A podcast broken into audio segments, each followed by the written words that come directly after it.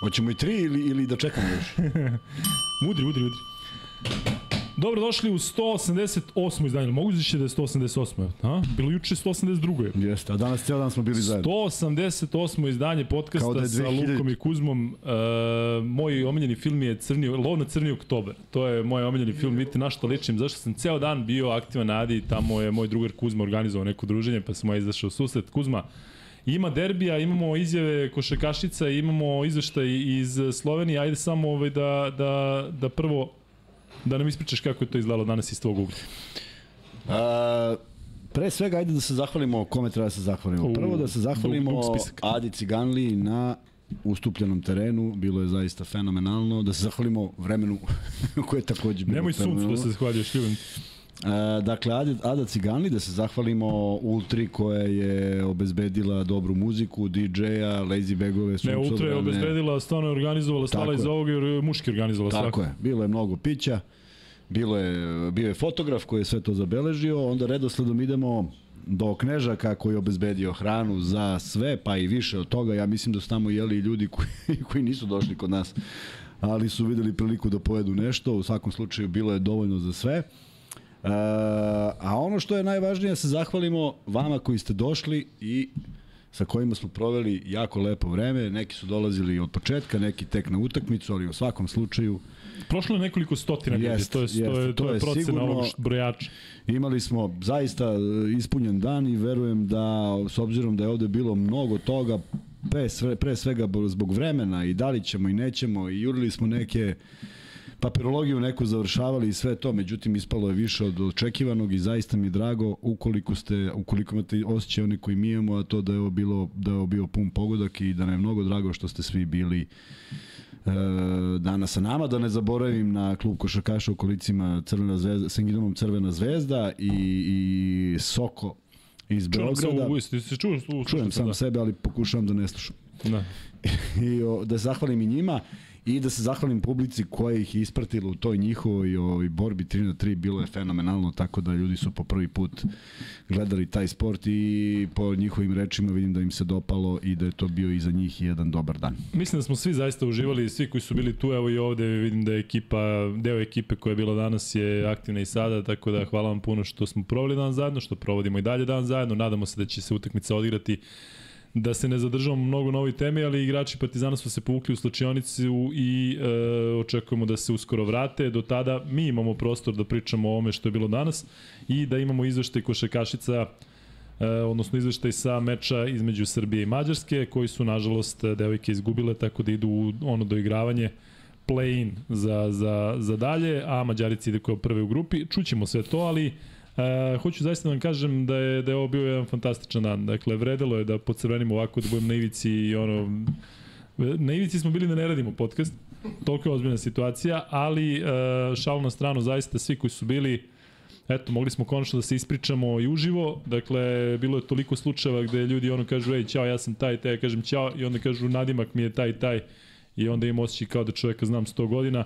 E, bilo je nekoliko takmičenja, ono što je nama stvarno jako bitan detalj je Srki daje ovaj trojku u kader 3, da vidite kako to izgleda. Dakle, skupljali smo e, novac za Mihajla, za Jovanu i za Isidoru, što ne vidite ovde. To je e, kutija koja je takođe na stolu. Skupili smo dosta novca i da danas takođe možete da pomognete u smislu da nama na Paypalu šaljete e, i da kažete za Mihajla, za Jovanu ili za Isidoru i mi ćemo to možda već sutra preko tako da skupimo i da pošaljemo odmah njima na račune, tako da Jovana je e, povezana sa našim miksom, dakle preko njegove žene m, jako bliska, tako, drugarica, tako.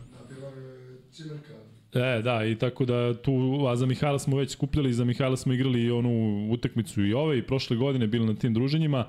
Za Isidori smo takođe skupljali pare, tako da hvala vam puno svi koji ste učestvovali tu. E, dobro su popunjene ove kutije, ali može to još bolje, tako da veliko, veliko hvala. E, Kuzma se zahvalio svima, dakle Ultra, Knežak, Ultra je zaista to organizovala vrhunski u smislu stala um, što se tiče tehnike i svega iza toga. Knežak obezbedio, obezbedio klopu, mislim da smo svi zaista od prvog pa do poslednjeg momenta uživali, bilo oni koji su tu sa nama bili od početka do kraja ovaj, i sad su i dalje, znamo, tu, tu su naši drugari, čekamo da počne meč ali zaista mislim da je premašilo naše očekivanja ako Jeste, jeste zaista i kada se sve sabereš koliko je zapisa, video zapisa i koliko imamo slika i koliko je bilo zabavno i, i u tom segmentu i koliko je ljudi prodefilovalo, zaista ovaj, jedan lep dan i mislim da da i mnogo mi je drago što su se mnogo što se mnogo ljudi odazvalo tako da mm, nadam, nadam se da ćemo uživati do kraja ovog dana makar u tom delu da ova utakmica prođe u redu.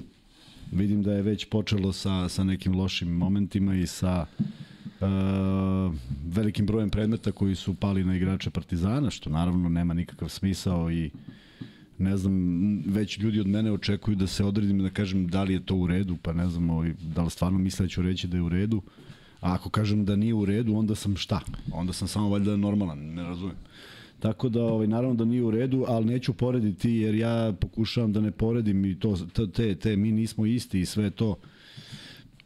Nemojte, mislim, da li smo isti ili nismo, ne znam ni to šta znači, niti sam ikad želeo da budem isti, niti da budem nešto različit, ali prosto te stvari se dešavaju na terenu i dešavale su se i možemo da progledamo unazad u prošlosti kako i šta, prema tome, uh, da ne pričamo mnogo. Meni je tužno kad utakmica ne počne na vreme, a sve ostalo ko i šta, ne, ne, ne, ne znam, ne znam, ne znam šta bih mogao da kažem, a da ima bilo kakvu e, težinu, smisao i da utakmica počne na vreme, što bih najviše voleo i da gledamo kao što smo gledali u dve utakmice e, i jedne i druge na terenu. Moj komentar je sledeći. Ništa što se desi večeras ne može da poremeti moje raspoloženje i pozitivnu energiju koju sam se nakupio danas. E, jednostavno, ovo je zaista bilo spektakularno. Nije što je naše, mislim, nema što tu naše, svi smo zajedno uživali, bila je ta utakmica, bilo je nekoliko takmičenja, nekoliko jako zanimljivih takmičenja. Ovaj, bilo je e, muzike, priče, smeha, došlo je dosta porodica, došlo je, došlo, došlo je dosta kućnih ljubimaca i zaista mislim da, da ste ostavili toliko dobar utisak da U jednom trenutku sam se zabrinuo uh, da li ćemo možda napraviti neki nered u smislu bilo je mnogo posluženja, bilo je mnogo pića, ultre pre svega i onda sam razmišljao da li možda će tu da sada bude nekog posla da, da se posla očisti ljudi kao, kao da Japanci, da kao Japanci kada ono završi na stadionu pa ovaj, sve iznesu i, i za sebe i za drugih zaista ste pokazali ovaj, jedan onako uh, šmekirski, sportski duh u svakom pogledu i hvala vam na tome i ovo sada naš samo može da stimuliše da napravimo, odnosno da pravimo što više ovakvih događaja. Da. Ove... Obećali smo da hoćemo, ali vidjet ćemo kad se ukaže prilika za to. Nije realno pre septembra, kad svi vrate sa odmora, zato što bi bilo opet Jeste. greota da neko ne može da dođe. Jednog čoveka smo zaboravili, a to je čovek koji proizvode ove kremice, Dragan. Da smo Dragan ga zaboravili, pa ja ga, od Gaveza zavisim i budućnost ovim Dragan je doneo i donirao i poklonio najboljim, uh, najboljim Trkašima, ali tako? Pa ne znam, ja nisam ništa dobio. Pa ti nisi dobio pošto se ne računaš, ti si organizator. ne, ne znam, ne, ne, ne, ništa nisam ni ja dobio, bio sam drugi. Ja gaz nisam dobio nikad, a dobijam Šta takmičenja. Šta ti ti si zdrav čovjek. Ovo, šal na stranu, ovaj, zaista podelio je svima kojima je trebalo, bilo je tu još nagrada, pojavili su se momčići iz košarkaškog kluba Žarkovi i košarkaškog kluba Partizan, Vuk i Đorđe koji su fantastično šutirali trojke, učestvovali u ovoj našoj utakmici i onako bilo tu svakojaki generacija, počeši od njih momčići koji imaju 11-12 godina, pa ovaj, nadalje ovaj, sve do Kuzme, do, do ono, 7 decenija, tako da raznih raznih generacija. Ali moram reći još jednu stvar, uh, atmosfera i energija koja je bila od prvog trenutka kada smo ušli na teren u pola 11, pa dok nismo izašli malo pre, je bila ista i kažem sve što se dešava večeras i desi večeras na trećoj utakmici neće moći da poremeti moj osjećaj da smo zaista pokazali da možemo i da se šalimo na račun uh, jedni drugi onako da prozivamo i da se zezamo i zaista bilo je tu i Partizanovac i Zvezdaš i oni koji nisu određeni i sve u svemu jedan fantastičan događaj. Ali nećemo više da se hvalimo i da pričamo, moćete na našim društvenim mrežama i na Instagramu sigurno narednih dana da, da vidite dosta snimaka i fotografije tako uzma. Tako je. Toliko je bilo fotoreportera da je nemoguće da nema više stotina ovaj, zapisa tog tipa. Mi ćemo sada nastaviti dalje sa podcastom i pošto očigledno utakmica neće početi skoro, možemo sada malo da se posvetimo malo više o ovome što se dešavalo u Sloveniji u Ljubljani gde su naše devojke izgubile od Mađarske, prilično iznenađujuće, nakon onih pobjeda protiv Slovačke i protiv Turske, tako da sada imaju jedan korak više do uh, play-offa, Mađarice kao prve u grupi idu dalje. Kuzma, mi odande imamo našeg drugara koji Tako šalje... je. Božidar Manojlović tamo je, poslao je dva, dva, dve izjave, Saša Ča, Čađe, je li tako? Saša Čađe, da. I, e, Marina Maljković i Boža koji daje malu retrospektivu. Krećemo od njega, je li tako?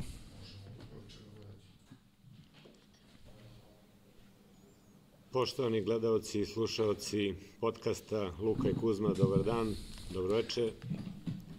A, evo javljamo se ponovo iz Ljubljane, nažalost ne tako sa lepim vestima. A, reprezentacija Srbije je izgubila od Mađarske e, u trećoj, poslednjoj utakmici u okviru grupe i to izgubila je sa šest pojena razlike. Računali smo svi pre početka meča koliko nam treba ako slučajno izgubimo, mada se nismo tome nadali i bilo je da može da se izgubi do 4 poena. A, onda bi uz pobedu Turske bili prvi u grupi. Ali eto, nažalost, a, izgubili smo sa 6 poena razlike i Srbija ide u doigravanje. Mađarska je bila bolja danas, imala je dominantne centre, imala je više raspoloženih igrača, mi smo bili bez Tine Krajišnik, kapitena, ona se povredila na treningu, izvrnula je skočni zglob, a ono što je dobro, vratila se Aleksandra Crvendakić, ona je propustila prve dve utakmice je zbog privatnih problema, ali sada je ponovo u Ljubljani, nadamo se da će se i Tina oporaviti i da ćemo kompletno ići dalje. Šta sad to znači? Znači da umesto da imamo tri dana pauze, da igramo tek u četvrtak i to sa lakšim protivnikom, a i dalje sve da se lakše ukrštamo, mi ćemo utorak igrati protiv Velike Britanije. To je znači to doigravanje, baraš, kako god se zove, a ono što takođe nije baš dobro za dalje, to je što onda ako pobedimo idemo na Belgiju. Belgija je kao što znaju svi koji prate žensku košarku, jedna od najboljih, najvećih reprezentacija na svetu. E, pobeđivali smo je ranije, naravno, ali jako teško, u onom kompletnom sastavu, pre podmlađivanja, sad je Belgija fantastična, u jako dobroj su formi, imaju čuvenu Emu Meseman, pa skoro kažu da ovde nema ko da je zaustavi, da je čuva. Vidjet ćemo, ajde da prođemo mi prvo Veliku Britaniju, pa da vidimo onda šta ćemo sa Belgijom, ali u svakom slučaju, eto, možda kad poraz jedan kad mu vreme nije bilo, odnosno kad nismo ni očekivali, uglavnom izgubili smo sa više od četiri pojena razlike, što nije trebalo i sada smo, sada više nismo prvi u grupi i kažem idemo u doigravanje. Utorak znači ne znamo još tačnu satnicu kada bude izašla i to će naši gledalci i slušalci biti obavešteni, ali u svakom slučaju utorak Srbija, Velika Britanija doigravanje za dalje za dalji nastavak prvenstva i nadamo se da će biti sve u redu i posle idemo sa Belgijom. Pa šta se bude? Vidjet ćemo. Treba i dalje biti uz evropske prvakinje, treba biti uz naše devojke. One su sjajne, zaista se bore svom snagom i samo tako nek nastave a mi se ponovo čujemo. Veliki, veliki pozdrav za sve gledalci i slušalce podcasta Luka i Kuzma. Prijatno iz Slovenije od Bože Manojlovića. danas je bila naša dobila najbolja. Kada je najmanje trebalo, sigurno da nam je ogromni minus bio na nedostatak Tine Krajišnika juče na treningu, povredila ja vidjet ćemo, ne znam šta će biti, šta će biti, da će da uspe da povrati za narednu utakmicu. Ali ovaj, sa njihovom takvom dominacijom, sa tako dominantnim centrima, tako da, ali pored svega toga, znači to sigurno jeste velika, veliki problem koji se jasno vidio svako koji ove zna košarku zna da koliko, koliko nam je falila danas, ali pored svega toga, mi apsolutno nismo odigrali onako kako je potrebno, stra, strašne greške, faulovi vodećih igračica, e, mislim, to je odgovornost, ključna reč u kojoj ja verujem i kažem, nema, mi smo, mi nismo kategorija timova koji može da to što ste vi navikli na čuda, to je jedna priča. Ovo je, ovo je, to su više nego čudo, te neke stvari koje, koje smo pravili, ali morate pogledati realno. I opet kažem sad za, za, za Veliku Britaniju da su strašna ekipa, da su imaju dva, tri izuzetno talentovana mlada igrača, da, da su velike atlete i da mnogo, mnogo, mnogo drugačije moramo da igramo sledeću utakmicu da, da bi mogli da idemo napred. Eto. To je to, to je naša realnost. Tako da ovaj, nadam se da vaša podrška neće izostati, kao i podrška svih navijača. Um, mi ćemo nastaviti da se borimo i stvarno da uradimo sve što možemo. je poslednji napad onako novo izgledao kao i cijela utakmica. Pa jeste, mislim ja sam taj promašila taj koš na kraju, pokušala sam šta je tu je. Šta će kad bude trebalo? Da. Šta se zapravo desilo u toj trećoj uh, četvrtini? Šta je bio najveći problem? Osim njihovog uh, šuta, po, sve što su ubacile na kraju. Um, mi jednostavno moramo da shvatimo sa ovim timom kojim smo sad, da naša agresivnost mora biti na dosta većem nivou u odbrani. I od, od toga sve počinje. Marina nam je čisto rekla šta će da nam donese pobjedu, a to je agresivnost. Kad se ispoštuje dogovor, pobjedi se, kad se ne ispoštuje, izgubi se. Um, opet kažem, na greškama trebamo da učimo i da u sledećim utakmicama uradimo ono što se traži od nas kako bi došli do pobjeda. Dalje razigravanje sa Britanijom. Mi idemo da pobjedimo, mene ništa drugo ne interesuje.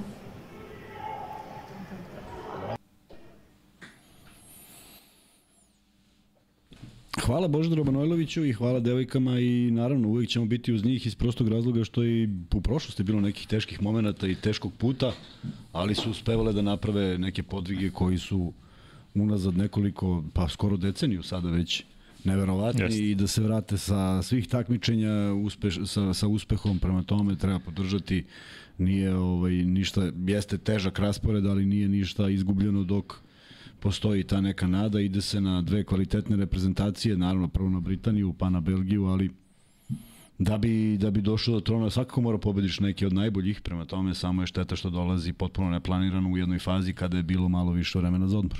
Ja mislim da smo svi onako prilično grešni prema tim devojkama zato što kao društvo, kao, kao sredina, zato što ipak govorimo o aktualnim šampionkama Evrope. Ne ponašamo se kao da imamo aktualne šampionke sigurno. Evrope, dakle nemaju medijsku e, pozadinu, nemaju verovatno nikakvu podršku ni približno onako kako bi zaslužile što se tiče broja ljudi koji prate to, dakle jednostavno nekako vrlo lako prihvatamo te ogromne uspehe ženskog, u ženskom sportu, u ženskoj košaci, olako to nekako shvatamo, a onda smo prvi tu da malo e, prigovorimo i da uputimo neku kritiku ako nešto ne ide kako treba. Ovo je očigledno malo, da kažem, jedan zaobilazni put da se dođe do play-offa, od ovih devojaka ne treba očekivati da, da ponove onaj uspeh od pre dve godine zato što nije realno, ali ja se nadam iskreno da će da će e, one onako uzdignuti glava da se vrate, šta god da urade.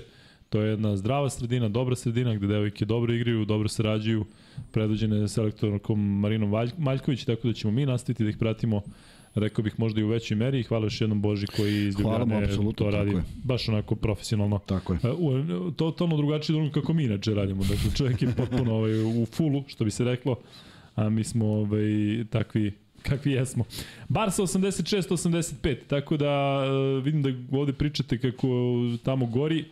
Nažalost, ovaj, gori i u pioniru, a još nije ni počelo, tako da sve u svemu E, nadamo se da će se utakmica igrati, do tada ćemo ćaskati sa vama. Vidim da ovde ima i nervoze malo u četu, nema potrebe da, da ovaj, da mnogo skrećemo sa tih nekih košarkaških tema, opet sa druge strane nije moguće da zaobiđemo sve ovo što se dešava. Ono što je izvesno je da će utakmica, ako se bude igrala ozbiljno kasniti i ja sam danas dao neku svoju prognozu da neće biti završena pre 11, sada bih možda mogao čak i da pomerim to da će biti do nekih pola 12 u najboljoj varijanti ako se odigra i ako bude završena.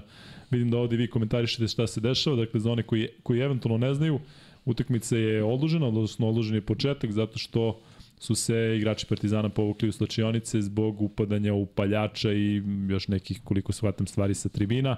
Bilo je tu provokacije sa jedne i sa druge strane i, kažem, generalno, apsolutno nismo Kuzma optimisti što se tiče ovog, ove uvertire treće utakmice. Nisam, volao bi da se odigra i da ovaj, da ih gledamo i to je nešto stalno potenciram. da li je ovo bilo očekivano? Ne znam, ne znam šta znači očekivano, da li su bacali, jesu, da li je u redu, nije, ali to možemo da vrtimo i da vrtimo i da vrtimo i da vrtimo unazad godinama, ali ovo, svakako meni ono što pričamo da uvek zanima samo košarka i da gledamo dve izuzetno dobre ekipe sa puno talenta u, u neku nastavku neke serije. Iz prostog razloga što smo gledali sva moguća a, prvenstva, doduše u Italiji, u, Grčkoj je drastičnije nego ovde, u Italiji je došlo čak i do incidenta i što je fantastično, Teodosić nije kažnjen nikako. Mislim, igra. Mislim da je novčano. Novčano, a? Da. E, to su, to su prave kazne. To osetiš po džepu i onda je to u redu, ali igraš to neko finale, tako da eto, ovaj, uh, adrenalin radi, svuda isti ili manje stresni momenti, ali finale uvek predstavljalo nešto posebno i kažem, i u vreme kada sam ja igrao i kada su svi moji savremenici igrali, to jeste uvek bio jedan poseban doživljaj sa posebnom tenzijom i sa nekim uh, pratećim momentima koji se dešavaju i nisu izuzetak ni na jednom finalu. Ja moram priznati da mene ne iznenađuje zato što je jednostavno uvertira za sve ovo bila kakva jeste. Dakle, nemoguće je da se sve ono radi pred, ne se ni na jednu ni na drugu stranu, ali znate šta se sve dešavalo, kako su se ovaj, jedni ni drugi na elektrisali, tu govorimo o navijačima, kakve su bile tenzije. E, dakle, pokušavamo da budemo neutralni koliko je gotovo moguće, ali sa druge strane, kažem, opšte stanje u društvu i sve to što se dešavalo pred samu seriju e, je jednostavno e, možda moglo i da nas uputi da će se ovakve stvari dešavati. Partizan vodi 2-0 u seriji, Partizan je oba meča dobio, e, ne znam, jednostavno Partizan čini mi se da je kontrolisao jako dobro onu prvu utakmicu, druga je bila onako više u egalu, bilo tu nekih e, prozivki sa tribina na račun nekih košekaša i njihovih porodica i onih klasičnih e, pesama koje takođe ovaj, nisu, ne idu na, na e, jednostavno nisu dobre, generalno trebalo bi to da se iskorni ako je moguće. Ove stvari koje se sada dešavaju, naravno da nisu dobre, tako da sve u svemu ja bih voleo da možemo da gledamo samo dobru košaku i nadam se da ćemo gledati samo dobru košaku, ali ako utakmica još nije ni počela, ovo se dešava, e, kažem, ne bi me iznenadilo da se još više ovaj, sve onako zaplete u nastavku. Pišite nam šta vi mislite, volimo da čujemo i vaše mišljenje, bez nekih e, ovaj, prozivki pretrivanja, tu je šef da sve to banuje i da seče u korenu. Ovaj, tako da, šef ste vi koji ste bili danas na Adi takođe mogli da upoznate. I opet ću se kratko vratiti na taj, na taj događaj. Jedna od divnih stvari je to što su neki ljudi potpuno sa strane koji se nikada nisu upoznali, samo su ovde komunicili u četu, sad se ono dođu i izgrle se i kažu, vrate, ti si to, nisam te tako zamišljio, jednostavno vidim da su se dosta vas povezalo i ko zna šta sve dobro može da izađe iz toga, bili su momci sa devojkama, bili su muževi sa ženama, žene sa muževima, mnogo dece, mnogo kućnih ljubimaca, E, bio je moj sin, bili su Kuzmini sinovi, bila je Kuzmina supruga, bilo je, bilo je kažem, onako baš porodična atmosfera Jest. i jedva čekamo zaista sledeći put. E, ovo, ovo je, kažem, verovatno samo početak e, onoga što planiramo. Dakle, prva od mnogo e, utakmica i sličnih događaja koje, koje očekujemo. Tako je i zaista se nadamo da, pošto je sad nerealno više organizujete i malo je termina, ipak će lepše vreme, pa verovatno su zakupljeni. Mi smo pokušali da odložimo za nedelju sledeću, ali prosto teren je zauzet, verujem da će tako sada kako dolazi lepo vreme biti sve češće, da će svi vikendi biti zauzeti i onda nekako dolazi svetsko prvenstvo, pa još uz dobar rezultat možemo da napravimo nešto slično početkom septembra kad se završi i da se opet ovaj, okupimo tamo i da pravimo nešto slično, možda još i bolje. Viš kada kaže ovde Luka priznam da si zvezdaš. Vidi, mene je deda moj učlanio Partizan kad sam se rodio i uh, igrao sam za Partizan u mlađim kategorijama, duše trenirao sam više sa njima i rođen sam pored, pored stadiona, ali zaista nemam taj odnos kao, kao, kao neki jedni prema drugima, zato što sam rođen između Zvezdanog i Partizanovog stadiona, jednako mi je bilo zanimljivo da idem da gledam i utakmice Zvezde, futbalske, E, tu se naravno dugo igrala i odbojka, bilo i drugih sportova. Išli smo naravno da gledamo i košarku i imali smo neki tokom tih s, idiotskih 90-ih imali smo neki zdrav odnos. Iako recimo sa mog prozora u Ljutice Bogdana iz Solitera broj 4 e, smo mogli sa desetog sprata da vidimo katastrofalne tuče. E, mnogi kažu da je danas gore nego ikada nije, zato što recimo ranije nije bilo nikada policije nigdje, onda sam ja recimo gledao, gledao tako kako e, stotine navijača jednog tima idu ka stotine navijača drugih tima i ono ko, ko u filmu Boj na Kosovu i tim filmima ono hrabro srce i ostalo ovako se samo ukrste i tu puce u glave, puce sve i svašta. E, mi smo tada bili prilično sebični, pa jedin, jedini, jedino što smo imali to je taj kec, taj stojadin koji uvek stradao od kamenice i svega i nije bilo kao danas da možeš da ga prijaviš negde i kažeš e, imamo osiguranje, ne, nego ideš i, i promeniš taklo kada skupiš pare.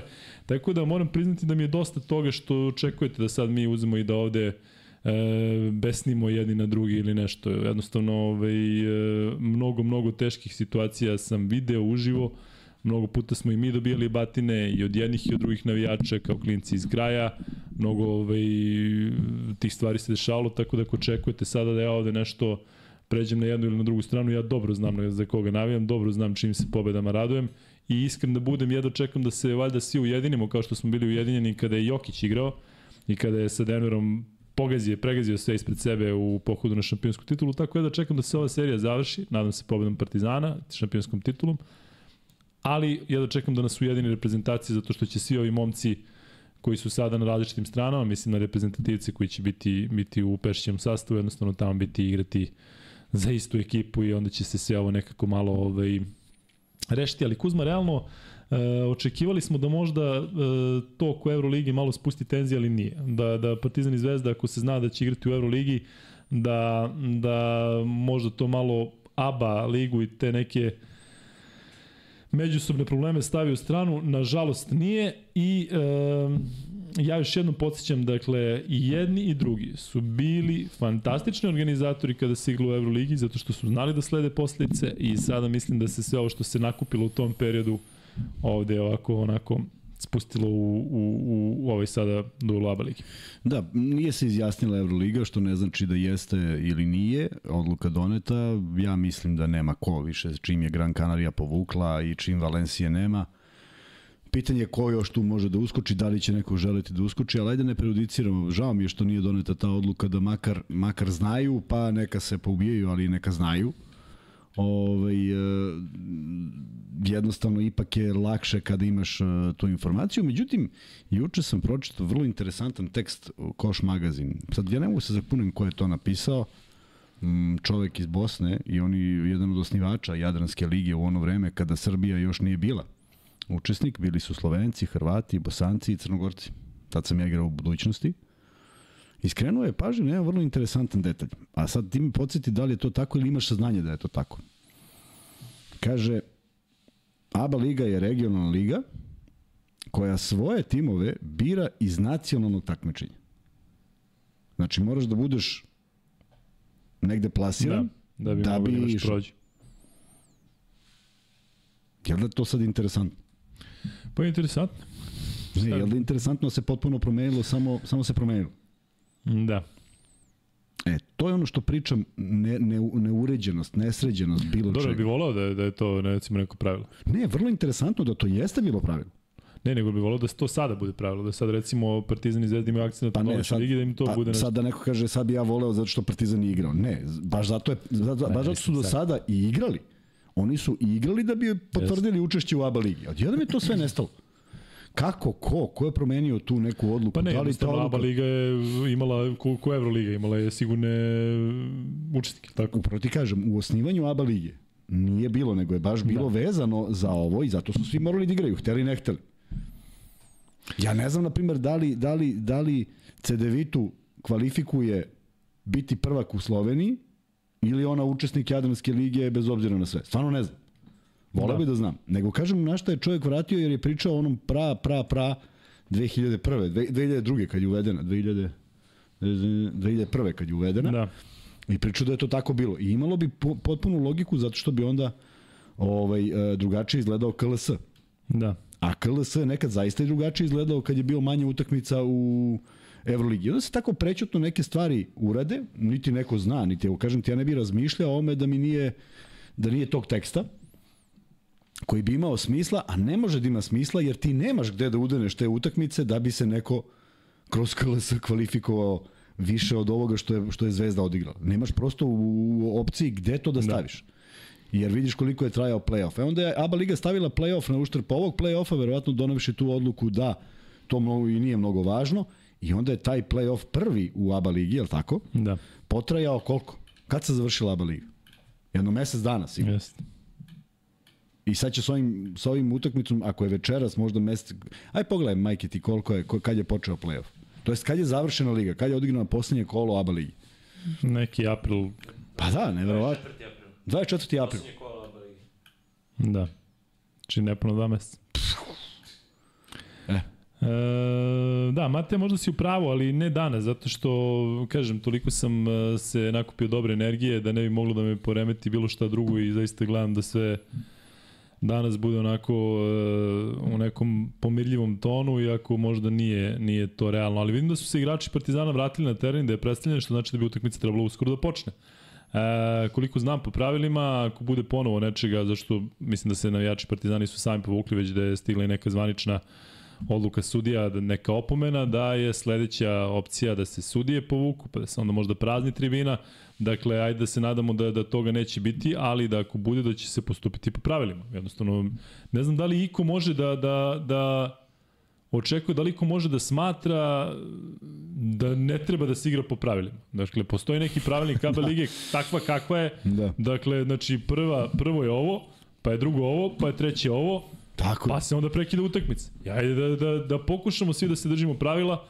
Dakle, e, ja znam da su pojedini igrači Crvene zvezde prošle godine u petoj utakmici bili zadovoljni kada se ispraznila tribina i to se pokazalo na terenu. Kada su oni bili domaćini, Da je Zvezda je zaigla bolje. Tako da ne mora, ne mora ovo da bude recimo uopšte loše po Partizan, zato što mislim da, da je veći pritisak, mnogo veći pritisak na Crvenoj zvezdi. Dakle, tenzije su velike, kako će igrači odreagovati, ja ne znam. Videli smo Kuzma, ajde da komentarišemo malo košaku, ali Holand je u 12.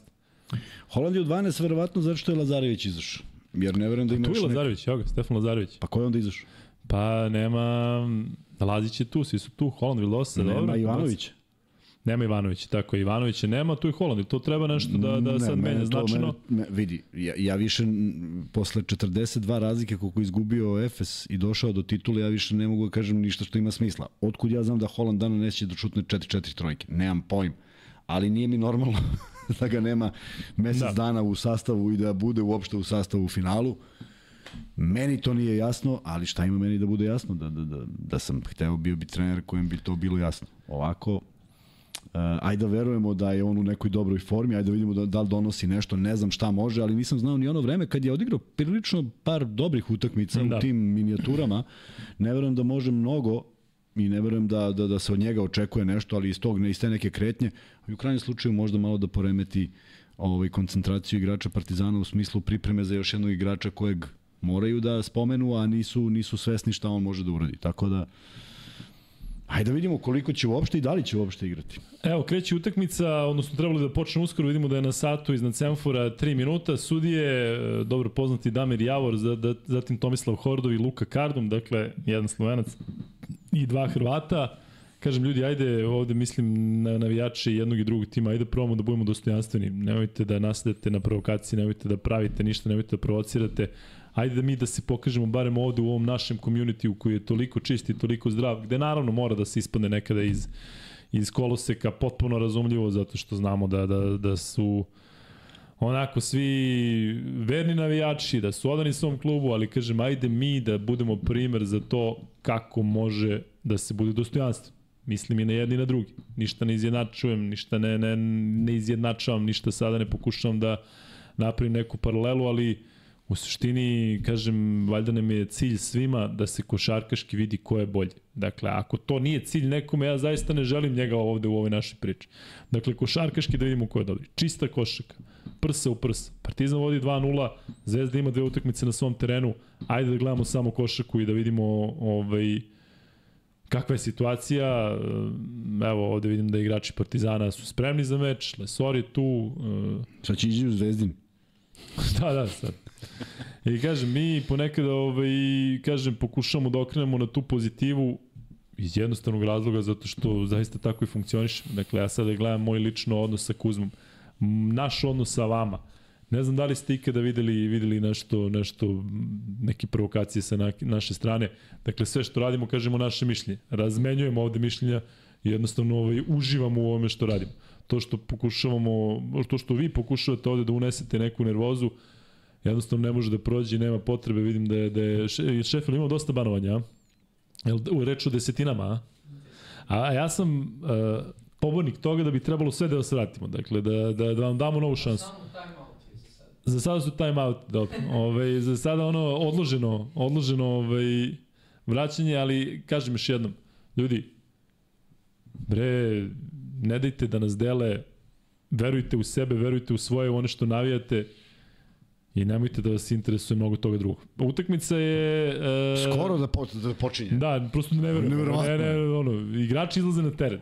Tako da, e, vidjet ćemo, mi, mi ovde nemamo ton, to da znate. Dakle, mi ne možemo da, da komentarišemo i ne možemo da, da čujemo ako se nešto čuje sa tribina, pa nemojte nas to tražiti, dakle mi vidimo ako je nešto eventualno uleći na teren, ja se nadam da neće biti ni jedno ni drugo i da ćemo moći da se okrenemo košaci.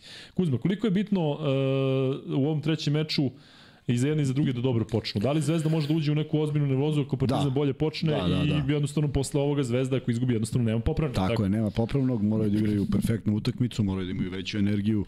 E, negde, negde iskustvo kaže da kada kreneš jače, e, napadneš protivnika koji ipak ima zalihu, ne mogu, ne mogu da kažem da se uvek dešava, jer se dešavalo i 3-0, ali dešava se da shvatiš da ima to neko popravno i da ovoj ekipi koja je u minusu jednostavno sve znači, tako da ako Zvezda odigra dovoljno dobru utakmicu, samo tako može da se nada e, nečemu. E, dve utakmice to nije bilo dobro, u prvoj celo jedno poluvreme koje je dovelo do minusa od, dva, od minus 20, a onda u drugoj koja mislim da je bila podjednako, da, da su ekipe bile podjednako dobre, jednostavno serija grešaka, neke pro, prouzrukovane dobrom odbranom Partizana, neke zaista početničke u samom napadu, veliki broj izgu- izgubljenih lopti i opet jedna statistika koja za nijansu je išla u prilog Zvezdi, osim užasnih slobodnih bacanja i eto tih izgubljenih lopti koje su bile u jednom kratkom vremenskom periodu. Tako da Partizan zasluženo vodi jer nije po- podlegao pritisku, nije nijednog trenutka gubio vođstvo, bez obzira što je to bila prilično blizu, utakmica blizak rezultat, ali da vidimo da li je Zvezda drugačija u ovom trećem meču. Uh, utakmica je počela i Zvezda ima prvi napad, petorka Zvezde je bez kampaca. Kuzma, je li to čudno?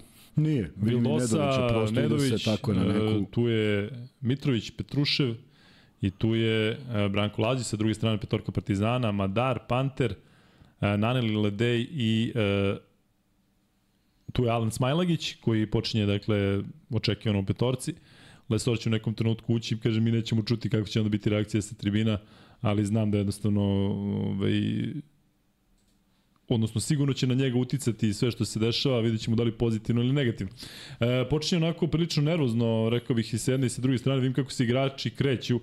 Dakle, koliko je Kuzma teško u ovakvoj atmosferi koja je sigurno o, zaglušujuća buka, koliko je teško postaviti akciju, koliko trebaš da gledaš u playa da, da vidiš Pa čemu se moraju, radi. moraju da se razumiju nekim pokretima koji nisu sad baš da mora da viče, nego jednostavno da se zna ili postoji već neka, neka ideja isteklo vreme. Neka ideja šta se igra. Na primjer, trener kaže igramo tri puta to i onda ne moraš da vičeš jer je zaista teško, pa onda moraš krajičkom oka pogledaš o, trenera. Onda ima druga stvar da Željko voli da zvizne. E, Duško možda ima neku drugačiju ideju kako, kako je naterao igrače da gledaju, da. ali prosto moraš da imaš kontakt očima jer sve je lakše nego da sad on viče nešto što u ovoj halabuci možda, i, možda se i ne čuje. Ali Kuzma, to neigranje kampaca, vratio bih se kratko na to, umeđu vremenu Vildosa započinje napad Zvezde. Je li to uh, možda posledica one prve dve utakmice Ne, gde je Nedović ne. možda pokazao da, da jednostavno šuterski može da uđe u neku bolju seriju i da je možda raspoloženi? Evo, prvog koša na meču, odlična kombinacija, Vilosa provlači loptu i taj pas u parket za Mitrovića. Opet skačem sa teme na temu, ali Kuzma, ovi, ovi pasuju u parket ovako, to su ipak onako malo čini mi se izgubljeno, izgubljena stvar u košaci, Jeste, ja? jeste. Znaš kako, toliko se brzo igra da su ti pasovi usporili malo košarku i zaista taj pas kad ide kad ide o parket on bude on bude ovaj e, spori. Tako da se izbegava, međutim Vildosa to jako dobro deli i prošlu utakmicu neke lopte nisu završile u košu sticajem okolnosti, ali je to bila dobra ideja i on to zna da nađe. E, I on želi da, da koraci, faul. I on želi da bude e, e, e, da da, da svoje najbolje izdanje. Nije to u dve utakmice izgledalo ono što smo gledali u toku sezone, ali želi da popravi taj utisak. A što se Kampaca tiče, znaš, jednostavno postoji neka zamisao koju možda želi da proba uh, Ivanović i to je to. E, često ove faul odbrane, E, često kritikujemo suđenje, mislim da to radimo sa pravom, ali e, sa druge strane stvarno nije lako suditi jedan ovakav meč. Dakle, Ma, ja znam da lako, sudijama da. nije lako, zato što će ovde, kao i u svakom meču, a videli smo i ovih minut i po, bit će tih odluka koje su, ajde da kažem, na pola. I šta god da odsudite, a posebno ako je protiv domaćina, odmah nastaje drama, ako je protiv... e, Što su slobodno bacanje? E pa, o tome sam teo da, da ovaj, znaš, zato što je bio u kretniku i neku, nekako sudije vide šta i kako. E, Pravila su dosta diskutabilna, zaista mislim, nekad smo znali. Sad mi možemo da gledamo utakmicu bez tona i samo kad bi gledao šta se dešava na terenu, u mnogo slučajeva bismo promašili da li je E, to je problem. To je problem kad mi svi, sad zamisli koliko je do gore glava koje vide da li To ovo... Kuzma višak pravila. Da, da. Pravila kad ih ima Novih više, tako je, da. kad ih ima više, ona nisu dobra. Prosto postoje pravila koje treba da se poštuju. Jer vidi, ovo što je sad Ledej uradio, ja nemam problem da sudija Dune 2. Ali imam ozbiljan problem na prethodne dve utakmice da pogledamo gde je sve bilo dva. I za Partizan i za Zvezdu. Ne sad ovi su duvali za nekoga, nego samo da vidiš koliko je takvih situacija bilo. I ja ne razumem objašnjenje. Nešto da li lopta u ruci, da li u obe ruke, da li nije. Da, ja kao partizanovac nisam se radovao slobodnim bacima zato što mogu samo da zamislim kako je teško pogoditi u ovoj zaglušujućoj buci kada vidite, kada čujete to što čujete, kada vidite to što vidite, tako da Ledej promaši oba. E, Partizan siguran sam danas neće moći da bude na nivou e, u procesu šuta sa penala kao u prve utakmice, za sada 0-2. Napad Zvezde koji e, se završava tako što Mitrović pogađa jako lepo, Lepo. levom rukom preko Smajlagića, malo igrača koji mogu ovako da, da reše ovo na niskom postu, e, dobro je procenio situaciju. 4-0 vodi Zvezda, Panter e, igra protiv Lazića koji je rekao bih dodatno agresivan, evo sada faul svira na Laziću, odmah se skače na, na tu odluku. Ili ima razlike Kuzma i jednih i drugih, kakav je odnos prema sudijama kada su domaćini i kada su gosti? U smislu da kada si gost, Faul da je bio ovde. malo... Faul je bio tamo. Hmm? Faul je bio prvi. Prvo je trebalo da svira faul. Ovo je pohvata s rukom. Onaj e, levom Prvi. rukom tako na... Prvi, prvi, ne, odmah da. desnom već je bilo u Aha. Onda preskočiš to i onda sviraš nešto, nešto što ti manje deluje kao faul.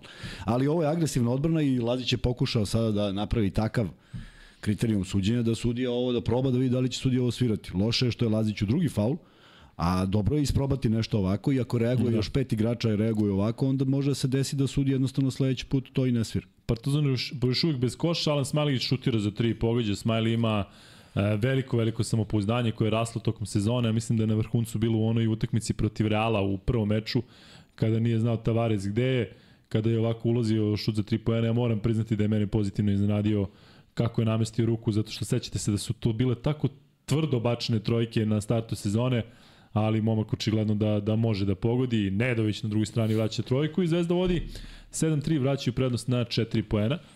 E, ističe treći minut e, i Naneli predvodi napad Partizana.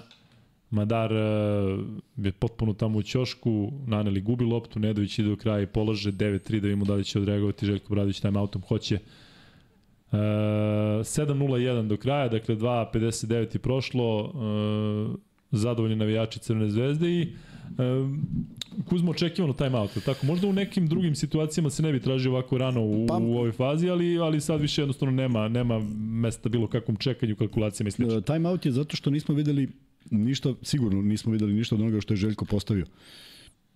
Jedan napad je istekao, isteklo vreme, drugi napad je Da. bio faul, pritisak, što kažeš, navijača na, na izvođenje slobodnih bacanja i sad treća izgubljena lopta. Nije mnogo da smo videli što se napada Da. tiče. Ipak su zvezdini napadi sada kudi kamo bolji. I zato mora da uzme time out. Ne zato što je olika razlika. Ovo, je, ovo se stiže u, u dva šuta u nastavku utakmice, ali prosto da neke stvari e, posloži da napadnu drugačije. I vidiš ovde oklevanje Smajlija, nije baš on Jeste, bio da, tu desna spreman na šut. onako, da li će da pa za malo, pa je da. prvom, u prvom momentu i stao na, na trojku. Kuzma, ajde nam objasni, imao si, uh, imamo tu ekskluzivu da ti možda nam kažeš kako je to recimo kada uh, si igrač i možda se povučeš u, u slačionicu. Dakle, sećamo se ono gađanje kamenjem, bilo je i u Hrvatskoj, tako ti si se često povlačio u slačionicu. Bilo je, bilo je, nismo se povlačili. Ne, ali kad si utrčao u tunel morao si da odeš, ili prekinuta utakmica. Tad sam morao da odem, da, i ovaj, ne, iznenadio, tada baš konkretno sam se iznenadio što nisam vidio te ljude da silaze. Nije to bilo, to je bilo zaista iznenađenje da su oni tu i uh, veruj mi, osetimo ne sreću što izlazimo u slučajnicu, nego ostiš onako bez veze. Ali kakav je kad si u slačionici i kada čekaš sada da ti neko dođe i kaže vraćamo se ili se ne vraćamo? Šta, šta to ako izaziva kod košarkaša u smislu, e sad ću A, izađem pa ću da spokidam pa, ili čekaj ću Da, ne, preživjeti ne, ovo? mi, mi, smo, mi smo zaista tada, pošto smo vodili utakmicu i zato, je, zato smo i ovaj, uh, zato su i navijači ušli na teren, prosto sam želeo da, da nastavim. potpuno je bilo sve da li ćemo sedeti 10 ili 15 minuta, već me nerviralo što prekidamo, a mi je nismo nastavili. Bilo je Nije, malo, nije malo vremena je bilo do kraja, tako da mi nismo nastavili, Ali, pa se nisam... ja pamtim tih 90-ih Evo izvodi, i... samo da, da kažemo kad može da se sinhronizuje. Evo ga, Nanali izveo loptu. Eto, Da, dakle, nastavljena utakmica nije malo je povećano vreme, dakle 7.04 je bilo. Um, ali čini mi se, koliko ja pamtim da je 90-ih bilo mnogo toga, mnogo tih prekida, mnogo tih Bilo nekih prekida, nije bilo tako je, bilo i, i pražnjenja pražnjenja, i jeste, i pražnjenja dvorane i bilo je svega, ali nekako, kažem ti, mi smo navikli na sve to, bili smo potpuno potpuno ovaj mnogo toga nije funkcionisalo u životu, društvu, pa nam je valjda to bilo potpuno normalna stvar. znaš. Madar pogađa trojku, ali šta trener kaže u takvim situacijama Kuzma? Vas trener spremno tu ili se vrati potpuno Da, košac? povučemo se, da, da, povučemo se i kažemo, ok, i priča se kao da je, mislim, pričamo o tome šta je valjalo i šta treba da nastavimo, kao da će se nastaviti. Jasno, utakmica, znači tako da- nema mnogo osvrtanja ne, na ne, to. ma ne. jok, pa nema, ne, ne isplatiti se. Da, Nedović promašuje za tri, Kampaca još uvijek nema u igri. E, tu je Stefan Marković. Dakle, Stefan Marković ušao umesto Branka Lađića koji ima dva faula, Panter iz prilično teške pozicije pogađa za dva. Ove sezone ono što se meni čini da su uvek Partizanovi igrači odreagovali dobro, dakle ako ne baš u 100%, u 90% situacija su odreagovali dobro posle timeouta Željko Bradovića. Znamo da on ima onako posebne načine da motiviše ekipu. E, I Partizan je sada u jednoj e, dobroj seriji, sada je na samo minus jedan. E, Partizanu je ovo da imamo prvi ili drugi faul, ako? Drugi faul, drugi faul, Da, nego, faul je, ovaj, nego vidi, i opet je Partizan imao onaj napad sa šutem, ali su uspeli da skinu loptu, pa je Madar vratio loptu u, evo je, ta trojka, a ovaj sledeći napad je nešto što je delo... delo Prvi faul Partizana, tako? Ne, ne, a prvi je ovo, ja Prvi, sam bio ubeđen da. da je ovo plavo, prvi. Da, da. Da, nije bilo u stvari nigde. E, ovo su valjda time out, ja? Da, ovo je time out, E, tako je. Hoću da vam kažem da sam zaista oduševljen kako Madar igra. Ja nisam očekivao da će ovako da se transformiše tokom sezone i da će jednostavno dobijati tako bitnu ulogu. Sada je ovo faul. Faul od Madara, da. Da. E, moram priznati da, da zaista sam ne se ogrešio od njega, zaista sam očekivao više i sada to dobija Partizan od Madara, zato Partizan vode ljudi e, koji ga vode, a ne Lukas Pasovski. Ja da sam se pitao tokom sezone, meni Madar ne bi igrao toliko, ali napredovao. I evo tamo dok pričamo o njemu, izbaksuzirao sam ga drugi faul u Ali ovde ga, ovde ga je Panter pitao zašto je napravio faul, pretpostavljam da je to, zato što je preuzimanje već u najavi bilo, nije uopšte morao da probija blok. A toliko očigledno je ramenom ušao da, igrača je, koji je stavio na obe Bez razloga, tako je. noge na zemlji i čudi me da je uopšte on odreagovao tako kao šta, što, što faul. Delovalo je da, da nema tu druge opcije. E, još uvijek nema Lesora na jednoj strani, još uvijek nema Kampaca na drugoj strani. To su igrači koji imaju posebnu energiju na potpuno različitim pozicijama, ali eto, čekamo i njih da vidimo.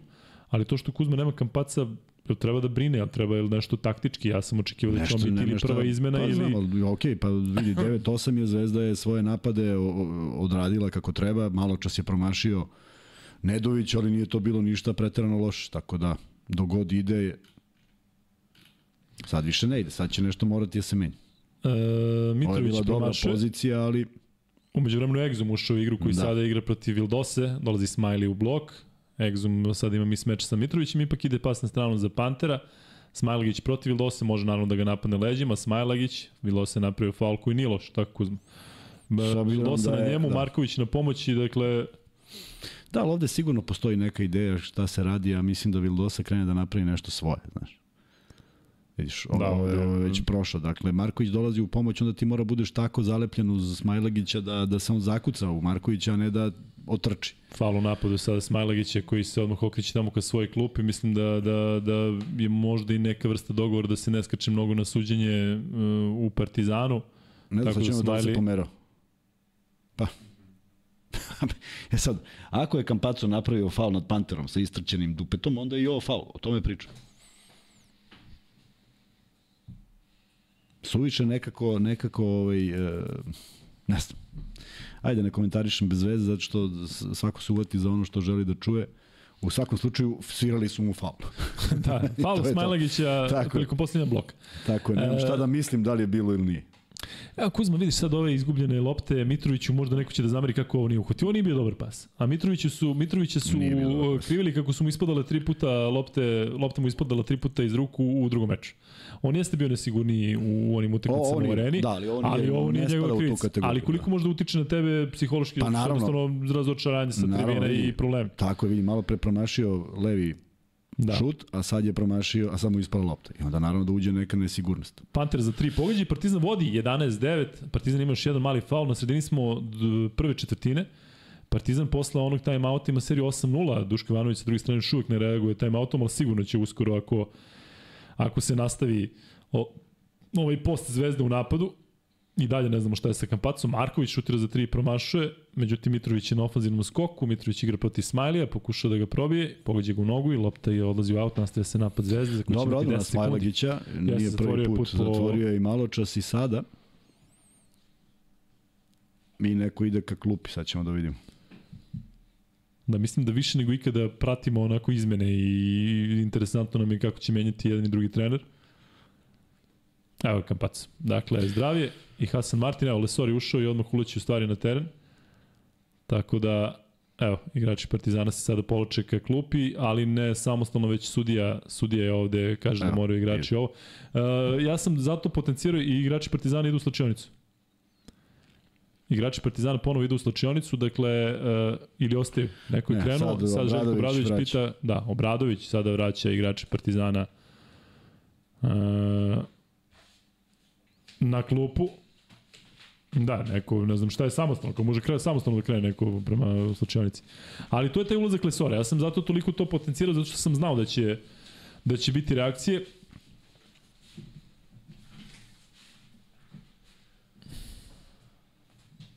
Sudijska trojka se dogovara, to ne može da izađe na dobro. Dakle, nemam ništa protiv sudija zaista, ali kad ih ovako vidim da njih trojica pričaju i da to traje, znate da, da, da se nešto sprema i sada su sve oči uprte u njih. Rezultat je 11-9, 4-35 do kraja. Dakle, Kampac je ušao sa jedne strane, Lesor sa druge i kažem koliko je bilo vratno oduševljenje navijača Crne zvezde, toliko je bila i reakcija na taj ulazak e, Lesora, ovo je Kuzma da kažemo tehnički sudijski timeout koji je završen, tako da su e, igrači Partizana ponovo na terenu. Kaže, mi ne čujemo šta se dešava u Dorani, ali možemo otprilike da, da procenimo. Ne znam kako će biti to kada Lesor primi loptu, ali meni će biti, meni će biti interesantno da odmah kada dođem kući, kada završimo podcast, da odgledam utakmicu i oslušam utakmicu, da vidimo kako je to ovaj, sve izgledalo. Um, kažem, sve super, samo da se ne prelaze granice i da može da se igra košarka. Meni Kuzma ovakvi prekidi ovog tipa ne smete, tako, samo da se malo smire, smire tenzije, tako 10 sekundi, pola minuta. Nastavlja se utakmica, Kampaco za tri odmah po u igru, Kampaco promašuje, nije ovo rezonski šut za igrača koji je ušao. Ja mislim da je isticao napad. Da, bilo 10 sekundi do kraja napada, Nedović daje loptu Kampacu, da vidimo. Ja, ne meni, se učinilo, meni se učinilo da se upalila ova lampica. Svakako, lopta za partizan. Ali Nedović koji u takvim situacijama uglavnom završava 1 na 1, sada daje igraču koji je tek ušao igru. Lesor, pas za Egzuma, Egzum je na trojici, Egzum šutira i promašuje za 3, Martina Skoku, fal će biti Lesora, koji se odmah buni i odmah, naravno, reakcija. Prosto zvuči neverovatno iz ovog dana s ugla da je Lesor nekada oduševljavao na jače crne zvezde kada je igrao za zvezdu, sećam se onih njegovih zakucavanja. Jest. Ove, koje su i tada bila spektakularna, možda čak i spektakularnija nego danas. Ove, ali da je nekada bio ljubimac na jače crne zvezde. Nedović ispada lopta, ali je vraća 4 minuta do kraja prve četvrtine, potpuno malo pao ritam utakmice Kuzma se može reći očekivano. Sada faul Egzuma. I ajde vidimo sad šta se desilo. Koja je odluka, šta misliš? Pa ne, ne, mnogo, mnogo me nervira što nije doneta odluka. Dakle, Javor drži ruku gore i ništa ne svija. Dakle, on sad ne bi smeo to da prizna. Ne može on da prizna nakon, tako. Dakle, on sad, evo, Izgleda gledamo samo Javor. Izgleda da je priznao. 1, 2, izbacivanje. Evo, isto koji malo česom.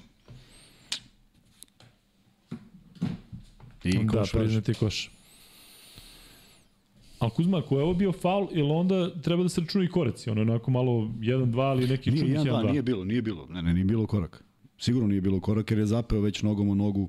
1-2 je napravio. Martin za voćstvo Zvezde pogađa i 12-11 rezultat i Partizan ispunio bonus.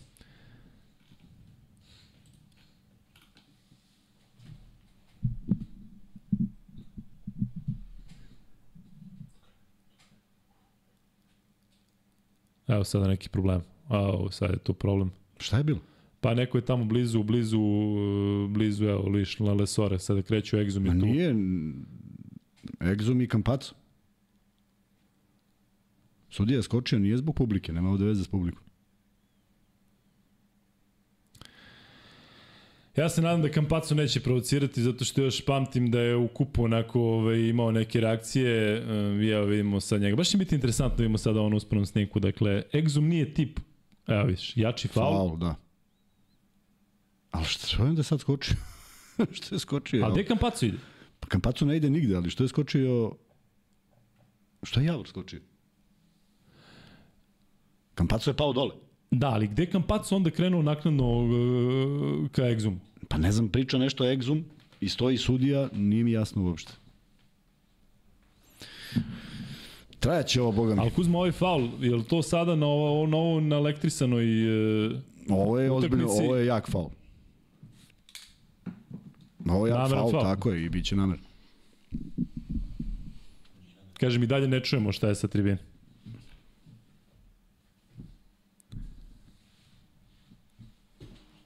Volio bih da vidimo ovo još jednom usponu snimku, ali na onoj kameri ispod koša. A, udarac je u levu ruku, a polaganje desno. Vrlo prosto. Jak udarac u levu ruku. Evo, sad se... Evo, e, evo ga faul, ode i pogledaj sad. Evo ga faul. Pa dobro, ovo jeste namerno. Pa jest. Da. E, ali zaista me zanimaš da, da li je Kampacu krenuo da se izvini? Vrlo moguće, ali nekako... Ovaj, Ne, ne, samo ne znam zašto je Javor. Ja, Kampaco je bio dole, Javor je, a, a, ovaj, Exum je prošao kroz... Ma Exum je bre najveća faca Exuma, mislim da je više bio u fazonu daj da napravim bedem između navijača i Lesora, da ono da da ja budem tu. Tako da Exum treba da bude primer svima, i jednom i drugom klubu, dakle momak koji u onoj situaciji između Reala i Partizana je najgore prošao, a mislim da da uopšte nije imao nameru da da ovaj da da, začini to. da prolazi najgore. Da, da. 12-12. Naneli, zatim Exum, Exum igra protiv Kampaca, lepo ga je prošao, zatim Paza Lesora, Lesor eh, je malo pobegao od koša, pa mu ispada lopta, pa će sada verovatno biti mrtva, skakanje Ne. njega i Ne, ne, ne, isteklo vreme. isteklo vreme. Aha. Da, ne vidimo, ne pratimo uopšte ovaj sat.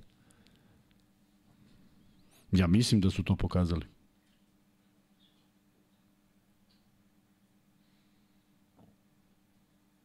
Viš da kreću igrači Partizana nazad. Da. Definitivno istekao napad. E, ne pamtim Kuzma da je da je e, je i bio takav odnos jednog igrača jednog kluba, jednog stranca. Dakle, u smislu da, da, da znaš da može da bude svašta. U smislu, sad opet ne želim da kažem ko je u pravu, ko nije u pravu, ali jel ti pamtiš da je neko tako ovaj, e, jednostavno bio u takvoj situaciji kao Lesor? Ja se sećam da ono, onih 90-ih, da, da recimo kada dođe igrač Partizana sa nekim bivšim klubom ili igrač Zvezde da ga ono provociraju maksimalno, ali to je da kažemo onako klubski. Ali u suštini ne pamtim ovakvu situaciju da je ovako bilo na elektrisano između jednog stranca i, i, i, i nekog kluba, još posebno ako bivši klub. Ja ti možda povežeš sa nekom, uf, ovo važi, tako? Ovo važi, da. Petruši je pogodio. Recimo, um, da, ali to je, to je igrač isto kluba, ne znam. Ne znam, te, ti, te nezahvalni su ti prelasci, a onda je nezahvalno još što iz nekog razloga i možda je to i, ja ne znam koji su njegovi motivi, ali on očigledno doživlja Partizan drugačije nego Zvezdu, tako? Ti deluje. Tako je utisak, da. Pa onda to smeta, onda neko pita pa čekaj zašto nije nas doživeo i tako dalje i onda ti smeta te, ta, ta radost koju ima da u stvari igra protiv e, kluba u kojem je bio. Da, ali lepo si rekao, ti prelasci iz Partizana u Zvezdu su baš nezahvalni. Ne znam ko je od naših gostiju rekao, kaže, to je najgore u smislu odmah si u kanalu. Da, da. Exum šutira za 3 i pogađa, tako da Partizan u ovom trenutku vodi 15-14. Kuzma, kako ti se sada izgleda košaka ovo što gledam? Tvrdo, meni je ovo očekivano tvrdo. Je li drugačije nešto u odnosu na prvu i drugu utakmicu? Pa da jest. se igla malo, malo ima, ima onako ukupno tečnije, pojena koliko je Partizan dao u prvoj za ovo vreme. Kampacu za 3, šutira i promašuje. Kampacu ima 0 od 2 u šutu za 3, uh, a sada je na ivici ukraden lopte, baci se u publiku, ovo će sigurno da pokrene malo. I dalje je lopta u igri, dakle nije bilo prekida. Kampacu je ovo spasao, nevjerojatno kako se brzo podigao i vratio. Partizan ima još manje od 10 sekundi za ovaj napad. Lesor za tri šutira naneli i promašu. Lesor je na ofanzivnom skoku između trojice igrača, pokušava tu da mu išće prka Kampaco. Faul u napadu. Faul u napadu Lesora zbog... Uh, sad ćemo da vidimo da li je tu bio neki lakat.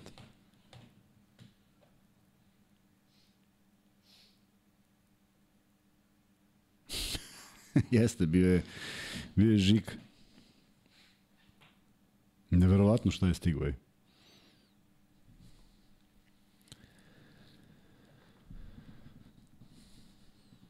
Potpuno drugačija utakmica Kuzma u svakom smislu u odnosu na prve dve. pa dakle, jednostavno mu rekao bih i očekivano. Nema tu, nema tu Ja isto priče. mislim da je očekivano, da.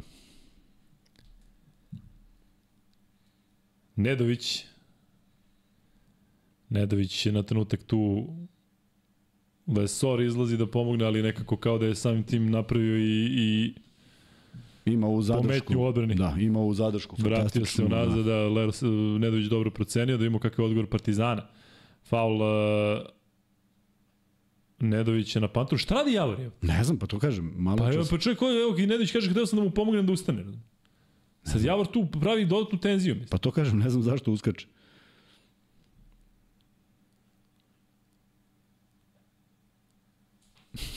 E, ljudi, e, super rivalitet i sve, ali da li ste videli kako su se igrači pozdravili na početku? Svi su se izgrlili na početku meča, pa za ne bi trebalo oni da nam budu primer kako treba da bude? Ja stvarno verujem Nedoviću da je sada hteo da priđe Panteru da ga, da ga podigne, ali sada se, Kuzma, ova situacija kada se svaki kontakt del, onako gleda kroz lupu, kroz nešto drugačije, mislim, nema, nema više...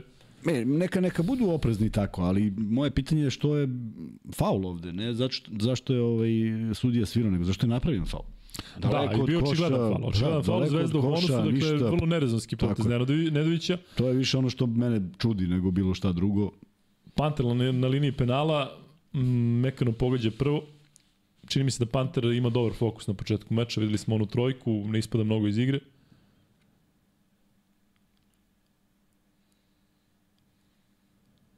I drugi put precizan Panter, tako da Partizan ponovo vodi 17-16, vidimo na klupi Partizana Aleksu Avramovića koji je dalje u opremi, ali ne verujem da će igrati. Na drugoj strani, evo Dobrić, na njega smo Kuzmu možda malo i zaboravili, a? Mene iznenađuje to što ranije nije ušao ili nije bio u petorci.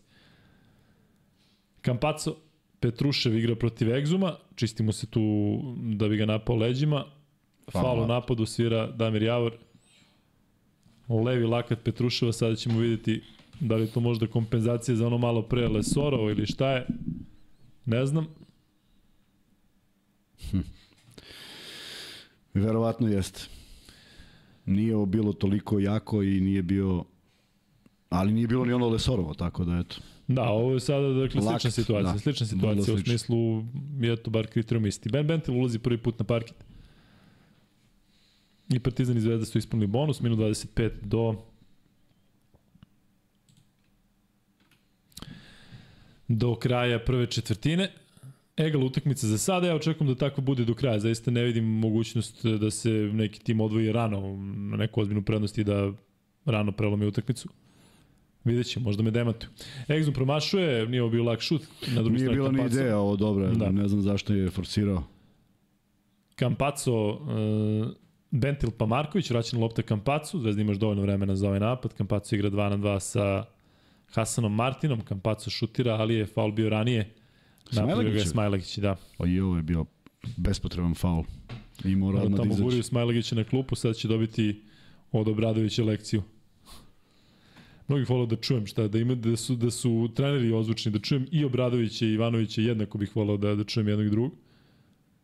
Da, sviran je ovaj faul ranije, samo, samo Faul, nismo faul da... rukom, da. Jeste. Nismo ga videli, nismo videli Dobro, taj ovo je ipak, da kažem, i Campazzo, uh, onako, kada oseti taj kontakt, to je taj tip playmaker, kada osetiš više da. igrača, čim ti Tako je je. tu odmah. Ali promašuje i slobodno bacanje. Da, Campazzo definitivno, rekao bih, van ritma. Drugi put ulazi, ne baš onako da kažem mekano, ali dobro, možda Campazzo sada probije tu neku tremu, delo mi da možda ima tremu. Šta je sad? Ili je nešto ušlo na teren. Ali ne znam zašto. Ne, mora da je nešto oko sata.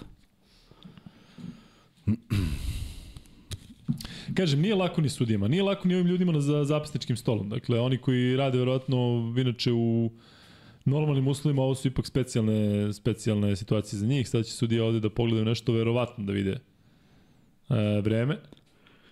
Ne vidim šta bi drugo mogli da vide. Kuzma, da prokomentarišemo ovu e, nezavršenu prvu četvrtinu u kojoj će se igrati još 47 sekundi i Zvezda bolje počela, ali onda posle timeouta Partizan uzvratio i imamo izjednačen rezultat. Tvrdo, nervozno, očekivano, s obzirom da ovaj, jedni, jedni žele da završe, drugi žele da ostanu u igri.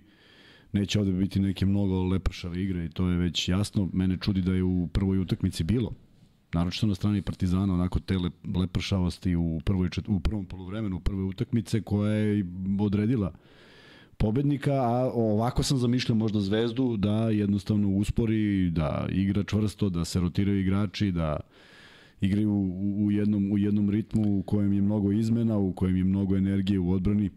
I evo to, ako mene neko pita šta mislim o ovome, ovo daje rezultat u smislu 17-17 i niko se nije odvojio. Ne vidim da je baš neki tim u prednosti žešćoj i Vidjet ćemo kako će, ko će imati taj fokus do kraja, kao što je Partizan imao u drugoj utakmici. Da, meni delo da će ovo biti utakmica na jednu loptu, dakle za razliku od one prve dve gde je skoro isti rezultat, a potpuno drugačije se kretao taj rezultat. Ledej lepo pogađa jednom rukom. Nisu više lako pored Bentila svi prođu i nastavlja se ono od prošle utakmice gde kako god zamisli on ode. Sada imamo duel Bentila i Ledeja, onako nevici Ne, sad bi on da vrati to, ali bolje da ne ide lopta. Da, dobro. mislim da, da igrači Crne zvezde je jasno da, da nije dobro da on ulazi sada u bilo kakav neki Lepo, lepo Dobrić. Dobrić, Dobrić mekano. Dakle, to da. je taj njegov šut što uvek deluje dobro, ali ove sezone ga nije najbolje služi, nije bar bio konstantan.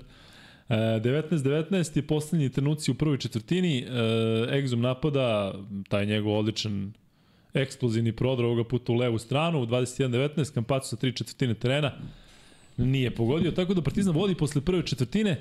E, Kuzma, htio bih da te pitam iz ugla recimo trenerskog ili možda ugla saigrača, u ovakvim situacijama, utakmicama koje odlučuju, da ne uzimamo sada to što, što je onako atmosfera kakva jeste i takva je već dugo, ali ili bi više volao da imaš kao trener na terenu e, pouzdane igrače, ali koji možda nisu napadački toliko potentni ili tako da kažem po znacima navoda lude glave. Imamo i u jednom i drugom timu, u smislu imaš Vildosu, imaš Pantera, imaš Nedovića, dakle ti igrači koji može da 30, ne može da ništa. Ili da imaš Markovića i, i, Lazića, ali da znaš da ti to ne donosi mnogo, mnogo neki poen. Moraš da imaš nekoga, moraš da imaš neki lak poen u igri. To se dosta promenilo, fizički se dosta igra Ove, taktički se promenila, fizički su dominacije. Ne možeš da dođeš do nekog sigurnog koša. Ne možeš da biraš nešto što, što, što bi trebalo da bude ono, ajde kad nam ne ide, ajde urodimo ovo. Bar mi tako deluje. I onda teško je odgovoriti na to. Ja bih volio uvek da imam te standarde u koje imam poverenja. A onda imaš Majka Jamesa koji je sve samo nepredvidiv, je tako? Potpuno da. nepredvidiv čovjek koji može da te donese i titulu i da te, da te upropasti i sve. I tako je vreme. On je nekako traženiji, zato što ipak može da donese to nešto što ovaj ovakav profil igrača ne bi mogao. I u to smo se uverili. Međutim, kažem, to je stvar afiniteta i perioda u kojem smo igrali drugačije i voleo sam da imam te momke koji su pre svega dobri defanzivci, ali smo imali uvek u ekipi nekoga ko je taj koji možda iskreira nešto sam za sebe. Dakle, nije bilo pet ljudi koji ne znaju baš kako da priđu košu. A koliko je bolje tada imati te lake poene iz rekita, odnosno da centar bude taj, da znaš da mu spustiš to su, to da su da najsigurniji, tako je, to su najsigurniji poeni. I, I to, to više ti voliš nego da imaš igrače koji je ovako dobar na prodoru, pa uvijek možda ih zaustiš faulom. Ako je dobar na prodoru, super mi je da ide na prodor, pošto jedno i drugo mogu da naprave faul. Ali Jasne. da ne bude neki igrač koji je baš smislio u tom trenutku da šutira za tri i da se stiže za tri i da se ovo sad e, ulazi u neku trku, prema tome sve je ovde još uvek pod kontrolom. Kuzmo, hoćeš da tamo ovo što miriše da rešiš dok hoću, ja imam jedan da, monolog, da, ajde tamo. Pa ću ja možda na polovremenu. Hoću da kažem jednu stvar. Dakle, sećam se sada, evo, uskoro počne druga četvrtina, pa neću da odužim, ali imam imam nešto da vam kažem. Dakle, sećam se sezone, to je bila jedna od mojih prvih, možda prva ili druga, možda treća, naj, u najgore varijanti treća, e, kada sam došao na sport klub, kada smo imali ABA ligu na sport klubu. I sećam se da su kolege koji, taj dobro poznati tandem koji ne moram sada da pomenjam, ali svi znate koji je tada prenosio, sećam se da su zaista bili pod neverovatnim pritiskom. Dakle, jedan jeste Partizanovac, drugi jeste Zvezda, što to je toliko bilo pritiska sa svih strana, svaka reč je gledana, dakle, e, onako, šta god prokomentarišeš, e, neko će da ti zameri. Da li tvoji ili, ili ovi drugi, tako da sećam se koliko nije bilo lako i da je taj e, meč, odlučujući meč, e, između Zvezde i Partizana koji su prenosili bio takav da bukvalno niko nije hteo ništa da prokomentariše osim onog najosvojnije koš, e, faul, sve. Dakle, bili su toliko oprezni, a rekao bih iscrpljeni, verovatno je stizalo sve i svašti od njihovih drugara, i od e, iz timova, i od navijača.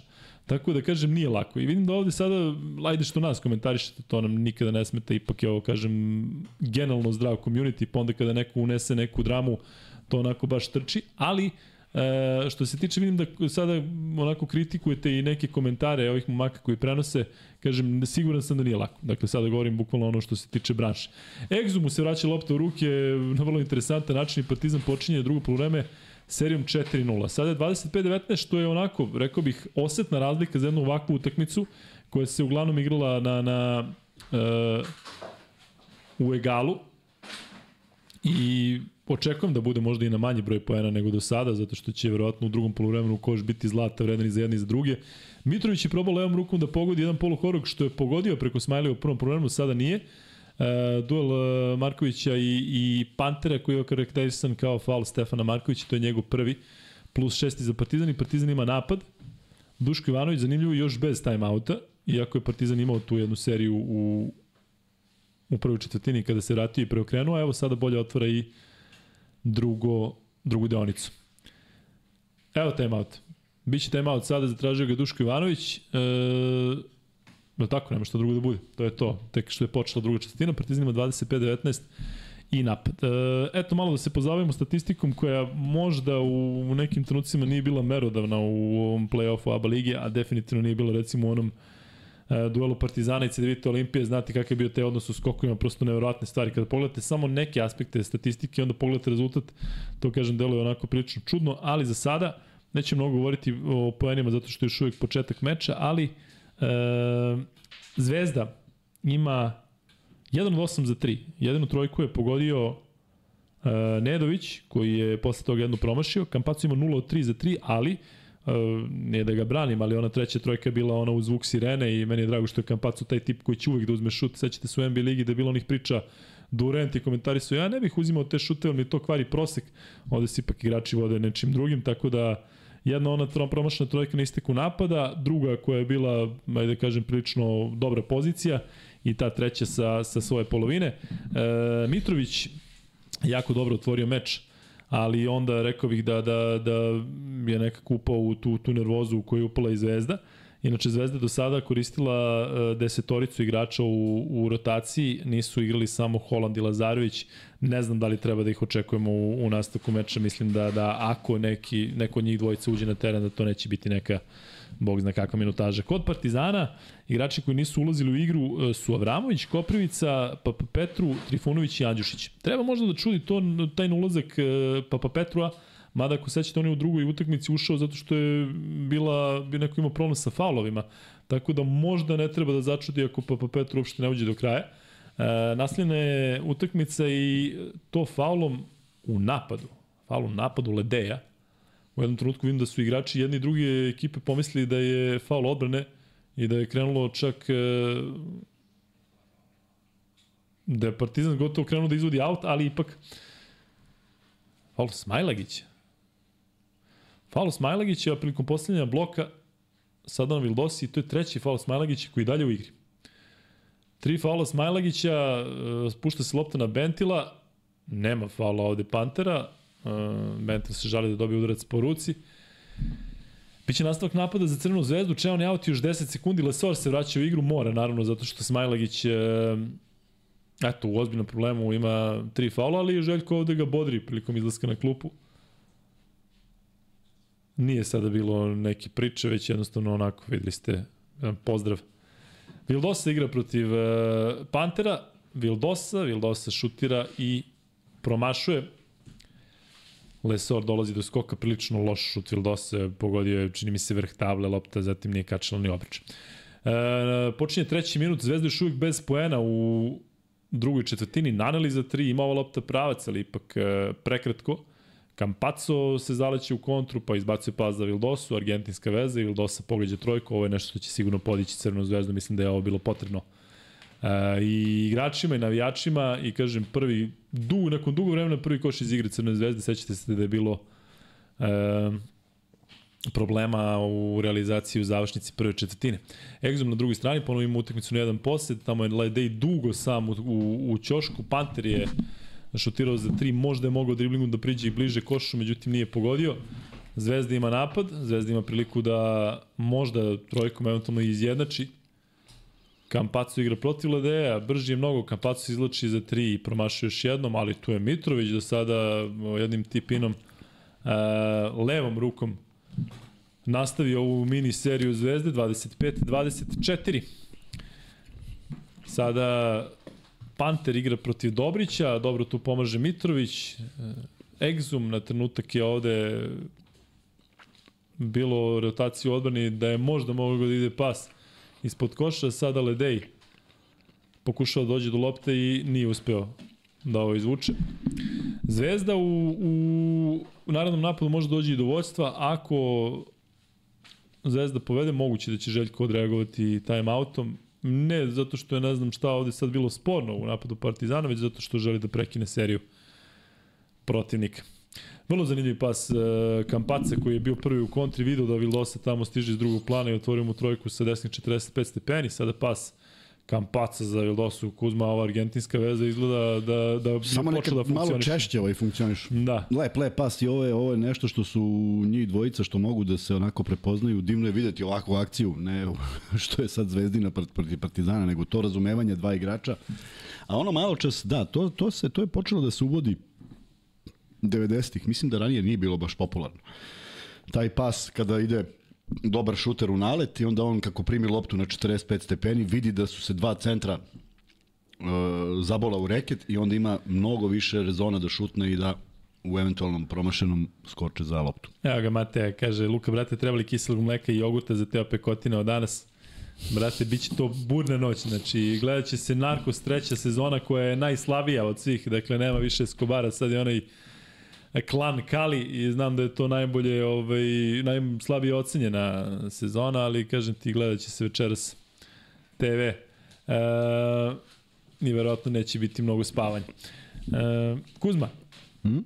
E, koji igrači Zvezdi i Partizana u ovakvim situacijama bi trebalo da dođu do izražaja da preuzme odgovornost? E, da li su to ovi najbolji poenteri?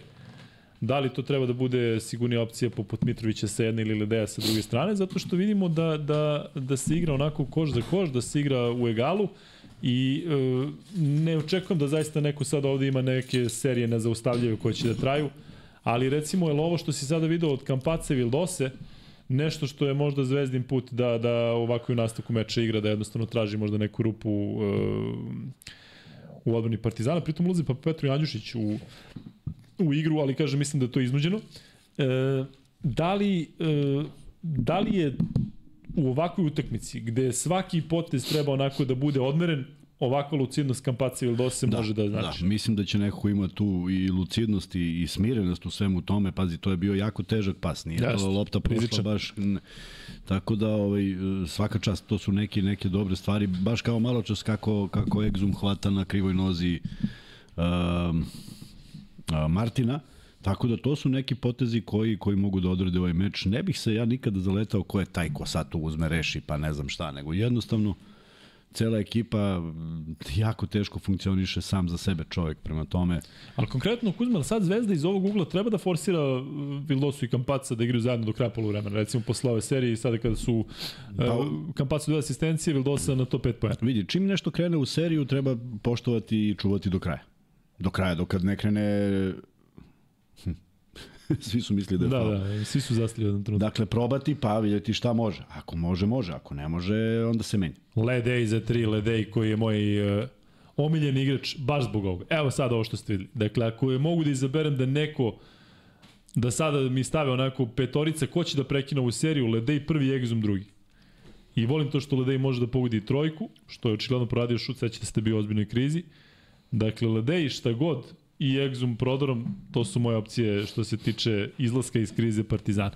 E, igra se u serijama, dakle Zvezda je dobro počela, pa se Partizan vratio, Partizan završio sa dva pojena prednosti prvu četvrtinu, pa Partizan mnogo počeo bolje, međutim Zvezda sada u jednom dobrom nizu, ali vidjet ćemo da li će Partizan sada da podigne ova trojka Ledeja, kao što je ona malo pre podigla I su više Bildos. blizu, i su više duboko je Bentil.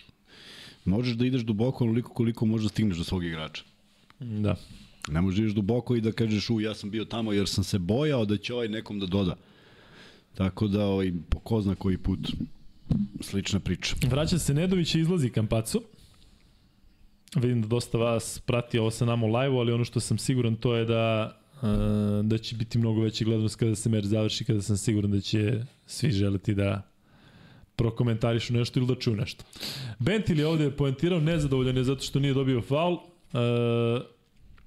nerešeno je 28, 28, Madar se vratio u igru i sada je petorka Partizana, Madar Andjušić, Papa Petru, Ledej Lesor, Jedini član startne petorke je Ledej, koji sada nije uspeo da reši protiv Bentila. Na drugoj strani Mitrović je povukao kontru, pas za Vildosu, Vildosa ide ovde u kontakt sa Ledejem i e, iznudio je faul. Nekako mi se iz daljine videlo da će biti faul. Jeste, da. Kao da nije čekao ništa da... E ovde, opa, Da, ovaj, dobro, nema poena, ali zakasnio. Moglo je ili ranije neko, jer ovo na dvokoraku e, dva slabona bacanja, ni iz čega zvezda, ovo čak nije ni bila kontra, ovo je bilo nešto onako, pa da, ne mogu kažem da nije bila, ali Kuzma, koja je definicija šabački kontra? šabačka je ono kad ti daš koš i onda ovaj istrči kontru iz vrljne je i već čovjek u kontri. Niko A ne šta ima zna je bugarski? to. Ima nešto isto bugar. Pa bugarski. nema, to je šabačka. Bugarka. Šta šabačka? Šta Ne, ne, bila je- šabač? Šta je, šta je knjiva pojma, Ivan, ne znam, znam. Zorka Farm? Bugarka je bila ona koja se vrti na obruč, znači ona s koja skakuće, ne, da. neki, neka smrdljušica. Bugarka. Eto, čuli ste sada dobro. Smrljušice, kada lopta ovaj, je na obruču, to je smrljušica. Bentil se ovde izborio za Ne, ovo napad su isto Crne zvezde. bitne stvari, ovo je, ovo je, ovo je ovo ničije. Jel to treba Bentil da radi? Jel to njegov zadatak? Da Ovo ide je- pove ovo je- lopta, ovo ne je- da pogađa trojke iz, iz Da, i ovo, nego da, jednostavno da, nego da, da vrši bude, pritisak tako je. i da bude Da. agresivan i da, Tako da je, radi tako je. onako smislene stvari, a ne Tako da je. izmišlja I nešto. malo čas Lede je došao do koša vrlo lako. Samo je Da, da, promašio. da, jeste. Dakle, mora bude čvršći u odbrani, ne može da bude Ledej ni brži i ni, ni bilo šta u odnosu na njega. Evo, Andjušić i Nedović pričaju ovde. Andjušić nam je govorio o njihovom odnosu u podcastu ovde kada je sedeo u stolici i govorio koliko mu je drago što su se jedan i drugi vratili u srpsku košaku. Kako neko ima ovoliko belu glavu kao Vildos? Kako neko ima ovoliko belu glavu? Da, jesi kako je Znaš zašto? Zašto nije bio danas na Adi? Eto, to je, to je razlog. Pa da je bio debio, danas na debio, Adi, debio. ne i mene razočarao, očekivao sam ga toliko, ali... Ako sam nekog očekivao, to je Da. da. Vildosu. Šta se dešava? Posle nas prozivaju za rasizam. Zašto neko ima ovako belu glavu? Pa vi kako je bela, baš je beo Ne čovjek. samo ni jednu drugu glavu da prokomentarišemo, da. Mitrović pa Nedović. Nedović lako prepoznatljiv po ovim patikama. Kuzma voli ove boje patike. Da, da, ja Žao mu je što nije igrao u, Samo u tom kad bi- periodu. Dobar pas sada Nedović i Mitrović. Nema faulo na Mitroviću. Kažu da Ledoj odigrao ovdje Jeste. čistu odbranu. Mora čvršće Mitrović ovde, ovo je su išao lagano. Mislim da je, da je očekivao faul i da je išao na Jeste. tu varijantu, da nije bio koncentrisan da poentira, ali on iz ove situacije mogu da zakuca, na sreću Partizana nije. Andjušić pa Madar, Madar dobra finta, Madar pas na stranu za Ledeja, Ledej fintira za tri, pa onda Vildosa tu pomaže bilo- i onako vrlo, vrlo zanimljivo krade loptu i sada mm, Vildosa podiže trojku. Još, još nešto što Kuzma voli, ovako najviše volim, da. Pazi, odigra fenomenalnu stvar koja nije dogovor, nego jednostavno osetio da može da napadne, da je ovo izneo loptu, ne znam ko bi branio Madara, ali uspeo je i to je okej. I onda š, nagradiš se tako što šutneš. Ali Kuzma, ja stvarno poštujem to kada si ti igrao i mislim da su neke stvari tada bile bolje, da su danas, Ja ja da su danas bolje. Ali uh, siguran sam Ja sam Madar čovjek. za tri, Madar ispod odbrane linije kaznio to Madar, prekratko iz desnog kona, ali siguran sam da u tvom uh, Uf, Nedović zakucao u kontri i ovo isto diže navijači. Uh, ali siguran sam da u tvoje vreme i među tvojim saigračima nije bilo tih igrača, nije bilo toliko stranaca pre svega koji misle da sebe posle onako ukradene lopte će da nagradi šutem za Ma, tri pa šta bilo, bude. jesi lud, pa kakvi bilo. Ne da nije bilo, nego Madar gubi loptu. još jedna odlična odbrana Vildosa. Sad je vreme za šut, sad je vreme, ali odavde. Vildosa, faul uh, pod košem koji je napravio Andjušić na Bentilu, a Bentil ga ovde podiže. Andjušić na podu.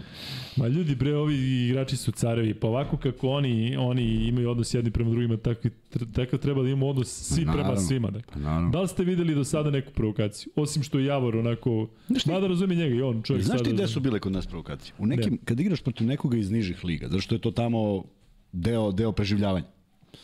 Igraš neki kup, pa tamo dođe pa ti pokaže. Na lokal, da. Pa vi Beograđani, pa sad on gazi, udri. Ali, ali u ovakvim utakmicama ovog nivoa, gde su dva najbolja kluba, sve može da bude. Samo ne može da A bude bilo nikakav... priče mnogo, ali kad Ma neko jo, čuva ili kada ma nekog jo, čuvaš, Ma nije to uopšte postojalo u to vreme. To ono kao šta si mi dao, dao je ti, ti si mi, ma jo. trash talk izvesni se pojavio tek kad si ti završio karijeru, ja mislim da je tog dana neko Bio je šaban, i ono... bio je šaban na visokom nivou igrao lupo prstenice. Možeš ti zamisliš to? Pa sad moraš da kažeš koji. Znači, Čekaj, neverovatno. daj, daj nam neku, igramo asocijaciju koja. Se, Šta je, seljadin, lupao seljadin klasičan. A lupa prstence tokom igre ili posle? igre. igre? Možda niš ko je to budala. Znači ja sam se okrenuo jednom pogledu ga i razmišljam, jebote, je li moguće? Prva Možda, možda si mu se dopada previše. A ne, ne, ja sam mu se naravno Možda je to, možda je to bio način da... da Bilo da mi je krivo što je samo jednom, a ovima je po dva kao pogledaš kao, pa što nisi ranije? Kao, da je, kad je Pa, sledeći? pa, pa sve primim loptu, pa namestim, da. Ušao je Trifa. Trifa je ušao, uh, dosta izmena pravi jedan i drugi trener Kuzma, to iznenađujući Partizan imao i u rotaciju Mm, Ne, niko igrača, nije ali sada ej, čini mi se niko da nije je... video Petruševa, neverovatno, dobro se otvorio. A ne, vreme je za izmene zato što mora da se igra malo čvršće i da budu neki faulovi i nešto, a ništa se ne dešava i evo, nekako lopta u košu.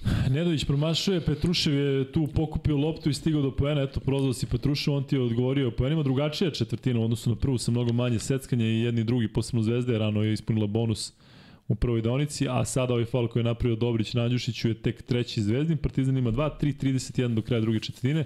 Kuzma, i ovo je možda nepotreban faul, a? Nije, Ovako ovo je dogovor, pa vidi, sad puca odbrana. Sad puca odbrana, a Dobrić nema faul. Prelet na ovu drugu stranu ne može nikako teoretski da se vrati centar Mitrović koji je bio tamo, prema tome možda je dogovor da se ide na tu varijantu, a pošto je slobod, mogućnost da ima jedan mali faul, onda je samo neuspeo pokaše, pokušaj udvajanja i to je to. Vidim da i dalje komentarišete arenu i komentatore i kažem, nemojte se bavimo ovde, mi smo ovaj, kažem, u nekom pozitivnom vajbu od današnje utakmice. Andjušić je tražio faul i pogodio pod faulom. Sreće po ovo Trifa nije dirao. Ovo je 2 plus 1 uh, Andjušića. Sada Dobrić ovde od uh, sudije Tome dobija objašnjenje zašto mu je sviran faul. E, dobro, Andjušić je ovo dobro radio kada je vidio da ima prednost, tražio taj kontakt Jeste i na, na i Magarčiju. pogodio. Šta je uradio? Pa na Magarčiju. 33-31, Andjušićevih 2 plus 1, jako bitnih za njega, za nastavak utakmice. Znamo da je on taj tip igrača koji, ako pogodi prvi šut ili ako nešto uradi odmah, da može da ga pokrene i da uđe u sjajnu seriju, kao što može da bude i, i Uf, problematično ako čudno. promaši. Nedović šutira, nije ni namestio Znaš, noge. ove znači. bake kad te zavrte pa da juriš. Ne radi se ovo iz okreta nikako. Ovo Zvezdi ne treba, a iz ugla nas koji najmo za Partizan Uf, Andjušić sada nogom je igrao neko. Ali ni ovo, nije, ne volimo ovako da Andjušić rizikuje driblingom, prolazi kroz dvojicu Koga je udarilo nogu? Hasana. E, ali vidiš, nekada se, nekada, ova noga, ovo je bila Nije stajna noga Hasana i nekada Pogođen, se, ne. da, nekada se nije sviralo. Ali dugo već je to sad, kad Da, da, god pogodi ispod kolena. to je nevjerovatno, da. Egzum šutira za tri, promašuje. Ni ovo možda nije bio neki šut koji će da da obraduje Željka Obradovića, na drugoj strani i Kampaco promašao, međutim Zvezda je sada prilično dobra iz drugog plana u smislu agre, na, dru, na ofazivnom skoku aktivni, posebno Petrušev. Drugi put za redom praktično pogađa posle skoka u napadu 35-31, Andjušić za 3, pogađa Andjušić, bravo Andjušiću, E, to je ono što sam rekao. Evo, viš kako, kako sam pogodio. 2 plus 1 i odmah trojka sledeća sa puno samopouzdanja. Njemu se nekako pri naskoku i pri izbačaju vidi ovaj, u kakvom je trenutno raspoloženju. Ale Sor traži loptu dole, bio sam i onda kada vidio da je trojka prestao da... da... Nisu išle lako, ovo, Bravi. Dobrić, Dobrić, gledaj. Neverovatno. Zato sam mislio da onaj faul Dobrića na polovini terena bio bespotreban, u smislu da, da, mu je, da je mnogo bolje da Andjušića zaustavi blizu koša i onda onaj drugi faul koji nije hteo da napravi i nije bio i sada naravno mekaniji u odbrani, nesigurniji, Evo, izašao je odmah. Pa, mora, odmah mora izašao, bude neko šta. čvršći, da. Što ti kažeš kada ga je Andjušić ovako dva puta Na Magarčiju. zezno, ne, tražim, tražim izraz, a da nije na magači. Sada Andjušić pravi faul pod košem koji je odličan. Ostaje mi s meču sa Petruševim. E, a ovo su, vreme, ovo su sad one primi moje, ovo sad one moje misteriozne pitanja. Na primjer, Zašto ovo nije nameran faul? da. Pa Ne ideš na loptu. Ideš da, da on ne primi loptu. Zato kažem, to mora se koriguje, zato što po tom posmatra... I šta je ovo za dva? Kako je, kako je sada, kako su dva su bacanja četiri faul? Da. Ili ne valja ove kockice koje mi vidimo, ili Da, su da, sudije najverovatnije, nešto. najverovatnije. Ovo nije bilo na šutu nikako. Nije bilo ništa. I ovo mi je prošlo kroz glavu u, u Euroligi. Uh, u Euroligi. Traže faul i prave faul na taj način, direktno želeći da, da, da zaustave tog i onda kaže sudija da je sve čisto. A Marković, logično je da jeste čisto, ali jer je košarkaški, ovo je košarkaški potez i košarkaški faul. Trifunović pušta za Lesor, Lesor igra protiv Martina, Lesor ide do koša i lepo ovo rešava protiv Martina, produžio je Suviše korak lako. i Martin ovde kao i Bentel, čini mi se da igraju prilično lošu odbranu, sada Andjušić krade loptu, kaže Andjušić sada puca od samopouzdanja posle šest pojena iz dva poseda. Andjušić protiv Markovića. Papa Petru fintira za 3 naskače i pogađa za 2. Partizan vodi 38-37 i Duško Ivanović reaguje time outom. Uh, Kuzma, uh, je ova serija dobra Partizana, a loša za Zvezdu krenula baš od te odbrane i nesigurnosti Dobrića? Problema Jest, Dobrića Sančića. jest. Nemaš ništa da dodaš, a? Ne, ne, jeste, ovo, eto, opet su u jednom momentu preokrenuli na ono što si rekao, evo lucidnost, video si Andjušić koji kao kreće u akciju, vraća se po loptu, trenutak nepažnje, on to uzme kao šut i to je to. Da. S druge strane, još jedna izgubljena lopta, a kreće sve od, nažalost, Nedovićevog šuta za tri, koji je bio potpuno bezrazložen i, i čovek kojim se divim kakav uloz ima, ja bi to koristio stalno. Neka promašim, nema veze. Pozdrav za momke, još jednom danas je bilo prelepo, zaista je bilo prelepo, nadamo se da će biti više ovakvih događaja, svaka čast na organizaciji, moj pas šalje pozdrav i kaže da je bilo dobro. Pas je uh, junački izdržao sve, pošto si došao među prvima i ostao uh, među poslednjima, tako da veliki pozdrav i za tebe, Burazeru, i kažem, imali smo danas nekoliko pasa ovaj, u ovom ograđenom terenu i kažem, još jednom sam oduševljen kako je sve proteklo i koliko je sve bilo čisto iza nas, a toliko ljudi je ovaj, danas prisustvovalo svemu ovome. Kuzma ne fali ni jedna lopta, niko nije manu loptu. a? Ne fali ništa, hvala Singidunumu u Crvenoj zvezdi na loptama i za, i za 3 na 3 i za ovo što smo igrali. Moram priznati da je, da je taj njihov meč premašio moje očekivanje, zato što kada smo svi pozvani na onaj teren da oni igraju 3x3, Uh, očekivao sam da će možda neki to da smori, međutim takva je bila i utakmica i ljudi, bilo je onih koji su znali kako to izgleda, pa su zadovoljni kako je izgledala utakmica, bilo je onih koji su tek sada upoznali. I mene su čak pitali je. šta je faul, šta nije faul i koji su ostali prilično iznenađeni, iznenađeni kako, kako se igralo Kako momci cepaju, da. Fantastično, da. Tako da, da eto, ako niste imali priliku da, da gledate košakaše u kulicima, možete to da, da, da ispratite preko nas, zato što Kuzma uvek uredno najavi kada su neka, neka događanja, ali tako? Tako je, da, i bilo bi lepo, jer svaka podrška im prija i bilo im je divno danas Ova kad su ih svi da, pozdravili. bila, da. Pa da. Biće ovo faul na Kampacu koji se nezgodno prizemljuje na rame, ali odmah ustaje i podiže ga egzum. Kažem, koliko je sve nesportski svuda van terena, toliko ovi momci zaista su primer kako treba da se da se odnosimo jedni prema drugima. Dakle, ovde je bio faul da li Sora ili Trifunović? Uf, u padu ga još udario u glavu. Da. Uh, faul da, Trifunović ovde je lošije, lošije Da. da. prošao.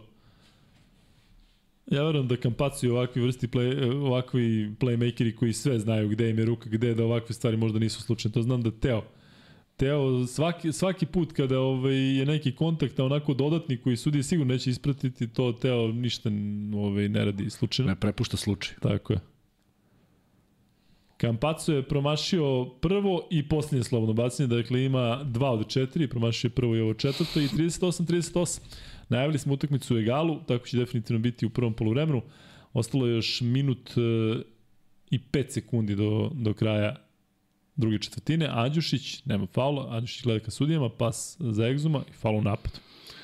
E sad, da li je bio faul u napadu, da li se ovde Kampaco postavio sa obe noge i nije se kretao, vidjet ćemo na uspenom snimku. Faul u napadu, kaže sudija. E, Kuzmin osmeh vam je sve rekao. Nije, ja, ja, ja ne želim da uopšte komentarišem faul u Nećemo, napadu. nećemo. Nisam, nisam dve utakmice, pa neću ni sada, ali ovaj, I nije komentarisao ni onaj Ismailagićev Tako blok, je. nije ni ovo, vidim da ste ovde sad tražili kao neko objašnjenje, evo, Da. da. ste tražili da bude ovaj, e, i naš balans, eto, ne komentariše vamo i ne komentariše sa nama. Tako je. Idemo dalje. I jedni i drugi su sada ispunili bonus, dakle, oni Partizanu četiri faul mi je dalje nejasan zašto je Petruš imao dva slovno bacanja. mislim da su zakasnili ovi, znaš, neverovatno bi bilo da, da je tolika greška. Da. da. E, A i nekako je stvarno bilo neverovatno da nisu u bonusu. Da, Kampaco, malo mu je ovde ostavljeno više, Faul sada napad. faul u napadu, da, Nedović je pogodio trojku koja neće važiti, pre što, pošto je pre toga bio faul napadu prilikom postavljanja bloka. Sad Daj sada, gde su ovi što se javljaju, da imamo dalje faul napad. Čekamo usponi snimak. Čekamo. Eno ga Martin. Jeste. Jeste, jeste, ovo je rukama podigao lakto u visini egzuma, ovo je bilo, da kažem, Ma, ovo je bilo za zatvor, da. ovo je bilo... Ovo je za razliku od nekih ranijih kontakata bilo, bilo, bio lak posao za sudije.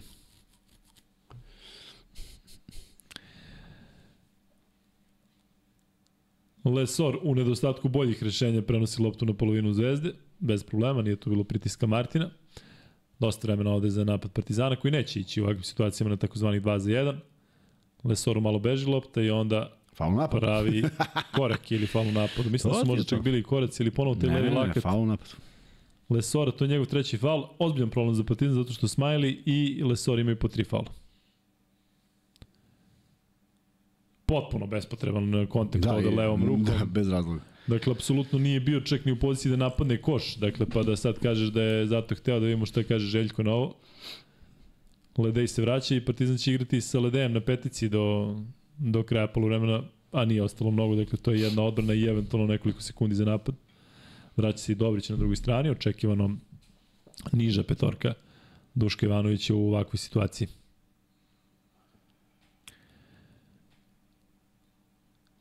Uf, rizičan pas uh, Vildose, prilično.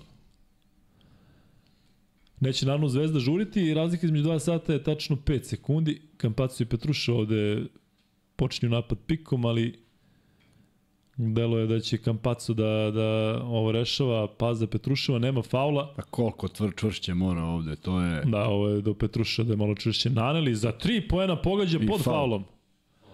Pogađa faulom, sada Kampacu ovde kreće prema sudiji i verovatno pita zašto nije bio sviran faul malo pre na Petruševu, ali vidjet ćemo i na jednoj, volio bih da vidimo jedan i drugi usponi snimak, ali za sada nam puštaju samo u ovaj, kada je naneli, jest, bilo je čini mi se ovde kontakta, naneli onda posle malo ovaj, izvrnuo telo, ali da ga kače po rukom ruci, postoji, da. Koliko Kuzma ovakve situacije mogu da, da utiču pred, pred eh, kraj poluvremena kada ovako jedna ekipa završi sa boljom energijom? Ovo 3 plus 1 je da kažem premija, je tako, za Partizan koji... Da, koji, ništa da, imaš loptu i pitanje da li ćeš 5 imati... sekundi između Tako. 2 sata. Da li ćeš imati poslednji napad i ti dođeš do ovog rešenja? Jes bela glava ili dosi. Jeste, pa to ti kažem. Baš onako... Ali, ali ovde Petruša mora zakucao. Ovo je bio pas ispod koša. Ali zašto toliko Kuzma i Mitrović i Petrušev igraju mekano? Ajde za Petruševa Ne znam. smo u neku ruku ono ne iznenađuje nas, ali Mitrović je nekoliko puta imao sličnu situaciju iz kontakta Ne znam zaista.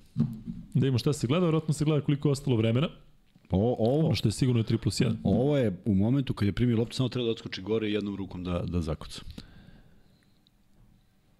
Da, zato što Petruša Zadro ima mogućnosti za to, više nego Mitrović. Dakle, Mitrović a lopta- znamo da iz onog short A rolla može da se A spusti lopta košulju. dolazi u pravom trenutku. Dakle, ne kasni, evo, ovde je kontakt rukom, nema Jeste. kontakta telom, nego ima kontakt rukom.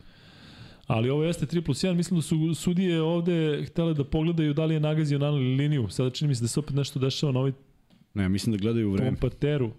Ne, ali vidiš da su ovde sada ovi iz bezbeđenja prisutni. Pa zašto je za dve sekunde kraj? Pa svakako moraju da budu prisutni. Ajde da vidimo da li je to. Trojka definitivno. I 3 sekunde. 2,3, šta piše? Da.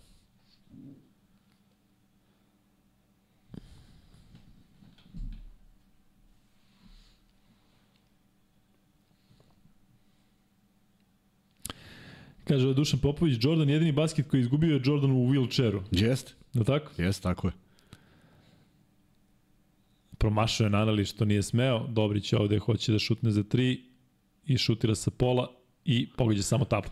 Partizan vodi 41-38 nakon prvog poluvremena. Partizan je, evo, ima jedan posled prednosti, ali je, eto, dobio i prvu i drugu četvrtinu. I ono Kuzma, ajde nastavi, tamo ću ja malo da se preselim tamo, a ti možeš posle da pričaš malo i kako je tvoje viđenje prvog poluvremena, ali počne sa tim koliko sada pred ulazak u slačionicu znači ovako da je Partizan završio, a Zvezda da je, kažem, ispala i, i to što kažeš, imala lake poena, nije ih postigla.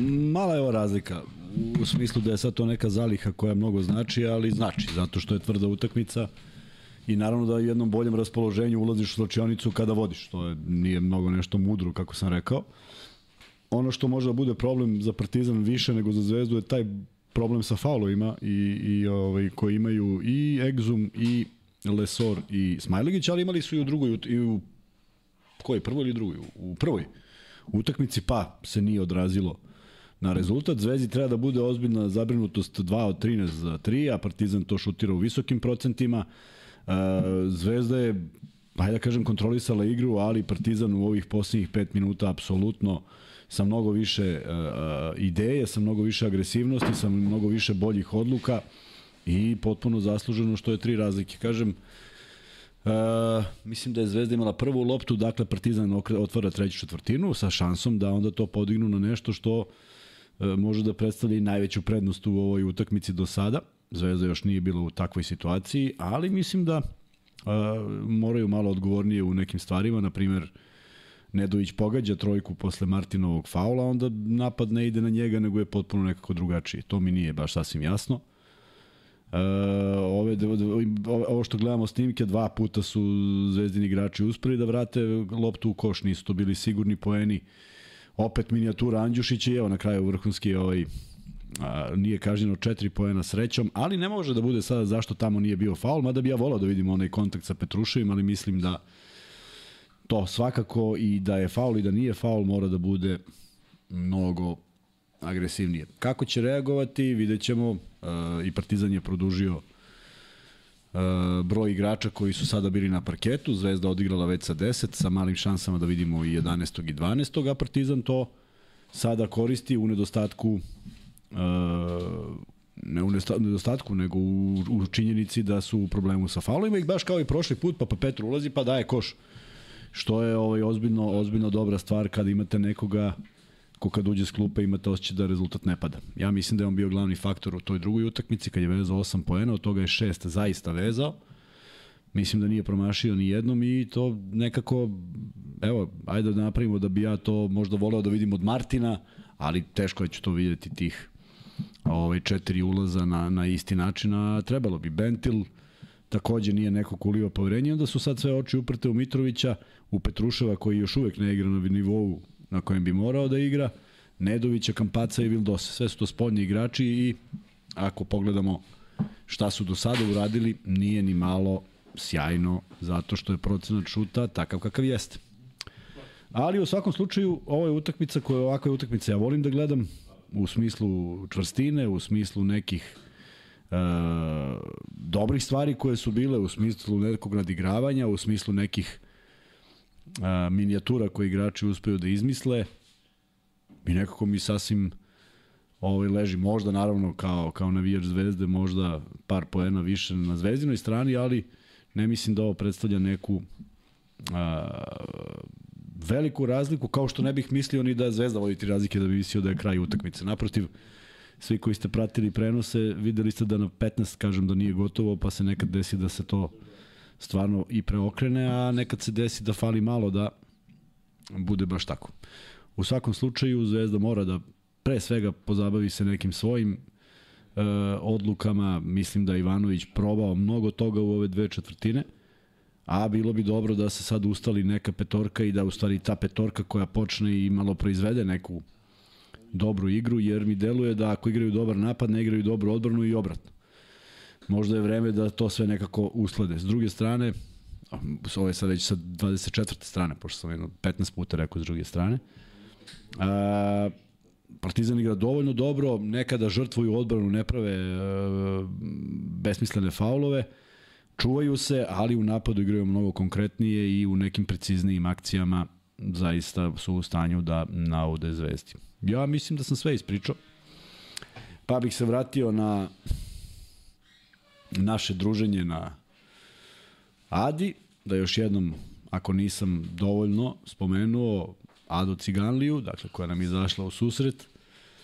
uh, Ultra Energy, koji je to sve opremio fantastičnim suncobranima, da nam ne bude pretrano vruće jer je bio topao dan, obezbedili su piće, frižidere, i sve ostalo što uz to ide, do lazy bagove. I boga mi, bilo je mnogo ljudi koji uopšte nisu došli kod nas, koji, koji su koristili ovaj, usluge Lazy Begova. Dragan Uh, koji nam je donirao Gavez, uh, Singidunom Crvena zvezda i Soko. Takođe, hvala im puno na, na, na svemu. Koga sam nekog, nekog izostavio? Ako jesam, podsjetite me. 100%, 100% ima neko još koga sam zaboravio. U svakom slučaju, Knežak, naravno, Knežak koji je u pravo vreme došao i prekinuo te baskete koji su se igrali onako prijateljske one utakmice i mislim da su se svi dobro počastili, uživali u, u, ćevapima e, koji su zaista dobri i evo sad se šira publika uverila u to, tako da verujem da će biti onih koji će u Knežak i češće svraćati. Naravno, dali su nam mogućnost da i večeras podelimo tri Knežaka, dva za dve i jedan za četiri osobe, ali iskreno nada se, ne, ne znam da li ćemo moći da stignemo sve to. zato što tu ima još tri free beta i sve ostalo, a još nisam poslao free betove od prošle nelje, pa da ne bude mnogo ovaj, svega toga, ali vidjet ćemo. Još malo priče Kuzmeš. Koji, koji Ali vidjet ćemo. A, pa ništa, a, ispričao sam sve dok nisi bio tu, tačnije dok si slušao tu sa strane i uživao u pici naših komšija. Nije loša, a? Koja ti se više sviđa? A uvijek ova četiri sira, Da, to mi je da, generalno ovaj, jeste, ona jeste. zanimljivije. Jeste, zna da bude E, zaista dobro. Kuzma, e, možeš šefe da daš kadar 3 da još jednom ljude pozovemo da doniraju za Jovanu, za e, Mihajla i za Isidoru. Dakle, ovo su praktično naše kutije, odnosno vrhovi kutija. E, ono što smo mi skupili danas i tamo ću sad da pokažem ljudima kako to izgleda. Dakle, evo. Neka neko pokuži kadar. Tako. Ovako. I ovako.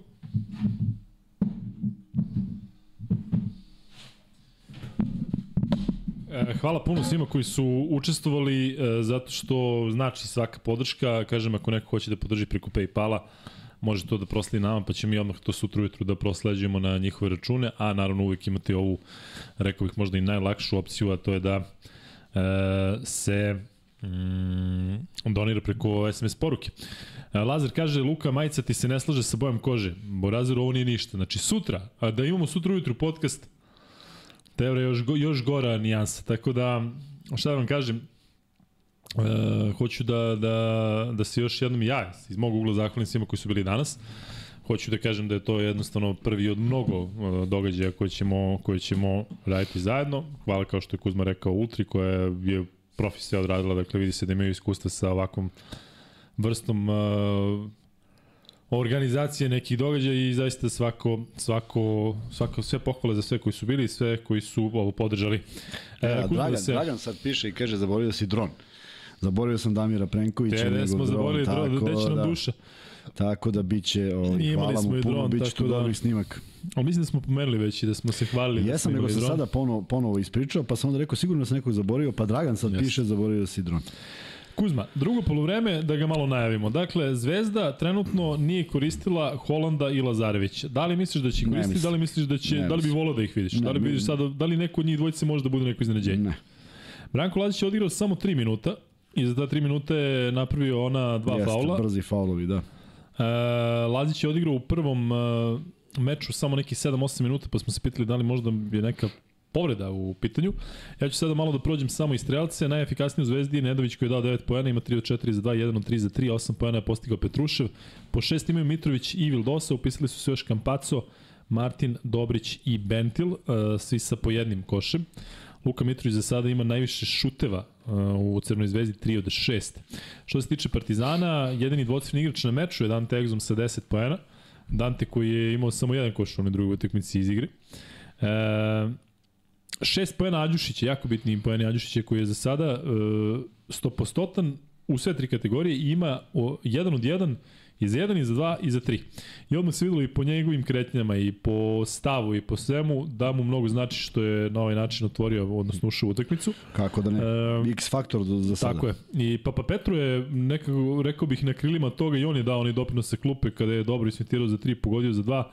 Redki su ti koši Papa Petru, a ove sezone tog tipa, pa ih pamtimo. A, Panter za sada, e, zanimljiva statistika u smislu da ima 7 poena, jednom je šutirao za dva i pogodio, ali zato ima 1 od 5 za 3. Oni, dakle, šutnuo trećinu trojke Partizana. Partizan za sada ima za 3, Da. 7 od 15, dok Ostatak ekipe ima odličan procenat, Da. bez njega. Zvezda ima Kuzma 2 od 13 za Tako 3. je. Jednu trojku je dao Nedović, a jednu trojku je dao Vildosa. Do Vildosa ima 1 od 2, znamo on je njegov drugi šut.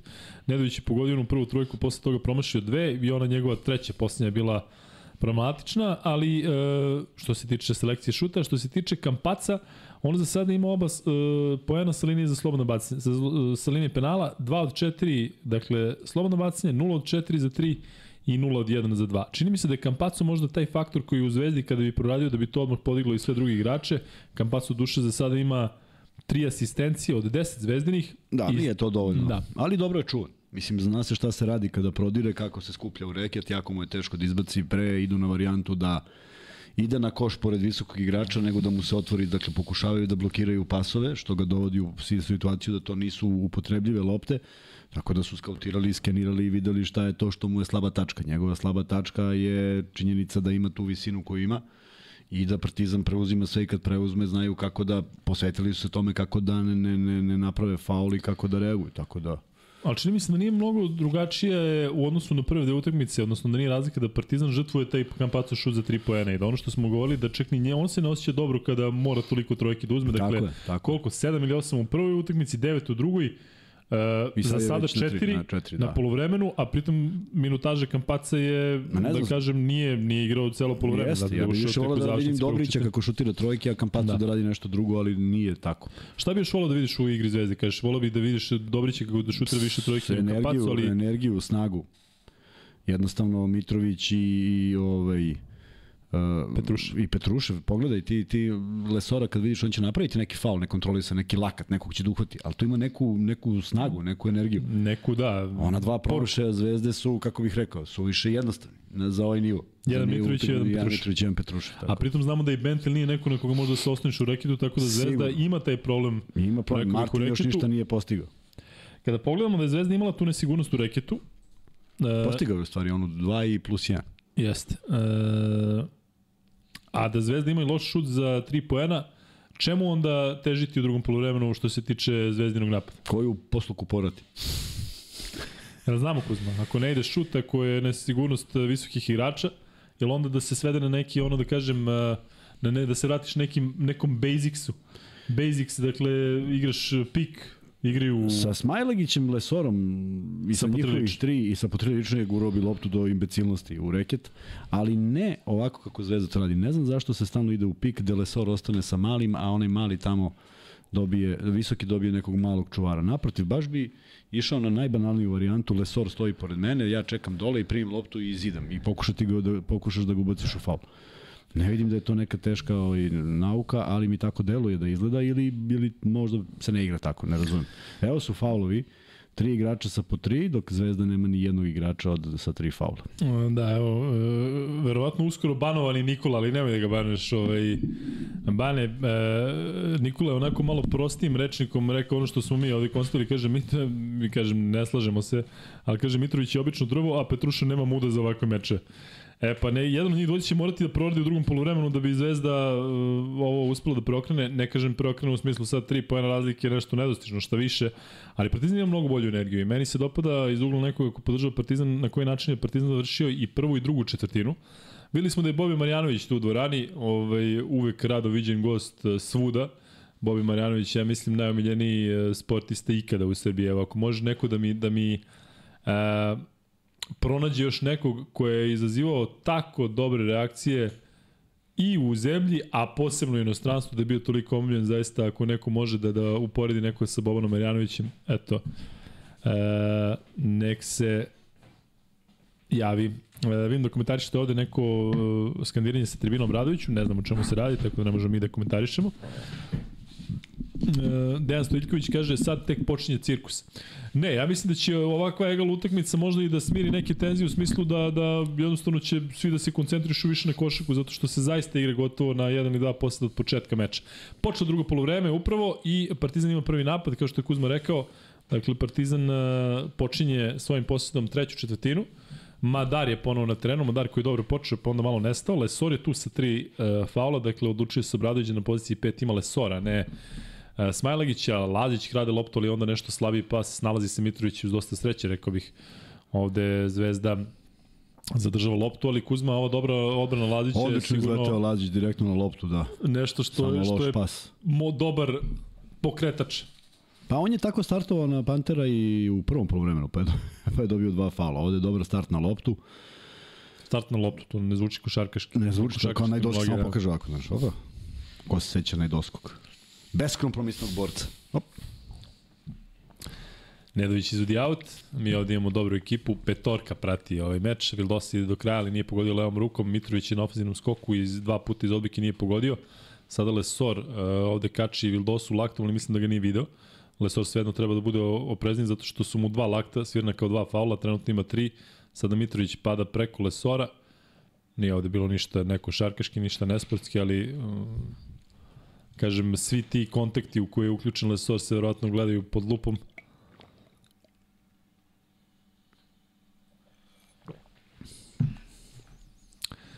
I dalje nema koša u drugom poluvremenu. Da, Prvi slično, faul. slično kao i u prvom. Da. M, Za mene je ovo neki normalan broj e, postignutih poena, dakle, kažem, tih blizu 80 na polovremenu, nešto što, što je ok, ali ja sam očekivao i sad očekujem da će se teže stizati do koša, dakle da će biti manje poena u drugom polovremenu nego u prvom, a Dar šutira i promašuje, da vidimo ko je na skoku, lopta na trenutak bila kod Pantera, ali oko Naneli, ali se kasnije odbija do Nedovića, Čista odbrana. Nedović je pao, Zvezda počinje drugo polovreme kao i prvo bez kampaca, akcija za Nedovića koji neće šutirati za tri, Vildosa, malo rekao bih e, očekivan pas, predvidiv, a Kuzma? Pa je ovo presekao Pa. i izbacio aut. Nije ovo ugao iz kojeg može se Pa da, mnogo dugo putuje ta lopta Jest. koja treba da dođe do ćoška. Iz ovog ugla koji smo sad videli, čini mi se da je većina navijača u dvorani na nogama. Napad Zvezde, Vildosa za 3, uzima šut za 3, lopta izlazi iz koša, ali tu je Mitrović na ofenzivnom skoku. Ovo je nešto što Mitrović može da vrati sa samopouzdanje. Imao je, čini mi se, jednu sličnu situaciju u prvom poluvremenu. Prvi koš u nastavku, 41-40. Panter, Lazić, e, kao i obično, jako blizu, jako je na sredini terena. Panter, Panter igra protiv Lazića, njih dvojice se dobro poznaju iz tog perioda kada su zajedno igrali u Zvezdi, Lazić pravi faul. Bez razloga. I ponovo ta leva ruka koja je onako preagresivna kod Lazića u smislu da, da, da je uvek taj kontakt negde na ivici, je li tako Kuzma? Ne, ne, ovo je, ovo je bez razloga. Ovo je sve bilo korektno do ovog momenta i evo sad ovde. Evo ga. Da, ovo je čist tako dakle, je. rukom u telo, ničeg bio ni blizu da. lopte. A do tada je sve bilo u redu. Da, i to je treći faul Lazića koji, koji ne menja njegov status na terenu, dakle i dalje u igri. Pa da, i verovatno Marković posle njega. I to je to. Jel treba sada forsirati? Uf. Uh, ne može ovo da bude, ja mislim, ovo će sada, da, samo unosi nemir Javor. Kako samo. je 24 sekunde? Ma samo je, samo Javor unosi nemir ovde. Evo, on kaže udario sam ga u lakat. Ako nije faul, daj da imam. Pa da, evo sada uh, Ivanović je ovde pitao Vildosu da li si ti izbacio, on je rekao nisam i sada će Javor da vidi ovo što je već Kuzma prokomentarisao. Dakle, ovo je bio udarac uh, Vildose po ruci Madara. Tako je. Nije sviran faul, Tako je. Madar ima ovo, ali to su te klasične sudijske kompenzacije koje su prolazile pre challenge. Ma, Mada. ne, ovo je čista lopta za zvezdu. E, pa, Da, ali, ali ga nije udario po laktu. Ne, ne, on kaže, on kaže udario sam ga po, on kaže udario sam ga po laktu. Da, ali meni se čini da nije. Znači, čekaj, možda nisam video ovde kontakt. Šta misliš da ga uopšte nije udario? Da. Pa možda i to, a možda ovaj lupa gluposti. Možda je udario u nešto drugo, ali činjenica je da je ovaj Madar ima, ima pas, pokret posle toga.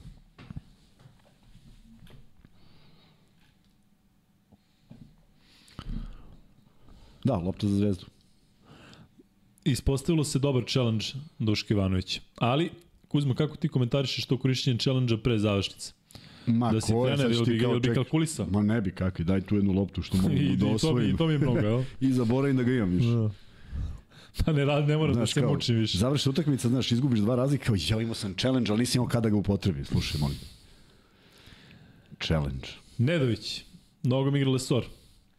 Ovo Lesor ove sezone često radi u Euroligi, dakle, presekuje- prese, da, preseče da. pas. Što Kuzma onako zna malo da, da ubije, Kako ubije da ne protivnika ubio, u ti kao prođeš, on preseče klizećim, znaš, preseče loptu. I nikom ništa. Imali smo jednu sličnu situaciju u prvom polovremenu. u suštini logično što nije nikom ništa, nego hoću da kažem, ubijete u pojam. Ne, uvalio si- sad, nema pravdanja sad. Sad si se ono mislim, pre... stvarno je bez veze. Nedović za Lazića, Lazić za tri. Trojka, Branka Lazića, znamo koliko su redki njegovi šutevi, ali verovo mu je ovde Nedović i Zvezda serijom 5-0 ulazi u nastavak, nastavak meča, 43-41 rezultat. Partizan uh, za sada bez koša, Nanali je ovde prodor, a Suviše lagano. da, ovo mora da se stigne nogama. Nanali je naj, uh, najstariji igrač, rekao bih u obe, ne, nije u obe ekipe, ali u, u timu. Partizana. 33 godina ima Naneli i prolazi ovako lagano Nedovića, pritom nije to bila neka finta da ga je sad izbacio, nego krenuo u levu stranu, prošao i Eto, faul. Nanali sada šutira za 3 i Nanali pogađa, to su te bitne trojke Nanalija, jednom je zatvorio prvo polovreme, sada prvi koš za Partizan, 44-43, ponovo vodi Crno-Beli, Vildosa za Mitrovića, E, ovde Mitrović je možda ovde trebalo, svak- ovde već da, da krene ka košu. Mitrović na drugi obruč, ovo je bilo jako lepo. Mu Lesor igrao prezniju odbranu, odbranu Mora, sigurno. pa zato kažem, nema šta da čekamo, mora da ima znam koš. zašto se čak i izvukao onoliko. Da, da, Kada je da. imao već prednost odmah po primu lopte. Naneli za Lesora, Lesor, Lesor, bit će faul, bit će slobodna bacanja za Lesora. I ne znam da li da pojačam, da čujem. Hmm? A, Kuzma? Ne, baš me zanima. Samo zanima od koga je to rukama. Taj, to što je sudija pokazao. Da je rukama je bilo guranje, Ko? nije, nije bilo Ko? rukama. Da. Ko je rukom gurno? Slažem se da je faul. a, a, mislim da, da je to uh, gestikulacija kada, kada pokušaš da je neko nekog odgurnuo. Kako pokažeš da ga je odgurnuo ako je bilo to guranje? Pa Pa ima- Nema, ne, nisu slobodno bacanja, dakle ovo je dobra odluka, tako, nije ovo bilo pri šutu. Pa ovo je, ne znam što nije bilo pri šutu. Nije uopšte bio, nije ukrenuo u pokret šuta, a sada faul u napadu Ne, ne, koraci, koraci. Jel nije faul u napadu? Zašto Nije, nisam vidio od, od, od, od, one grafike ovog Koraci, sudiju na, na, koraci. na polovini? Ne me brineš koraci.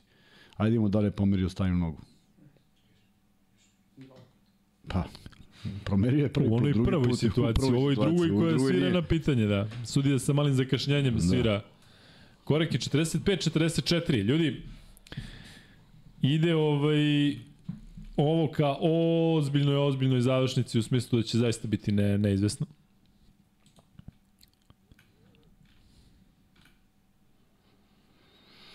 Zvezda samo pet izgubljenih lopti i Partizan vodi, to je ono što je interesantno. Pa ne vodi Partizan Kuzma, 45-44. Pa da, mislim, vodi, moralno, vodi, moralno. da, onako vodi, ono, u minus jedan vodi. U vazduhu se nekako Pa ne, mislim, da hoću kažem, velike, velika je razlika u izgubljenim loptama, a nemaš prednost. Kuzma, a ovo što je Zvezda ispunila bonus za 3 minuta, Partizan nema nijedan faul, to može da bude ozbiljna zalika Jeste, i ovo prednost drugu Partizana. utakmicu se dešava tako. Zanimljiva situacija gde Jeste. Partizan ima, uh, šta se dešava tamo, šta sudija, aha, ovde sklanjaju fotoreportere, fotoreport, fotoreporter da skupi noge. Uh, Partizan ima dva igrača, dva centra sa po tri faula, a Zvezda je u bonusu. Da vidimo da li će ovo jedni drugi iskoristiti da više spušti loptu pod koš. Zvezda odide na Mitrovića, što ima smisla. Ostavljeno mu dosta prostora i lepo je napao Lesora. Dakle, Mitrović sada preuzima odgovornost. Tako je. I eto, vi koji ste kritikovali Eto Luku ga Mitrovića, sad, sad se javite, da čujem, ajde. E sad vi vidi, ovde, da. ovde je Lesor dva puta odigrao, zato ima Zvezda poena i nema faulova i zato ne, Da. možemo, ne možemo kažemo nije sviran, nema na čemu da bude sviran, ovde nije bilo kontakta i laki su poeni. Naneli, pa Madar, Madar za tri, dao jednu trojku u prvom polovremenu, evo druge, Madar vrlo sigurno pogađa njegove trojke, njegove, njegove duge Ko je dvojke. zaboravio Madar? E, uglavnom, e, pa mislim ne da. E, a uglavnom pogađa bez koske. I to ovako se za, zavane mrežice. Dobra rotacija lopte, Madar, kažem, kako odmiče sezona, sve sigurni. Vildosa napada prodorom, Vildosa sa zadrškom u vazduhu uspeva da ubaci, ovo će i njemu značiti za nastavak meča 49-47. Da li se to Papa Petru sprema da se vrati u igru? Da. Nema egzuma. Lesor, Madar, imao je prostor da šutne za tri, ipak faul. Ovde, Ne znam čemu je Sudar. ovolika drama kad je dva bacanja svakako. Sudija dotrčala kao da je... da. Da, ovde je Vildosa malo zakasnio kolenom definitivno. Uf, ovo je saplitanje, da. Drama je si vidio, Kuzma? Da li je ovo sada namerno? Nisam vidio. On mislim da neće gledati. Papa Petru ulazi umesto Lesora. Znači, Ledej na petici. E, Mitrović i Petrušev zajedno na parketu. Ovo će sad biti jako interesantno. Da vidimo kako će Papa Petru od- odreagovati u odbrani. Vidjet ćemo koga će čuvati sad u ovoj situaciji. Ali ono o čemu Kuzma pričao u prvom polovremenu, Petrušev i Mitrović moraju mnogo čvršće. Mitrović, uf, Madar promašao prvo slobodno bacanje. Petrušev e, neko ko možda u ovom trenutku ne bi trebalo da napada na niskom postu. Onako uzmo posle onako polovremena i sa ovako raspoloženim Mitrovićem. Jel u igri? Jeste, jeste. I Petrušev i Mitrović. Nego šta treba da frljokne trojku? Ne, nego da jednostavno krene onako na, na zakucavanje ono njegovo, da iz nekog short rolla nešto Pa uradi, da sad preuzme Mitrović, ali sad da Petrušev zaista napadne pa pa Petrua, što ima smisla visinski, evo i šalje ga Kampacu sada na Naravno, post. to bi trebalo odmah da se koristi. To ne treba uopšte E, da... ajde baš da vidim. Lazić za tri. Lazić promašuje. Ovde nas je Lazić sve iznenadio šutem za tri pojena. Mislim da je Bio sam sebi sam, iznenadio. Bio je sam, sve je okej. Panter, pa, pa, pa Petru, Ledej, Madar, Gazi naneli bočnu liniju. Ja pod hitom da se 49-48. pro- proširuju ovi tereni za još dva metra. Samo da ne gledam više ovo, izluđujem.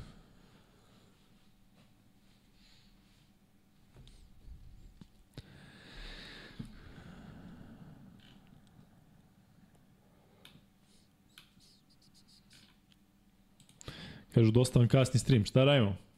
Radimo onako kako može. E, da vidimo kako će Petruša da ugura, pa, pa Petro baš me zanima.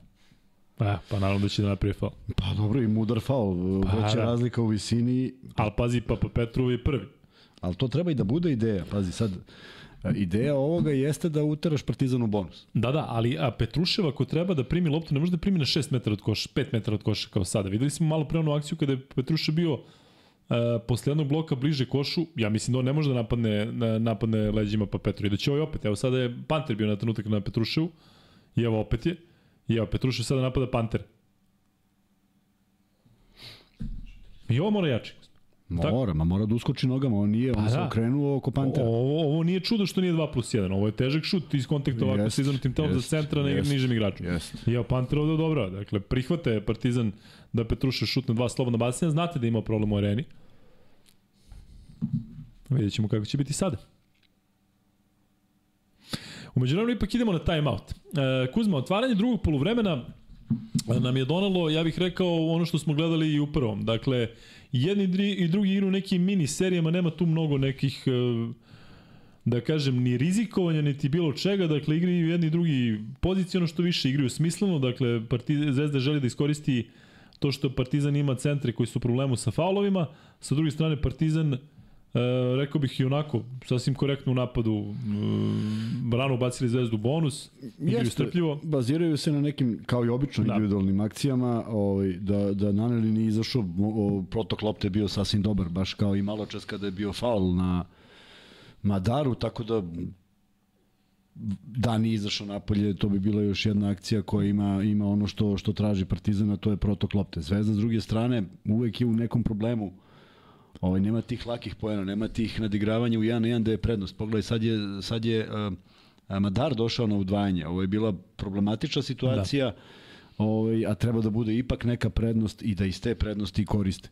Lesor je, da kažem, napravio taj neki iskorak u, u kvalitativan iskorak ako se primetio kada primi loptu posle short rolla on traži pas na stranu i to prilično dobro radi u posljednje vreme nije mu to bilo karakteristika na početku sezone Evo, tu su oni u prednosti. Ovde sada videlo, videlo se udvajanje i jedan težak šut koji sad tek treba da se realizuje, pa Kuzma, ti delo da sudi za sada kontrolišu meč, da je bilo Da, neki grešaka, da, ali da. da nije bilo neki katastrofalni da. grešaka, dakle ono malo pre Da. uh, Ivanovićev challenge, dakle nije tu nešto, ne možemo da kažemo da sada nešto Pa evo sad razmišljam, mislim da su zato i onako uradili u određenim tim momentima da ne bi izgubili kontrolu da. u meču. Znaš, kao ulete da se zaustavi sve što potencijalno Jeste. može da bude da bi držali pod kontrolom. za sada ovaj, uh, rekao bih da da nije bilo nekih katastrofalnih odluka da, Da, mora da, da, da, se nije, da se nije. ono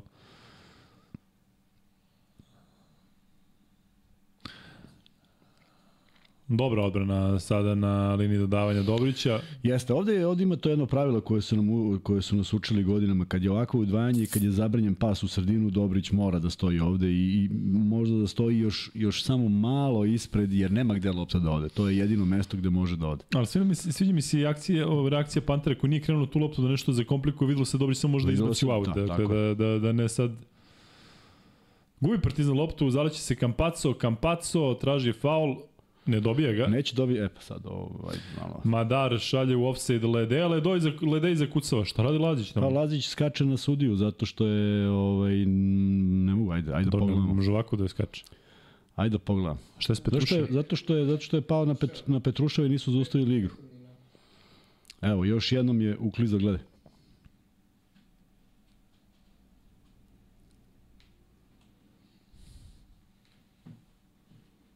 E, mora se zaustavi igra, ako ništa drugo u momentu kada... Aha, Lazić zbog toga reaguje, Pa da. ne zbog faula na kampacu. Da, ovo je ipak neverovatno. Mislim, šta god daje. Ne Dobro, sada ne može da se gleda, ali nesportski. ne, ne kad znam, uopšte, ne znam uopšte šta gledaju.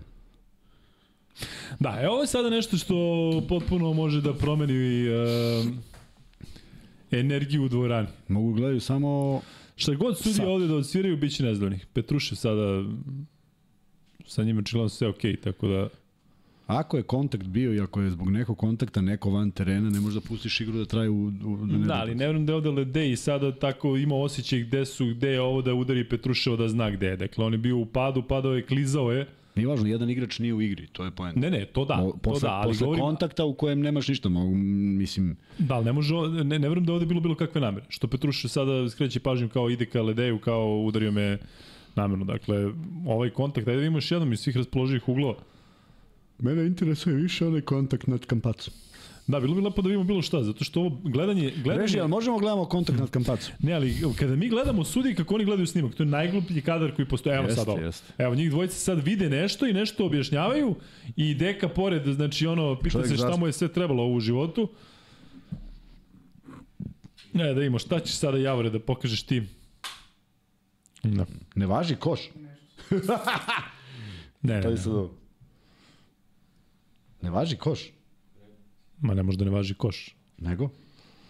Nego šta ne Nema, važi? nema, nema, nema ništa što mogu da izmene. Eto, to je. Šta ne Ovo važi? pravdanje trenerima i igračima mislim da nikad ne može nešto dobro da odnese. Ne, šta ne onda tako važi? priznate da nije. Šta ne važi? Ne, nije sve čisto. Znači nema faula, Pa, pa, ne znam kak, nema nesportskog, nema nečega. Je tako? Ajde da vidim. Nikad nisam imao potez ovakav, a da nešto važi. Obično to ne važi. Da, da, ono je pokret koji vrlo jednostavno pokazuje Da nešto ne važi. Da. Lede je sada na Mitroviću, da vidimo kako će ovo rešiti Mitrović. Lede je onako u niskom stavu. Ne može Mitrović da ga ugura. Mitrović sada je ovde malo otišao od koša. Nedović upadao, šutira Što li je i pogađa, pogađa Naneli. Na drugoj strani Partizan sada ima priliku da povede i dalje utakmica vrlo, vrlo neizvesna. I kažem, iz mog ugla tako može samo da bude do kraja. E, moj papa Petru. E, moj papa Petru. Kampaco, fauliran, imaće slobodno bacanje, malo je falo da bude 2 plus 1. Koji je ovo faul Ledeju? Njemu treći jeste. Treći, da.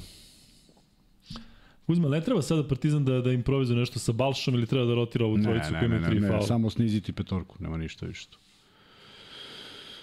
Nema Smajlija dugo. Smajli takođe ima Pa tri nema, faula. da, i e, verovatno se čuva da, da u nekom momentu Da, Smajli je sigurno opcija za, Tako. za, za završnicu.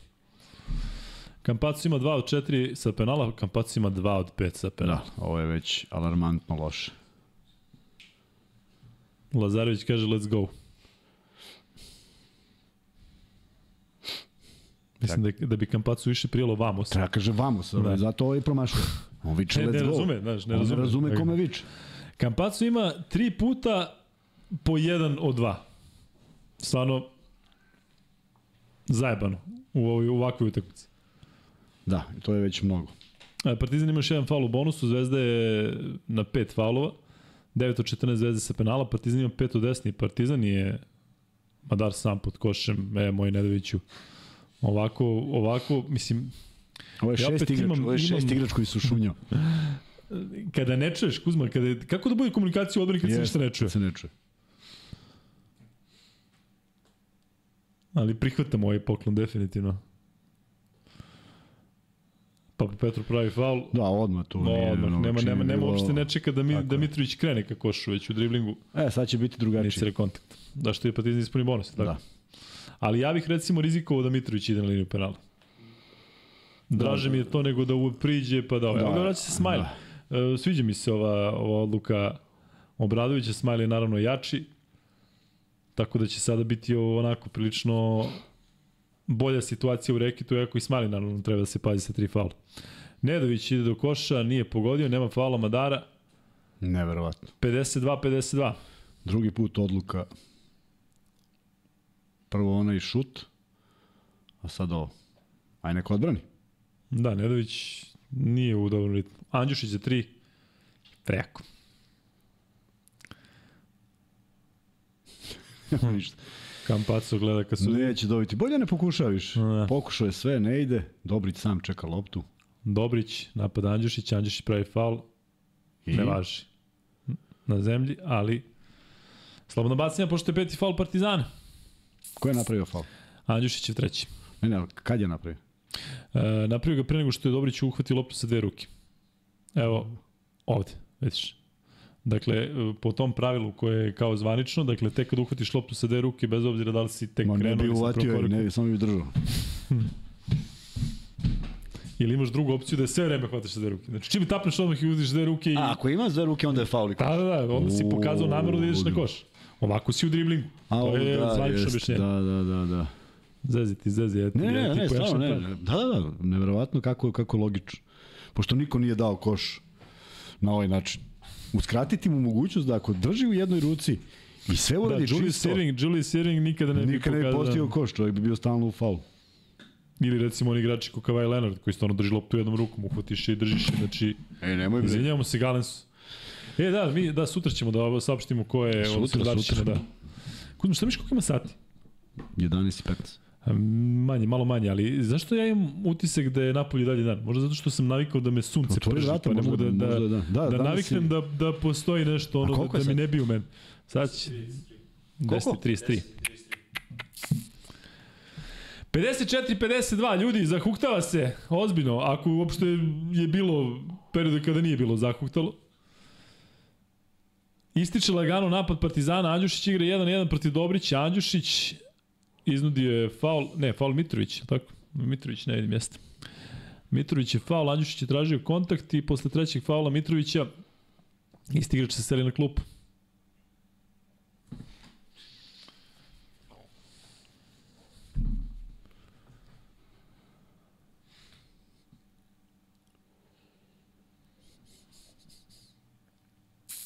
Martin umesto Mitrovića. Martin Misteri. Sećaš Martina Misteri? Kako ne, pa on mi je... Andjušić pronašao slovno bacanje. Mislim, nije Martin, ali je Martin. I Java. Je li Java njegov pomoćnik? Jeste. To je iz ukrštenih reči. Onaj ko nikada reči? nije, ko nikada nije pročitao. Šta iz ukrštene reči čitali? A. Živeli tada. Andjušić 1 2, 54 53. 2.25 do kraja treće četvrtine. I Kampaco sa ovim Nedovićevskim patikama žutim ili već kakvim. Uv, a ovo je. Ovo je pozicija za Petruševa, tako? Tako je. Tu on treba da primi loptu. Tako je. Dakle, A ovo je da dobar zida- pas, dobar pas Kampaca, iako je napad tek počeo video da je ovaj stao u reket, da ima dobru Lepo je poziciju. ušao. A Tako je, to, a ali to Petrušev- Petrušev ima mogućnost da radi stalno. Jeste. A evo, mi navijači Partizana se nadamo da će Petrušev ceo život da gradi, odnosno da zida sa šest metra. Šta radiš, Smiley? Šta radiš, Uf, koliko Smiley? bespotreban faul. Pa gde ćeš I još nameran, još nameran. Šali se Kuzma. Šta se šalim, gledaj sad kad budu gledali. Smiley, zašto tu? Vidio, vidi, vidi šta mu je uradio. Gledaj sad šta mu je uradio. Pogledaj ovu krvnički. Ovu. Zašto Smiley to sa, sa leđa? Zašto to radiš? Strašno šta je uradio. A, Željko sad kaže, zašto bre faul? Tamo na 225 metara od koša. Se to gleda, da li je namen? Ma jah, ne verujem stvarno da gledaju da nam. Gleda se, Šalio gleda. sam se, javore. Kako je Kuzma, znači, čuju ga, imaju bubicu. Šta ćeš da pokažeš sad ti da vidimo? Kardum. Običan faul. Gusto je bilo.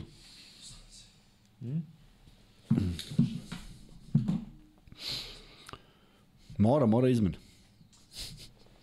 Bradley Bill prelazi u Phoenix. To je Pa to je najlepša vest, ja to je mislim da lepša sad, vest od ovog ja našeg mislim da dešavanja sad, danas. da sad prekinemo ovo, da, da pričamo i da se pozabavimo Se sećaš Sean Bradley? Sećaš Sean Bradley? Kako se neće mi, on jadnik imao se obraćaj ko on je nešto u teškom stanju. Nisam baš o tome mislio, teo sam kažem kad je igrao, ali ti odmah neku... Ne, neku, ne, neku Mračninu. morbidnost neku, ja? Petruše Ovo povređen. dva, ovo dva važi pipno ili sor. Da. A dve 58-53 četvrtine. plus 5 za zvezdu. Nije, nego smo mi toliko umorni da nam sad svaki sekund, ono... A uvel smo umorni i traje ova četvrtina. Andjušić se izlači, čuva ga Vildosa. Ivanović tamo traži da Petruša priđe da pomogne. Ledej za 3. Juj, 58-53. Ko je ovo sad zakasnio ovde? Opet nije bilo Petruša. Evo sad Petruša vidi u reketi. To je, to je ideja, to on mora stalno da radi, ali ne, mogu i malo da izađe sad. Martin, Martin i plus 7 za zvezdu. Evo ti ga X faktor. Ovo je Sam ti rekao Martin, sam ti rekao. Martin Misteri. Evo, 60-53, Vildosa poziva navijače da još više podrže ekipu. E, najbolji period Zvezde, Kuzma, rekao bih, koji pre svega ide iz defanzive. Hm? A, ne mogu ti kažem da je baš bila neka strahovita odbrana koliko je bilo promašaja. Ne, bilo je bilo nekoliko ispadanja, ali, ali Partizan to nije iskoristio. Ali je vrlo pametan napad. Video si dva puta Jeste. spuštanje i napokon nešto što očigledno ima smisla, zato što Petrušev potpuno si u pravu i to, to često pričam. Ja ne volim kada centar ili visok igrač dobije 4 metra i treba mu 12 driblinga. To je Posebno u vremenu ovakav bilo zabranjeno. Zato što si uvek imao te jako dobre kretnje da isprovociraš da dođe do preuzimanja i da ti u, u, toj, u tom trenutku, ako si iskusniji od protivnika, zauzimaš prostor Da. uh, ispred njega. Čim, dobi, čim, čim se to desi, ta lopta mora da dođe. Ali to bilo drugačije tada Kuzma zbog toga što bampovanje je... Sve se ja slažem kako je, ne, ne pričam da li da je isto, tako bilo je, teže tako je, tako dolaziti je. do te situacije Ali- da ti igraš si- stođe pa se postavi tako. Slažem da se, nego hoću da kažem da je najvažniji bio tajming. Da ti kad Da. tog iznenadiš i okreneš se, ako ta lopta sad treba da putuje dva pasa, ništa nisi uradio. Da. Ali ako je ovo što se desilo kad je sad Kampaco prepoznao da je on ispod koša pa je spustio, e, to je onda nešto što ima smisla. Da, e, ljudi, lepo je što se družimo sa vama, ovo će biti jedan od dužih podcasta u posljednje vreme. Znate da smo počeli tu negde malo posle 8, a još traje utakmica, pa i trajeće. Ja sam danas prognozirao na ovom našem druženju da će sigurno meč biti završen posle 11 i ne može da obane. Dakle, mislim da smo bliži plo- pola 12 nego da se završi u 11. Ali Zvezda trenutno u boljem ritmu, 60-53, Partizan je bolje zatvorio i prvu i drugu četvrtinu. Da vidimo da li sada može da pronađe neke rešenja i da sa nekom a, manjom razlikom od ove ode na pauzu Da, ovo je najjača petorka napadački na ovoj utakmici Partizana, jer tako, svi su tu. Svi su postigli poene, svi su u dobrom ritmu. Jest, da. Da vidimo šta će sada biti. Egzum napada, vrlo lepo. Vrlo lepo, Egzum jako dobro kontroliše ovako kada se okrene, tu nema, nema prostora da... da... koji mi nije jasan nikada kad nizak igrač uradi više, mi još ga izbaci na ovaj način. Ali dobro, Za tri pojena Vildosa. ništa. Brz napad bez ikakvog smisla. Mm, Da. Ma, to je ta argentinska veza, razumiju se. A vidiš da je ušlo, onda bi rekli, eto vidiš kako se dobro poznaje. Faul Kampaca na Egzumu. Kampaco ovde smatra da je bio flop.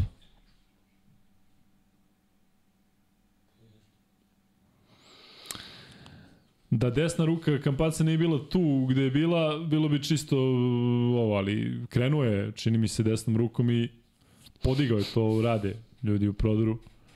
Podigao je Exum, malo još dodao tu taj pokret glavom, sudi stigla faul 60-56. Još jedno da vas podsjetim, ako ima uopšte neko ko ne zna, dakle Smile ima 4 faula, Lesor ima 3, Lede ima 3. Zvezda ima potencijalnih 2 za 1 u ovih 44 sekunde. Kuzma, li bi ti žurio ili bi igrao ceo napad? Išao bi, išao bi na napad. Evo ovako. Bilo 8 za 3. Ali mislim da je sad, evo sad neka, nije zona, mislim da će stati u zonu, ali ne. Da je Partizan stane u zonu, kad smo to videli. Vildosa, nogom igra Lesor, 18, I vreme se 18 diže igranje, sa no, 9 no. na 14 sekundi. Postaje ozbiljno oružje Lesora. Da, da, da. Morao ih pravilo uvesti, uvesti da ne možeš više od tri puta po utakmici. No misli taj koji to broji. Gde se, gde se to beleži? Znaš si zapiše neko kao tehnička zašto, pa tri puta si šutno. Ništa, već se kasni. Martin, dobro, Ledej tamo sa strane pomoći, a i Panter. Ovo je bilo Stiže. napamet, poprilično napamet. 3 sekunde ima Zvezda za Čeoni out. Kuzma, tu ima mogućnosti za još jedno dodavanje osim ovog iz Čeonog auta? Ne, ne, nema potrebe da bude. Ali evo ga faul. Faul. I ništa. Faul. Faul, da. I Obradović ne može da veruje i potpuno je u pravu. Periferna kretnja... Pa ne možeš Ledej ti. Jevim. Pa ne, neverovatno, da. Evo, ovaj, ali pazi, kretnja koja ima mogućnost samo da napravi dvokorak. I evo ga, kontakt da. koji.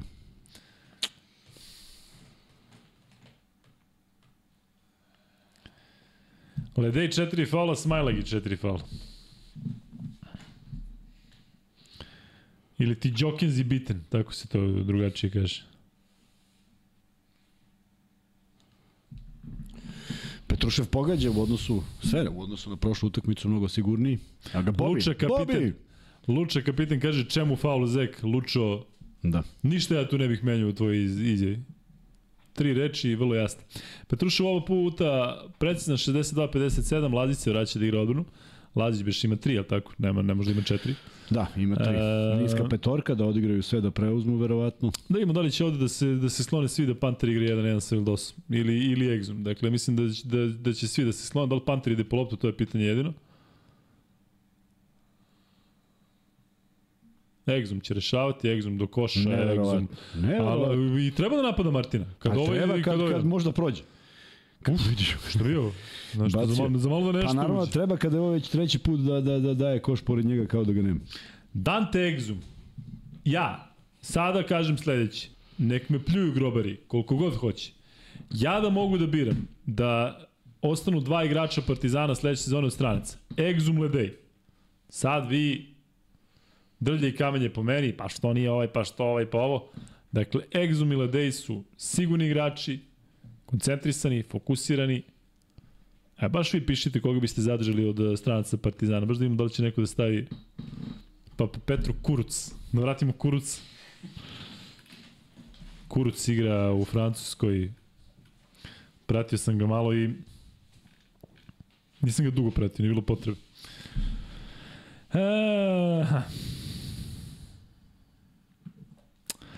Kuzma, posljednja četvrtina. E, nakon ove tri koje smo videli, nema šta da nas iznenadi. To Znaš, je ovo je to. sad velika prednost zvezde. Znaš, ona tri na polovremenu. Nedostižno, nedostižno. Ovo je... Uh, Najbolja četvrtina zvezda. Bitno za Zvezdu, tako je, bitno za Zvezdu što je uspela da preokrene. Šest razlike je dobila ovu četvrtinu, što u ovakvim utakmicama nije malo, ali izgubio se ponovo fokus napada od onog momenta kada je ponovo uzet time out, prilično bezidejni napadi koji su pre svega rezultirali da Zvezda pogodi iz nekih situacija koje je Partizan poklonio ovim faulovima pre nego što je to bilo kao na primjer u ovim slučajevima kada je Mitrović napadao Lesora, što je potpuno legitimno jer je čovjek u problemu sa faulovima i ovo treba da se radi. Međutim, izjednačili su u faulovima, onda je Partizan malo tu stao i uspeo da, da ovaj, i usporio i onda je Zvezda postigla ove poene koji su je dali ipak 7 razlike da bi sad bilo 3, ali sad kao što se malo pre Partizan otvara, otvara Zvezda, tako da je ovaj napad poprilično bitan u smislu nekog samopouzdanja i otvaranja četvrtine i razlike koja može da se popne. A evo ovde je nešto onako kako bih rekao, kao da se naslonio na mene, a ne na igrača više Kuzma vrlo nezadovoljno odbranu Martina. Pa nije ovo, nije jedan. dobro. Ovo apsolutno nije, nije dobro. Kuzma, eno ga tamo Nikola Topić iza, to je dobar znak za one koji ga očekuju da sledeće sezone bude. Ja se nadam da će biti, da. Ja da čekam sledeću sezonu i nadam se da će Drezgić i Topić igrati i biti uvek u 12, za- ako ništa. Kuzma, u, u kadru je Kuzma, jel te iznenađuje što ga nismo videli nijednom? U, Da, u, mene, to me godinu dana iznenađuje, ali ajde. Znam da neke stvari ne Pa može rekao da... bih i više od godinu dana. Znam da neke stvari ne može da pokrpi, sve je to u redu, ali ima neke stvari gde, gde apsolutno može da parira i da uradi nešto dobro i da se iskoristi i tako dalje i tako dalje. Pošto nije, Ako razmišljam, razmišljam koliko je Zvezda Cirbe sadržala da nije bio koristan i koliko puta je bio u 12, da ne znam, Kuzmić bi ono možda samo da se skine bio neka, da, da, neka da, bilo dakle, da je tu da kaže nešto. Mislim da bi bio korisniji od Holanda. Kako god, na klup ili ne. Bez Nedovića i Kampaca, vrlo čudno sve, ali njihov učinak je takav da možda je i opravdano što ovakva petorka Ali mislim da starta. će bojica jako brzo igru. Ali Marković i Lazić zajedno. Plus Fildosa koji šutira za tri. Aj, kaži sad nešto, reci. Da kažem, pa Molim te, ovo, već sam se naježio i video kontru. Dakle, 20, I to šabačku. 22 sek, šabačku i 22 sekunde ništa i kao daš trojku. Lesor na liniji penala. Ne, suviše lako je ovo sve. U jednom piku da se dođe do koša, ne znam.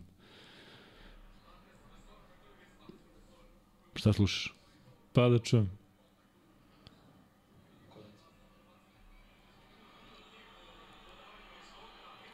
Slušamo koliko zvižde. Pogađa Lesor prvo. Nedovoljno.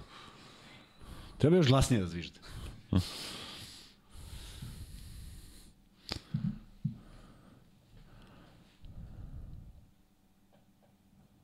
Drugi put promašuje. 65-60. Plus 5 za zvezdu i napad. Delo da će biti približno broj poena ukupno kao u prve dve utakmice. Ali drugačiji ritam potpuno. Drugačiji, Vildosa. da. Vildosa Vildosa izlači ovo, nema koša Skinuo je Lesor, skida ovo i Lesor, dobio da, da, da. Uh, Svaka čast za reakciju. Bravo za Lesora, uh, s tim što mislim da je možda čak i bio kontakt kada je krenuo ovaj, uh, Vildosa i onda Lesor sjajno skidao loptu s obruča i onda ga je Martin udario. Uh, Zvezda ima dva faula, nije još završen ni prvi minut. Ovde je sve bilo čisto. Čisto, Lesor čisto, nije da. dirigirao obruč. Lepo skinuo. Onako navijači po inerciji kreću kao šta e, važi. Drugačije su pravilo u NBA ligi da ovo ne bi, ne bi smeo da radi zbog tog cilindra. Andjušić, a Andjušić dobra finta i onda faul. A ne, može da bude po lopti. Dosta. Ne može može svaki da bude po lopti. Ajde da vidimo da li je po lopti kad se tako lopta odbila. Da vidimo da li, da li nije bilo po ruci.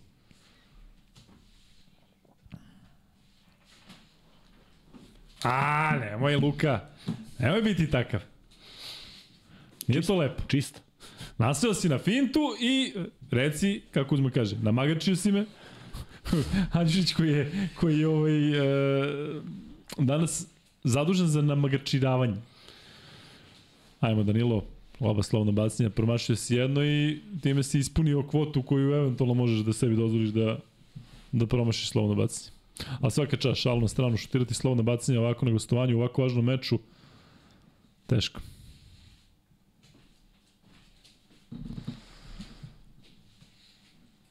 65-62. Ponovo utakmica na jedan posed. Kao što sam rekao, tako će biti i do samog kraja. Hvala. Da podsjetim samo. Kampaco Panedović, eto, tražio si, tražio si Kuzma i dobio, dobio si ovaj par žutih patika. Ne, ne može, ovo je niska lopta.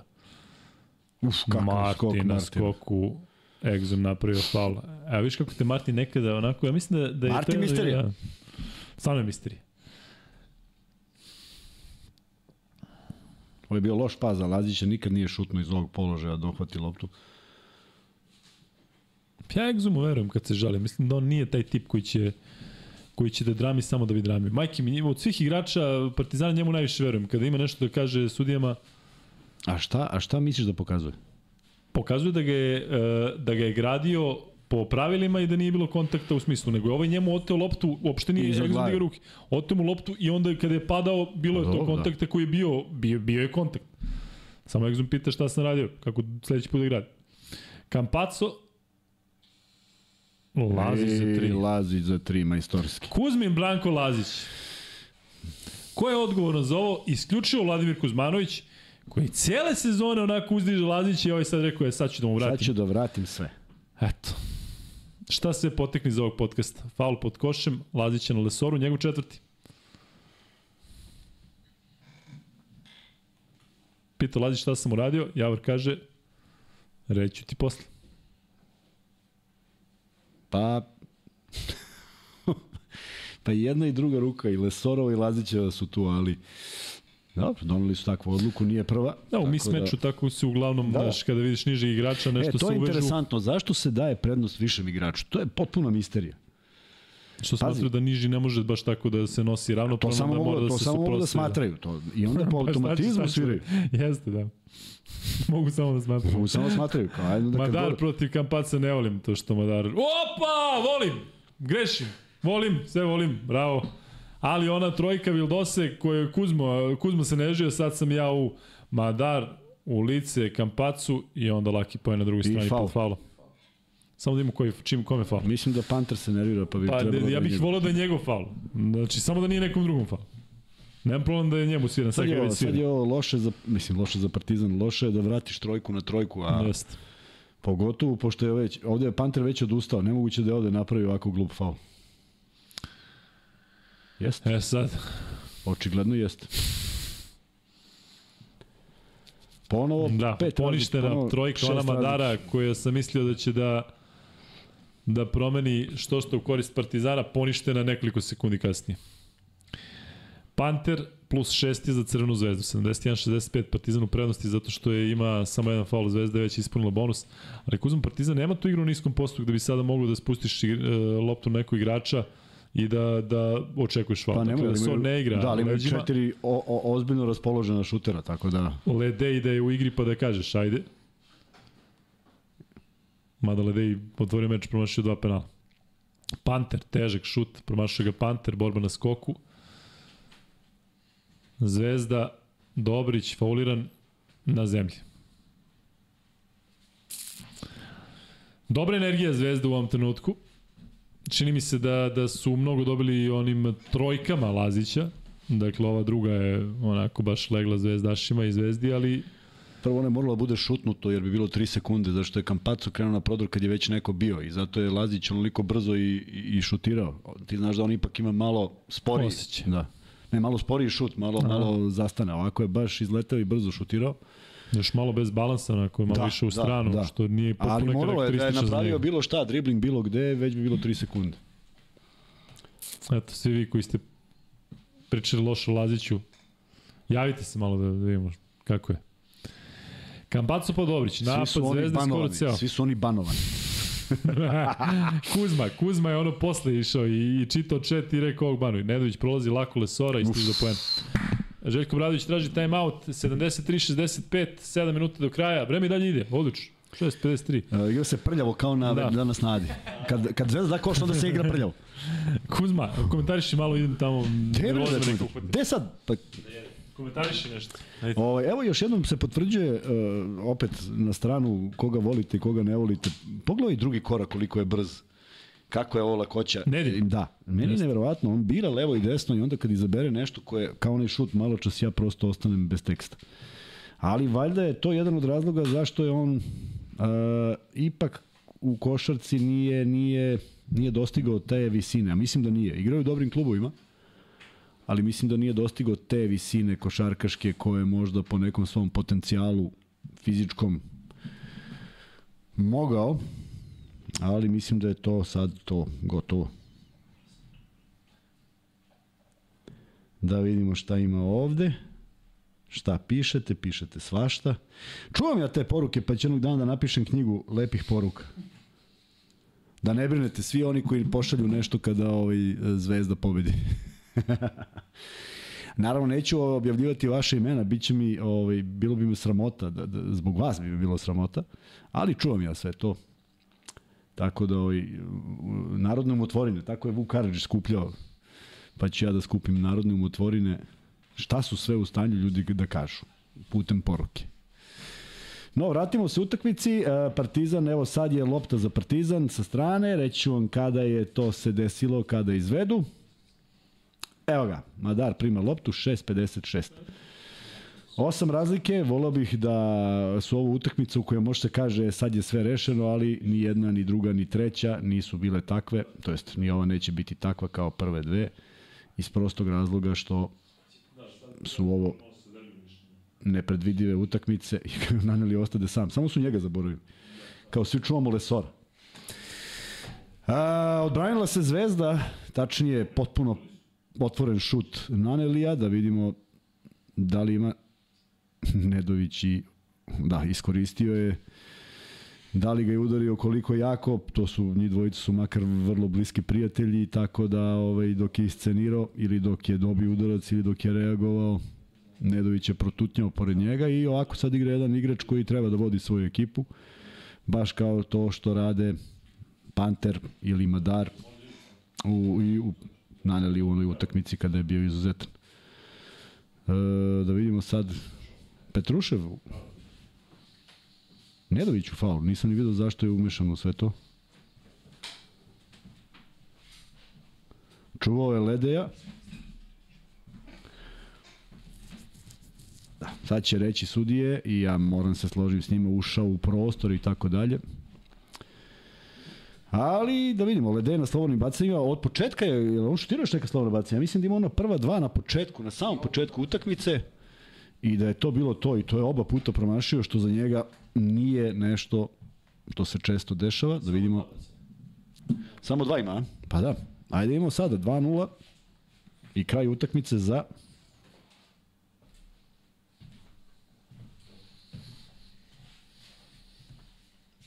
Šta? Kako odjednom devet? Pa nisi bio dugo. Pa ko je dao, šta je dao? Mislim, Ma svi su dali, pa to je, to je samo Svako prštalo. dao, a? Ma to svaki koji je ušao je dao. Ja još malo prenosim. A, evo ga, napad Zvezde, 5.53. Sporo sve to ide, sporo teče, da imamo ista, ista stvar kao malo čas, samo što je umesto umesto Andjušića iš, ovo je bez veze. Kako sam se vratio odmah Zvezda Trifunović. greši? Pa Ako ste se pitali gde sam, Spasovski je napustio studiju. Na ultra kratkom prostoru ovo, ovo ne može da uvodi Bog otac. Da, ali da, nije Nedović taj koji, koji je sposoban za ovakve uh, pasove o parket na, na tako malom naravno, prostoru. niti očekuješ Više to od njega. A ne znam što je išao na desnu Kampacu. stranu, da. No da vidimo. Madar tamo Sad glupo je postavlja. reći bitni momenti u utakmici, pošto ne znam koji bi bio nebitan, ali da vidimo Ledej protiv Kampaca, jedna ruka, kratak. Zekla da je promašuje. E, ima dosta do kraja, ali u ovakvom ritmu Ali utakmice... na osam razlike to, boga mi je. Zvezda kode sada iz ovog napada na dvocifrenu razliku. Šta radiš, Lesor? Martin pod faulom nije koš. pogodio. Neverovatno. A ovde je mogo da bude i faule Soru, ali Kako mislim da nisu... može da bude uopšte na terenu? E, Pa mora, Panter je sad čuvan, izmorio se, mora da bude, mora da se... Evo ovde je mogo da bude i faul, ali neverovatno je da je šutno levom i promašio, to je potpuno misteriozno. da, za svakog drugog ne bi bilo misteriozno, ali, ali ali njega Misterija da. nastavlja da bude. Ma, Marti misterija. Potpuno misteriozno, sad kad si rekao, uopšte nisi povezao sa tim da ga zoveš Misterija tokom celog, tako rekao si... Ne, ne, neverovatno, neverovatno. A vidi ga Holland. I on se zabavlja. ali Čovjek se fenomenalno zabavlja. Pa kam, gde sam ja to mogao potpišem neki ugovor i tako godinu dana? Uihu, aha. I svima smešno, i ja dajem izjave i svi me vole i meni lepo. I... Kome, koga je natrpao ono? Olimpijakos? Još si mi dao 19. Ono, Neki još ne mogu se 17. oporave, neki još ne mogu Da. se oporave, verovatno. On kad završi ustavno kaže, brate, bio u Beogradu, uzeo lovu, dobro se zezao, Evo, prednost Zvezde na onom, onom elementu u kojem je dve utakmice bila u minusu u slobodnim bacanjima, što se odražava na rezultat. I nema, naravno, faul, ovaj nema koša, ima faula. Nema naravno Paula, a? Pa ja mislim Kuzma da nije. govori, ovo ja govori mislim da pravi nije bio. Kuzma, ne. Ako mene neko pita, ja Nema mislim da naravno nije. bio. faula. Naneli promašio za tri, Evo, pogledajmo sad svi. Evo, čisto, čisto, vidi, ništa. Evo. Evo, tačno po ovom crvenom delu lopta. šali se Kuzma. Kuzma se šali, dragi gledalci. Sad stižu poruke, Kuzma se šali, da. gori mi da, da, sa da. telefon. Možeš ono u tri nastavka to kad budeš pisao. Tri toma ću da napišem. Lesor na liniji penala, pogađa prvi put. Interesantno, Lesor jedan od sigurnijih, malo čas 2-1, je li tako? Jeste. ali ipak nije kao, kao pojedini s obzirom da Partizan ima dosta promašenih slobodnih. I da vidimo za drugo. Krcka se vreme, tek je minut prošao od onog momenta kad sam rekao koliko je do kraja. Lesor drugo promašio. Ali nema drugo. Ja verujem da Partizan ovde može da se vrati. Sada je samo bitno da, da od naredna 3-4 napada Zvezde prime eventualno jedan, jedan koš, ne više od toga. Kampacu za 3, Kampacu baca airball. Katastrofa. No, on nije bio Pritom- položaj. pritom on je bio toliko sekundi do kraja. Da. On sa nula od toliko za 3, Madar na drugoj strani. Ko bi verovao da će Madar biti sigurniji od Kampaca u, u ovom trenutku? Lesor. Lesor do kraja nema, Nema faul. ništa. Da imamo sad ovaj malo smušeniji kontranapad. Dobrić za 3. Dobrić promašuje. Zašto Zvezda žuri, Kuzma, objasni? Nemam ideju. U 4 na 3, u svi u problemu sa faulovima, Ne možeš baciti tako spor loptu, Kevine. ne može. Sve su ovo neke čudne odluke, kao da se igra neka utakmica koja je onako malo revijalno. Kao danas mi kad smo igrali. A vala smo ga odigli. 4 na 3, sa svim problemima u faul, faulovima koje imaju igrači Partizana, ti ideš da šutneš trojku, a nemaš čoveka na skoku. Dobro. Ajde. Dobro, a? Pa mislim, ne znam šta bih rekao. Šta li je tu dobro? Znaš, verujem da, da...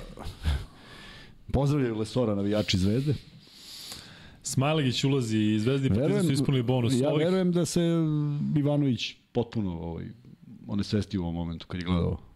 Ne, mislim da, da, da na ovih devet možda ne bi odreagovao kao, kod njega uvijek su uvijek reakcije iste kada se pravi glupost, ali mislim da je sad ok. E, ja e, prognoziram da će ovih 4 minuta trajati jako dugo. Eto, to je moja prognoza. Panter za 3. Kevin Panter za 3. 77-71. Ja sam malo preko da Partizan može se vrati, samo kažem. Partizan ovde postavlja odbranu. Ima šta Partizan tu u odbrani postavlja? Pa, isto što igraju skoro celu utakmicu. Uglavnom su igrali u vazduhu. Nedović za tri, faul. Faul Trifunović. Koji se pritom povredio. A, u besmisleno. Nisam gledao, ne mogu da tvrdim ništa, ali ako mu je opet upao, još iskrenuo nogu.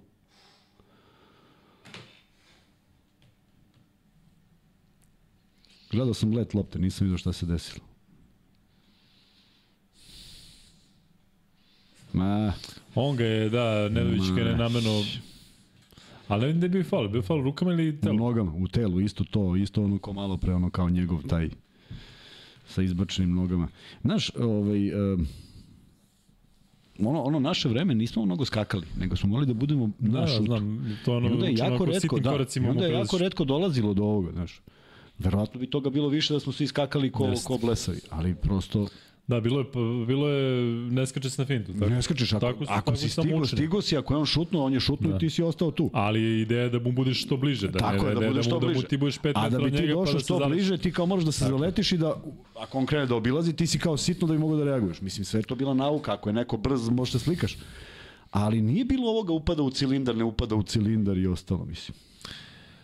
Tri poena zvezde iz ovog napada, Trifunovićev faul i Da, ne mnogo, kao i još povrede. ne mnogo dobar napad i opet vraćena trojka Partizana. Ali moram reći, ne dopada mi se uopšte što je Trifa na terenu. Dakle, to ću reći što je bio na terenu. Pa E, mora, viš da se samo za defanzivu. Egzum. Kampacu ga dobro prati nogama. Smajlagić, nema za- gde ovde Smajlagić da prođe. Nema, nema, nema, Zašto ovde, nema, nema šta. Mitrović toliko daleko otišao? Ne, ali odmah se videlo ovde prvi korak da drugi ne može da, da unese, ne može, da priđe košu. ne može, to je otišao je. 80-71 Zvezda vodi do kraja 3 minuta i 15 sekundi. Kampaco. Mitrović. Lepo, ne sme Ledej da pravi faul zbog Najveća ovog prednost. Zvezda, 82-71 do kraja 3 minuta, Željko Bradović traži faul, uh, time out, Kuzma ovde, deluje delu da Zvezda drži sve u svojim rukama. E, ja bih volao da je tako, pa ću podsjetiti na utakmice kad je bilo 9, 15, 17. Tako da ovaj, ne, bih, ne bih se ništa zaletao. Partizan je iskusna ekipa koja ovde mora da se čuva jer je ovo, ovo, su bili, ovo je bio mudar napad i uskakanje Mitrovića je mudro zato što Ledej ne sme da napravi faul. Ali ovaj, od one, od one epizode o kojoj smo pričali sa dobrim ubacivanjem Petruševa pa Mitrovića nismo ovo videli. Bile su neka čudna rešenja, tako da ja mislim da je ovo sada negde način kako da se pobedi. Evo, Memke ovde kaže, pa zar nije ovo Musi svaki put svirano kao faul napadu, to sa nogom tako isturanom? Jeste, drugačiji kriterijum. Ja ne kažem da je ono Musino faul, ali ta slična Je, situacija. sla, slažem se i ono Musino, ja i dalje tvrdim da ne može da bude faul. A tada je sviran faul. A tad je sviran faul. Da, Jer, jer nisam za to čuo. Ni, nikad nisam video. To je prvi put da sam video. I na jednoj takvoj utakmici. Krenulo su ovde sada u, znaš, Bane, uh, Žiko, Žile, kada Žile. se vratiš tamo za svoju poziciju Žile, uh, banuju, ba, banuje, znači imaš kandidate za banovanje, mislim da je svako kandidat za banovanje. Ovaj, ajde imamo šta može Partizan. Javor se smeje. Razmišlja, dobro sam odradio posao.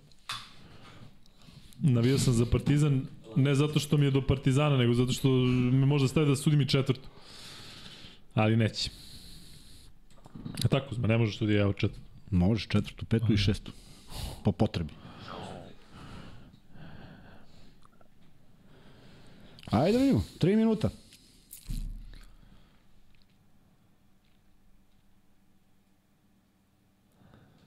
Exum, Exum u reketu, ali problemi, Exum pravi korak. Da. Evo Kuzma, tražio si i dobio si. Jesi Nije, dobio? nisam tražio. Tražio sam ovakvu odbranu na, de, na Degzumom koji uradi Mitrović da uradi Bentel. Da Ne, uradi uradi Martin. Petruševa, gledaj Petruševa.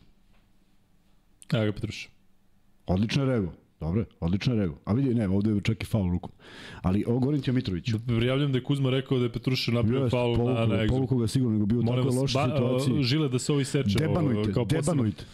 Da. Molim vas. 2.40 do kraja, Zvezda ima napad i plus 11. Sve teža pozicija za Partizan, Kampacu sada neće više naravno siliti, jednom je sebi dozvoli luksus da, da šutne pre isteka napada, Kampacu traži faul i dobije ga.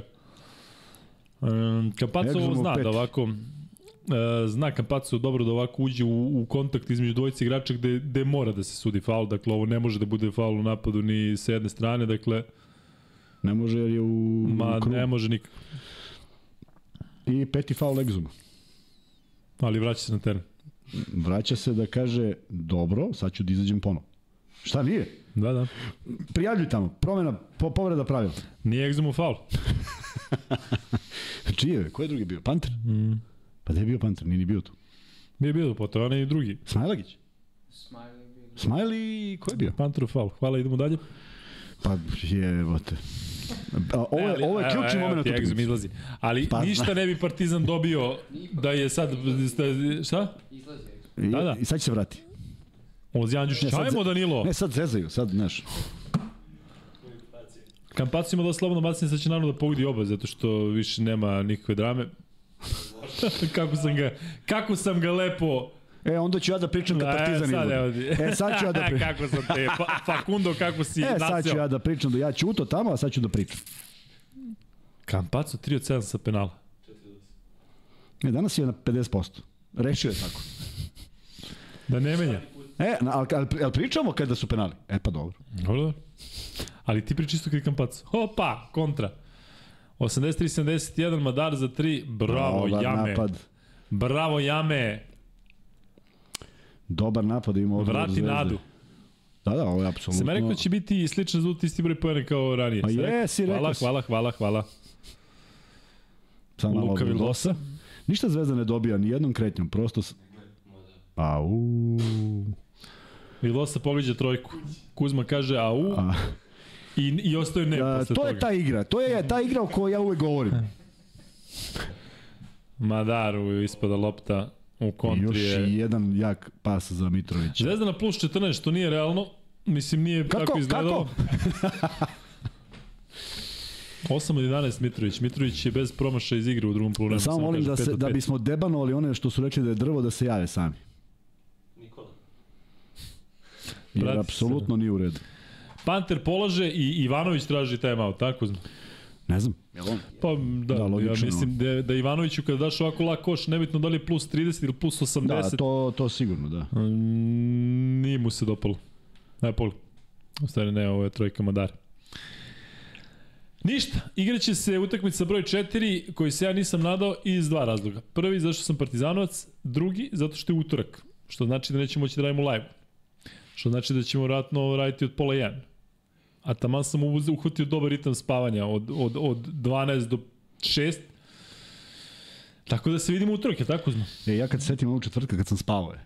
Znaš ko je, kako je to bilo dobro? Ja lego i, i, i ustanem ujutro je. I onda ništa. Onda samo traju dani, traju petak, subota, nedelja i jedno čekam. Kad, kad je taj to, to što kažeš? Pa utorak, pa naravno, od 1 do 7 radim. Dakle, utorak e, kolegi iz Lab 76 imaju svoj podcast Lab 76, vrlo logično. E, što znači da ćemo mi opet cvrc gewesen sein. To se tako ka- kaže Gazal nekad. O, znači, oko pola jedan nas očekujte ono. Navite sat na pola jedan, utorak na sredu. U sredu ujutru se vidimo, to hoću da vam kažem. Znači. E, sutra radimo redovan podcast, je tako Uzma? Probat ćemo da dovedemo nekog gosta, kog, pitaj Boga, ko, je, ko, ko hoće da dođe u, u ovom trenutku kada gori, dan za dan, ali imat ćemo čemu da pričamo, zato što smo zaista u sred serije koja će i dalje trajati. Da. E, Zvezda privodi utakmicu u kraju, 88-76, e, Kampacu za 3, i jok, sada ovo jok ne daje. 91-76. Boga mi, neverovatan Kuzma ima energiju i neko raspoloženje, onako E. danas je od 11 na suncu, sada je 11 i 10, ali vidite kako, kako to se podmladio. Smajlagić, šta radiš? Smajli bio je faul. Dobit će faul. Ba da, zato što ga je udario kukom u glavu. Kuk, kuk u glavu je faul. sad pitanje ko je tu koga udario? Kuk, kuk u Glavom u glavu. kuk ili kukom u glavu? Aha, miš da ga je gađao Smajli u kuk. Znači, kukovica u glavovicu. E, viš, kukovicu u glavovicu. Idemo sudije sada da vidimo da li je namerno. Ajde. Dupetom još nije svirana To namerno. nije bila, nije bila kretnja. Moraju da pokažu kojim delom tela je namer, namerno. Dupetom nije moguće. Ali to piše u pravilima. Ako napravite faul Ima- dupetom, ne može da bude namerno. To je član 28 stav 4. E, za mene je impresivan broj poena s obzirom na početak utakmice da je bilo 14-12, to jest na onaj početak nezvaničan, ne onaj zvaničan, to me još oduševilo što se igralo. Ali taj početak od 14-13 ili tako nešto je obećavao drugačiju utakmicu, međutim Zvezda je došla do neverovatnih 91-78. Neverovatno, slažem se. Majke mi, kako je sve izgledalo i koliko sam mislio da će tvrdo biti. Neki kasnije dobri procenti uz, uz jako loš procenat za tri. Kampacov ovo se. Smajlagić hvata. Ići će se na brz napad, a možda i neće. Kuzma preuzeo prenošenje utakmice pošto A, pa da, ti sad to je garbage time kada da. ovaj sad ovi komentatori Kad pravi ulaze, komentatori da, da. odmaraju. Da, da.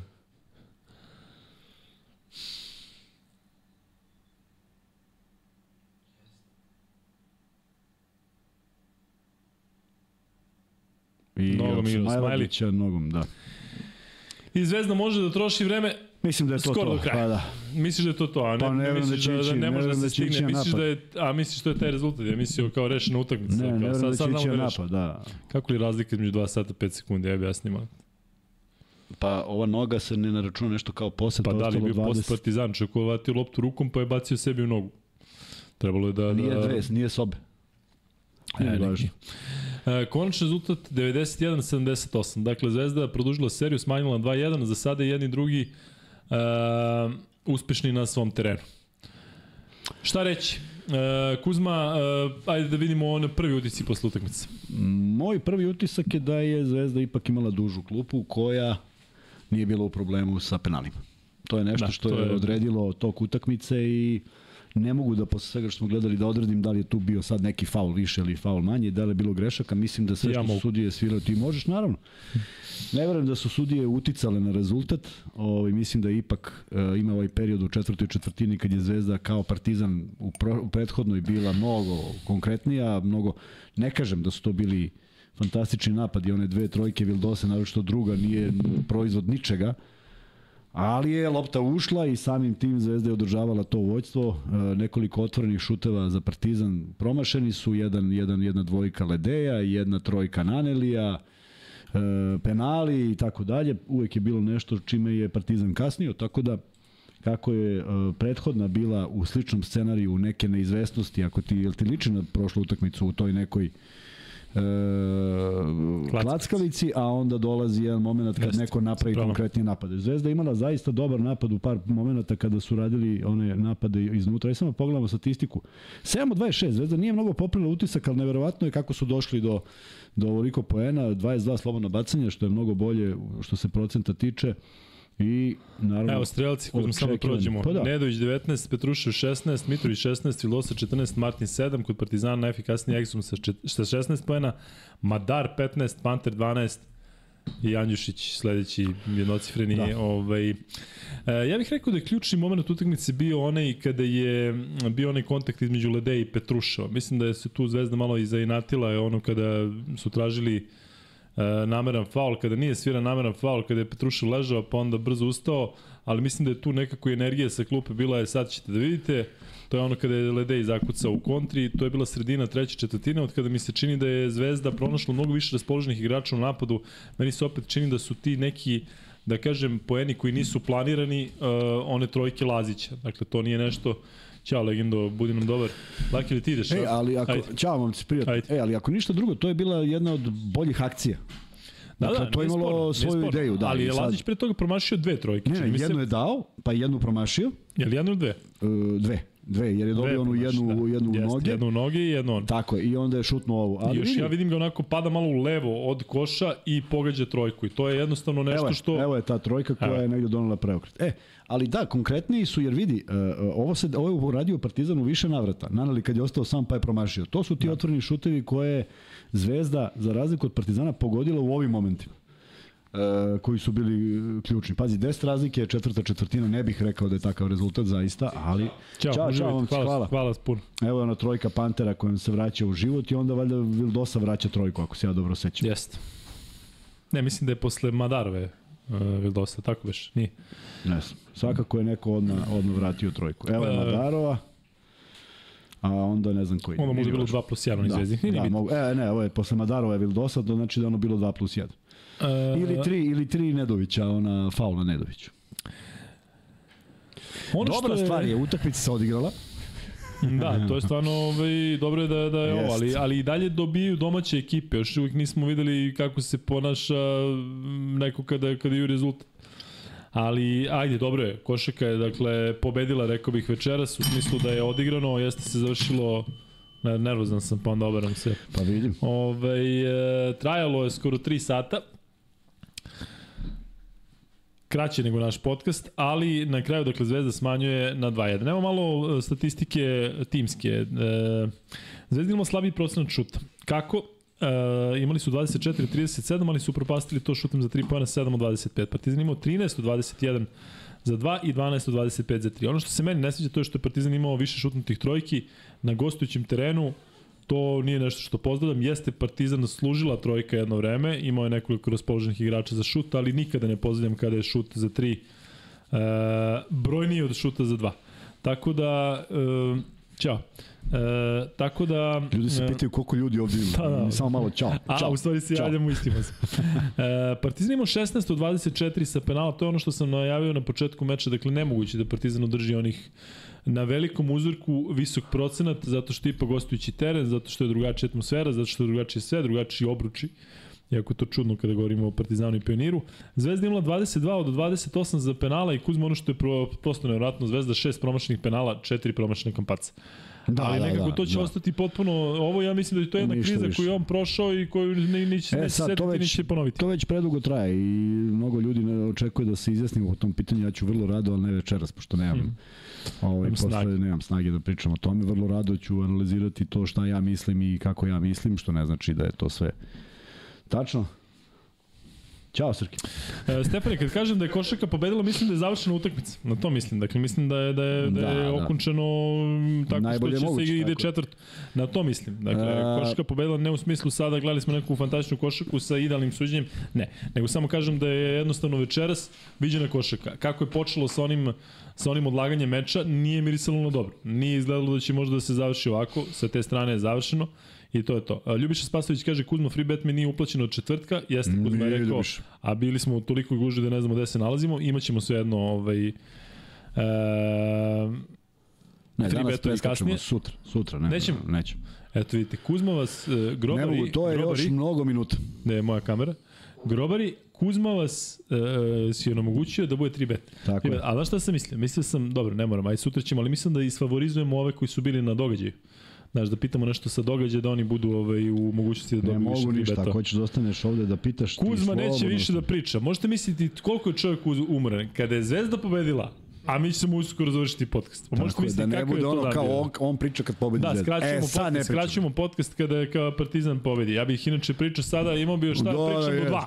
Mora se namržeš, kuće do dva. namržeš gavezom, zato moraš da. E, ljudi, što se tiče još malo ove timske statistike... Da, e, daj mi izgubljene lopte i daj mi skodnu skokova. E, Partizan imao 17 izgubljenih lopti, Zvezda 6. Zvezda imala 8 ukradenih, Partizan 2. Dakle, Kuzma, jel pratiš? Ajde. Odnos ukradenih i izgubljenih kod Zvezde 8-6 plus 2. Odnos ukradenih i izgubljenih kod Partizana 2-17 minus 15. Jel mislim da je to statistički premolano to je- meč? Da, da. To je, znači, Odlučno. nisi, nisi svaku izgubio, nije to bila kontra, ali nemaš Jeste. kontinuitet Znači, u napadu. nije izgledalo baš toliko. Ja sam isto E, verovao i zato, ti, ali... zato sam ti rekao, koliko je, jer mi je u jednom trenutku svi ti koraci sitni, sve to što se dešavalo Jeste. mi se e, nagomilalo. Ne bi nikad rekao da je ovakav odnos, ali, ovaj, ali eto, to je nešto što što iznenadi kada si u tom segmentu lošiji, a pobediš. Ovo je nekako razumljivo jer prosto nije moglo da se nadoknadi. A skokovi si rekao? Samo ovo Skokovi 26-26, Zvezda 7 u napadu, Partizan 3 u napadu. Ukupno 10 Ništa, skokova bilo u napadu, dakle nije to pa, neka, da, neka da. značajna razlika. Ono što jeste značajna razlika, ali ne nešto što nismo očekivali, to je da je Zvezda imala više asistencija. Zvezda jednostavno igra, Igra tako više tako, drugačije, da. Partizan ima 11, Zvezda 19. Ono što je Kuzma rekao, što ne morate da budete, ne, nije potrebno da ste odigrali bilo koji košarkaški meč ikada ranije u životu, ali ono što je prelomilo meč, to je što je, su u centri Partizana imali e, imali e, jednostavno rotacija morala takva da bude Kratka, iznuđena. tako je, tako iznuđena. je. Lede je u jednom momentu igrao na pet, napravljeni Jeste, su, zaista su napravljeni neki besmisleni faulovi. Svako od njih je makar jedan napravio, a da nije morao. Smiley u napadu, Ledej na Petruševu. Ne, više mi smeta onaj četvrti Smajlijev kada je... Taj, ono, na, taj u napadu, na toj Pa polovini, da, da, da. E, Mislim da je Lesor imao neki kad je... Lesor imao na dva, u- ona lakta Tako. u, u prvom poluvremenu. Čak kada, ne kada to, bio čak ne koša, to. Mislim kada nije da- bilo potrebe. Da, ali čak ne mislim na taj, mislim da i on jednom došao kod Obradovića Jest, koji mu jest, rekao jest, zašto, jer je jest, nešto jest, bilo jest. na drugoj polovini. Tako da, e, u utakmici gde imaš kraćenu rotaciju da se to vidi, to mnogo košta.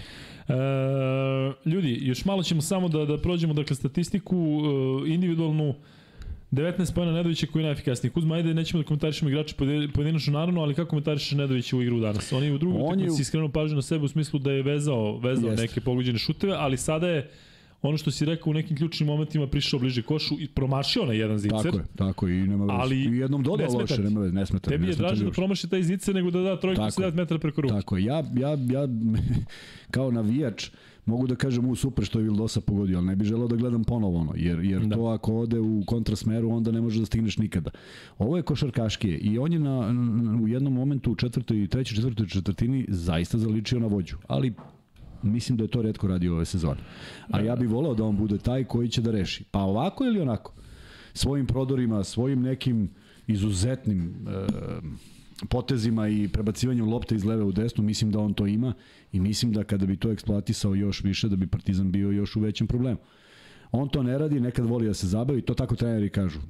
Počneš da igra, igraš, igraš pa počneš da se zabavljaš. Onda tražiš neke drugačije šuteve, nešto što te zaista ispunjava, verovatno, ovaj, kao igrača, ali nije produktivno. Sad vi gledate konferenciju štampu Željka Bradovića, A Kuzma ovako skreće pažnju da mi treba pa da sad šta mi je podcast, važnije? Da. Sad šta mi je važnije? Da.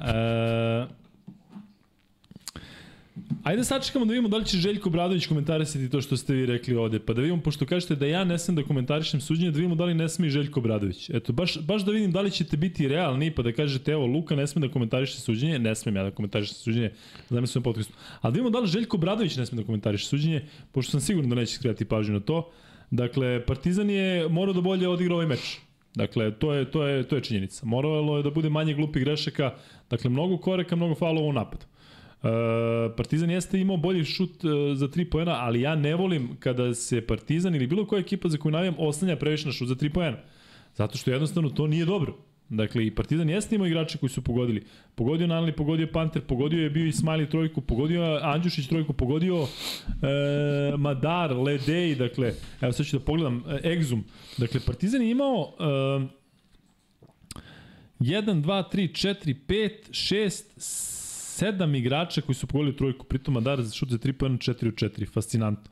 Ali, e, kažem, lepo raspoređeno to, ali ja ne volim kada se oslanja ekipa na šut za 3 pojena, posebno u gostima. I nije to igra Partizana. Partizan je Real pobeđivao tako što je Panter imao dobru seriju, pa se onda otvaralo oko njega. Ali ovo što smo rekli sa faulovima nije Partizan nije, nije, nije Partizan generalno mogućnosti da spušta loptu niski post inače Nije, tako. nije. Pa da sad tu neko rešava Tako leđima je. i da su ti sigurni poeni osim Ledeja kada ima možda neko igrača koji je Ali vidi, fenomenološki mene zanima sledeće. Kad imaš više faulova od protivnika, više si napravio, a pobediš utakmicu, je li onda su sudije krive? Što su pravili, što su svirale toliko faulova? Kako se to objasni? Pazi, dešava se u velikom broju slučajeva, uopšte nemoj da ti navodim primere, Da, ja mislim mogu da da ljudi ne... skriju pažnju na to u smislu broj faulova. Svi, Ne, naprotiv, da naprotiv, ja mislim da idu, ne, ja su- mislim da svi idu na broj faulova, zato što su stvarno tri bitna igrača. Ti kad igraš sa skraćenom rotacijom, broj faulova po čoveku je veći. Kada napraviš glupe faulove koje je Obradović primetio kao glupe, to su ti faulovi koji su besmisleni. I onda ne bi bili u problemu sa faulom. ovo genijalca. Željko nikad u karijeri nije komentarisao, pa što bi sad? I kako porediš sebe sa Željkom, ti si novinar, ti treba da budeš objektivan i iznosiš stavove. E, tako je. Znači, sad ovo nije selekcija. Znači, ja moram da komentarišem suđenje, ali neko zato što je gospodin ne mora. Naravno da ne poredim sebe sa Željkom Obradovićem, ali ovo je vratno posljednji put ikada da ću komentarisati neke, neke stvari u, u, u, uh, u četu. Uh, Ne, ali, e, moram, moram da postavim ja pitanje. Ne, ne, nevjerojatno Ne, ne. kako mi grobari između sebe ćemo da uđemo u problem sada. To me Čekaj, najviše čekaj, nerviralo. Da se mi ne. sad podelimo kao, ne, evo ne, vidiš ovo. Mene zanima druga stvar. Mene zanima druga stvar. I to smo već nekoliko puta slušali. K- Jesmo li mi, jesmo, jesmo li mi stvarno novinari? Ja, ja nisam novinar. Naravno da Ljudi, odmah da vam novinari, ja kažem, nisam ni- ni- ni ja ovo. nisam novinar. Nisam ni ja novinar. Znam da Luka radi kao komentator i znam da možda nekad jeste bio, ali on nije novinar. U ovom podcastu Tako. smo mi kao dva drugara koji poznaju košarku i vole da pričaju o košarci. Nismo deklarisani kao novinari, ne odgovaramo ni jednoj novinskoj kući da bi morali da pišemo ili da nešto radimo. Prema tome, mi ne moramo, ako nećemo, možemo ako hoćemo. Ajde, ba nemoj da se pravdamo. Ne pravdam se, samo konstatujem da mi je- da je- da je- dao e, ovako nekome pa, da znam, ali ja gledaj, se poredim a- sa Željkom Obradovićem, ne, nego se poredim sa vama. Pogledaj koji je što je zaključak. mnogo gore u smislu da vidim da li ćete vi da odreagujete sada, pošto moramo da komentarišemo suđenje, ne moramo svi, jel tako? Ovaj, E, ali slušaj, slušaj, sad moram malo šire da idem. Ovaj, ja u, po, po pojedinim ovim pisanjima nisam dovoljno kompetentan. Pisanjima misliš ovim ili Da, da, pisanjima da, da, nekim? nisam, ja nisam dovoljno kompetentan, pošto to mora da bude neko. I onda, uh, pitao sam zašto to mora da bude bolji košarkaš. A onda sam pitao ko su bili treneri, konkretno Partizana, pa i Zvezde. Ko su to bili? Stvarno neki vrhunski košarkaši. Ja se nešto ne bi zaklao. E, to može, zato što tada odgovara tebi. To može, ali ovo ne može. I mi nikad nećemo izaći iz tih duplih stvari. Ovo kod Jeste, mene da. može, ovo ne može, zato nemoj da se pecaš na komentar, nego samo preskočiš. Ne, ne, ne, nego kažem generalno ovaj, unese nervozu Pa, ovde među ovo i unese kažem nervozu. kada se mi navijači jednog istog tima delimo zato što neko kao nije dovoljno ne znam šta, ovaj drugi je kao previše, ne znam, ja sam rekao, ja volim da gledam košarku. Da li je košarka, ovaj, kakva je bila i kako se vama čini u ove tri, tri e, utakmice, to je nešto o čemu želim da pričam. O suđenju ćemo uvek moći da pričamo. Nikada suđenje nije dobro. Nikada suđenje nije dobro. Ali ono što je z, e, uvek jedinstveno, to je da suđenje komentariše ona ekipa koja je, koja je izgubila. Dakle, da je Partizan je. dobio, dobio ovaj meč da su ušli ono, da nije da nisu Tako je. napravljene greške. Da li bi iko pobedio Tako suđenje, je. da li bi neko napisao Kakvo suđenje Do- ne, loše, Nego da. dobili smo 3:0 i pored ovakvog suđenja u Zagrebi. Ne, nego je bilo 3:0. zvezdu, ro, ro, rokali smo vam, evo vam sada, bla, bla, bla, bla. Upravo znači, pričamo o suđenju samo zato što je Partizan izgubio. Sad će neko da kaže, pa to je direktno povezano. Ne, mogu je Partizan da odigra bolje. I kraj priče. Ako, mi, ako postoji neko ko će ovde da kaže od svih grobara da je Partizan danas izgubio isključivo zbog sudija, Ne zato što nije bio na nivou iz prve dve utakmice, evo, svaka čast. Ali Partizan je mogao da odigra bolje, Partizan je imao padove u ovom i Partizan je jednostavno kažen zbog, zbog eh, tog broja ličnih grešaka, od kojih je zaista bilo, ne, niko ne može da kaže da ono nije bio četvrti faul Smajlagića. Ili kontakt e, lede. Možda je bio drugi, drugi možda nije bio ovo, ali onda četvrti nije trebalo da napravi tada, ako je već bio na trećem. I to je to. Kažem, ja sam malo nervozni zato što je Partizan izgubio, izvinjavam se, izvinjavam se svima. Ali ovaj, hoću još jednom da se zaklenim svima koji su bili danas, tako da... Um, evo, Luče kapiten, brate, kaže, Lučo, de, Lučo, što ti nisi bio danas, Lučo? Lučo, čekam, čekam tvoje da kažemo da evo, evo ga.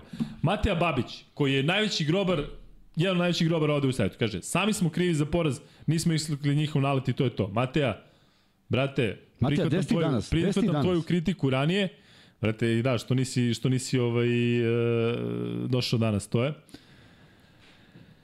E, dobro. I Aleksa Milosavljević ima najbolji komentar. Kuzma, Izgubiše Hrvati i u futbolu. to nismo Pa, znali. to Liga je onda. Daj da to komentarišemo. Pa Pričajte što nam šta je bilo. E, raste broj ljudi u live-u, ali Kuzma će sada da nastavi. Ali ljudi, mi smo na nogama od 8 ujutru. U 9 je počela organizacija. radimo u ponedeljak. Da, i radimo u ponedeljak. U 10 smo već bili spremni, sve je bilo montirano i proveli smo na Adi apsolutno ceo dan do nekih 6 sati kad se to sve završilo, možda 15 do 6. E, Ja mislim da mi je 22 minuta trebalo da izađem sa Ade. Tako da sam došao kući negde oko 6, pola 7. I onda sam u pola 8 krenuo ovde. Tako da, E, izvinite, meni je uvek žao kada je veliki broj ljudi sa nama. Nikad ne delim da li pobeđuje ovaj ili onaj, nego je uvek dovoljno zabavno ako je publika zabavna i ne želi nešto više od zabave, ako žele neke druge stvari, imamo tu čoveka eksperta za eliminaciju. Nama je krivo kad je tako. Danas je jedan dečko napisao da neće doći na Adu zato što smo izbrisali komentar sa YouTube-a. Ja ne znam ko to radi od nas i ne znam da se iko bavi ne znam time. da to radi. Znam da ti ne znaš. Je neko zvao ili javio se? Poslao je poruku da neće doći zato što je izbrisan. A onda sam ja napisao, ok, je li bila neka uvreda ili je samo izbrisan zato što je bio fenomenalno pozitivan i nisam dobio odgovor. Dakle, sigurno nećemo dozvoliti da nas neko vređa i to ne zato što smo mnogo lepi i fini pa nas kao ne to zaboli, nego zato što, zamislite ovako, Mi imamo neke sponzore, neki ljudi koji to gledaju i ovako tako piše nešto puno nekih psovki, nekih polnih organa i sad ja prvi put hoću da pogledam, ja prvi put hoću da pogledam podcast i ja uključim baš u tom momentu kad mi izleće to. Da, hoću da sponzorišem da vidim kako, šta se tu dešava. Da. Kakvi su ovi idioti, Da, je. neću ni da gledam sam, četiri neću sata, gledam ovo, da. je. O četiri sata vidi šta rade.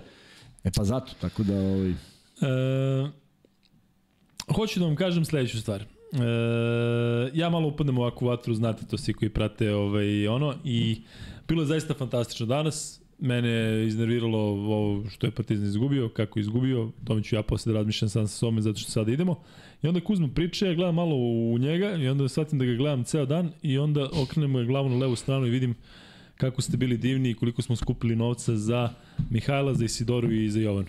I onda shvatim koliko je sve nebitno. Imamo troje mladih ljudi koji se muče toliko sa zdravljem da sam se sad naježio i mi ovde jebeno govorimo da li je bio faul, sad ću za, zakucam ovu loptu u televizor i sutra Srkiju da dođem da iskeširam za štetu. ali stavi gavez. E, da. e, hoću da vam kažem da, da je bilo zadovoljstvo i sada biti sa vama ovde. I danas imali smo i goste u studiju, ali moramo da završamo. Ne zato što, samo zato što smo udmoni, već zato što ćemo sledeći meč najaviti u ponedeljak, dakle evo ističe nedelja, još pola sata nedelje, mi se u ponedeljak vidimo u našem standardnom terminu, a onda ćemo utorak raditi po svemu sudeći posle utakmice. Sutra smo od 9, imamo izvlačenje za Galens. Imamo free betove, Pričat ćemo Kuzma će tako sutra je. probasti da, da U reši ovo četvrtka. prepodne šaljem sve. Da. Imamo, imamo priču o ovoj utakmici, imamo najavu sledeće utakmice šta može da nas očekuje. Pričat ćemo još o mnogih interesantnoćima koje su desile širom Evrope, završavaju se prvenstva. Tako da ima dovoljno razloga da budete s nama, a ovaj a onda gledamo šta se dešava dalje i pratimo. Ja zaista ne volim, kažu Luka Cirke. Luka je, Luka je danas toliko opilo sunce, što se Luka toliko da lako vidjeti i zaključiti da nije bilo potrebe da se pije alkohol, inače ne pijem alkohol. Odmah da, ljudi- kažem da. gre, zabluda. e, ne volim kada vas ostavimo ovoliko u live-u, e, dakle, evo, skoro hiljadu ljudi u live-u, ali imajte razumevanja. Trajali smo više od 3 sata, ispratili zajedno utakmicu, volimo to kada gledamo zajedno utakmicu i posle komentarišemo, ali ovde više e, ima za komentarisanje, ali ćemo to jednostavno prebaciti na ponedljak. Hvala vam što ste bili danas sa nama ceo dan, oni koji su provali ceo dan sa nama, a ima vas dosta ovde. Hvala vama koji ste ispratili ovaj podcast, završen je 188. Za manje od 24 sata vidimo se u 189. Ćao!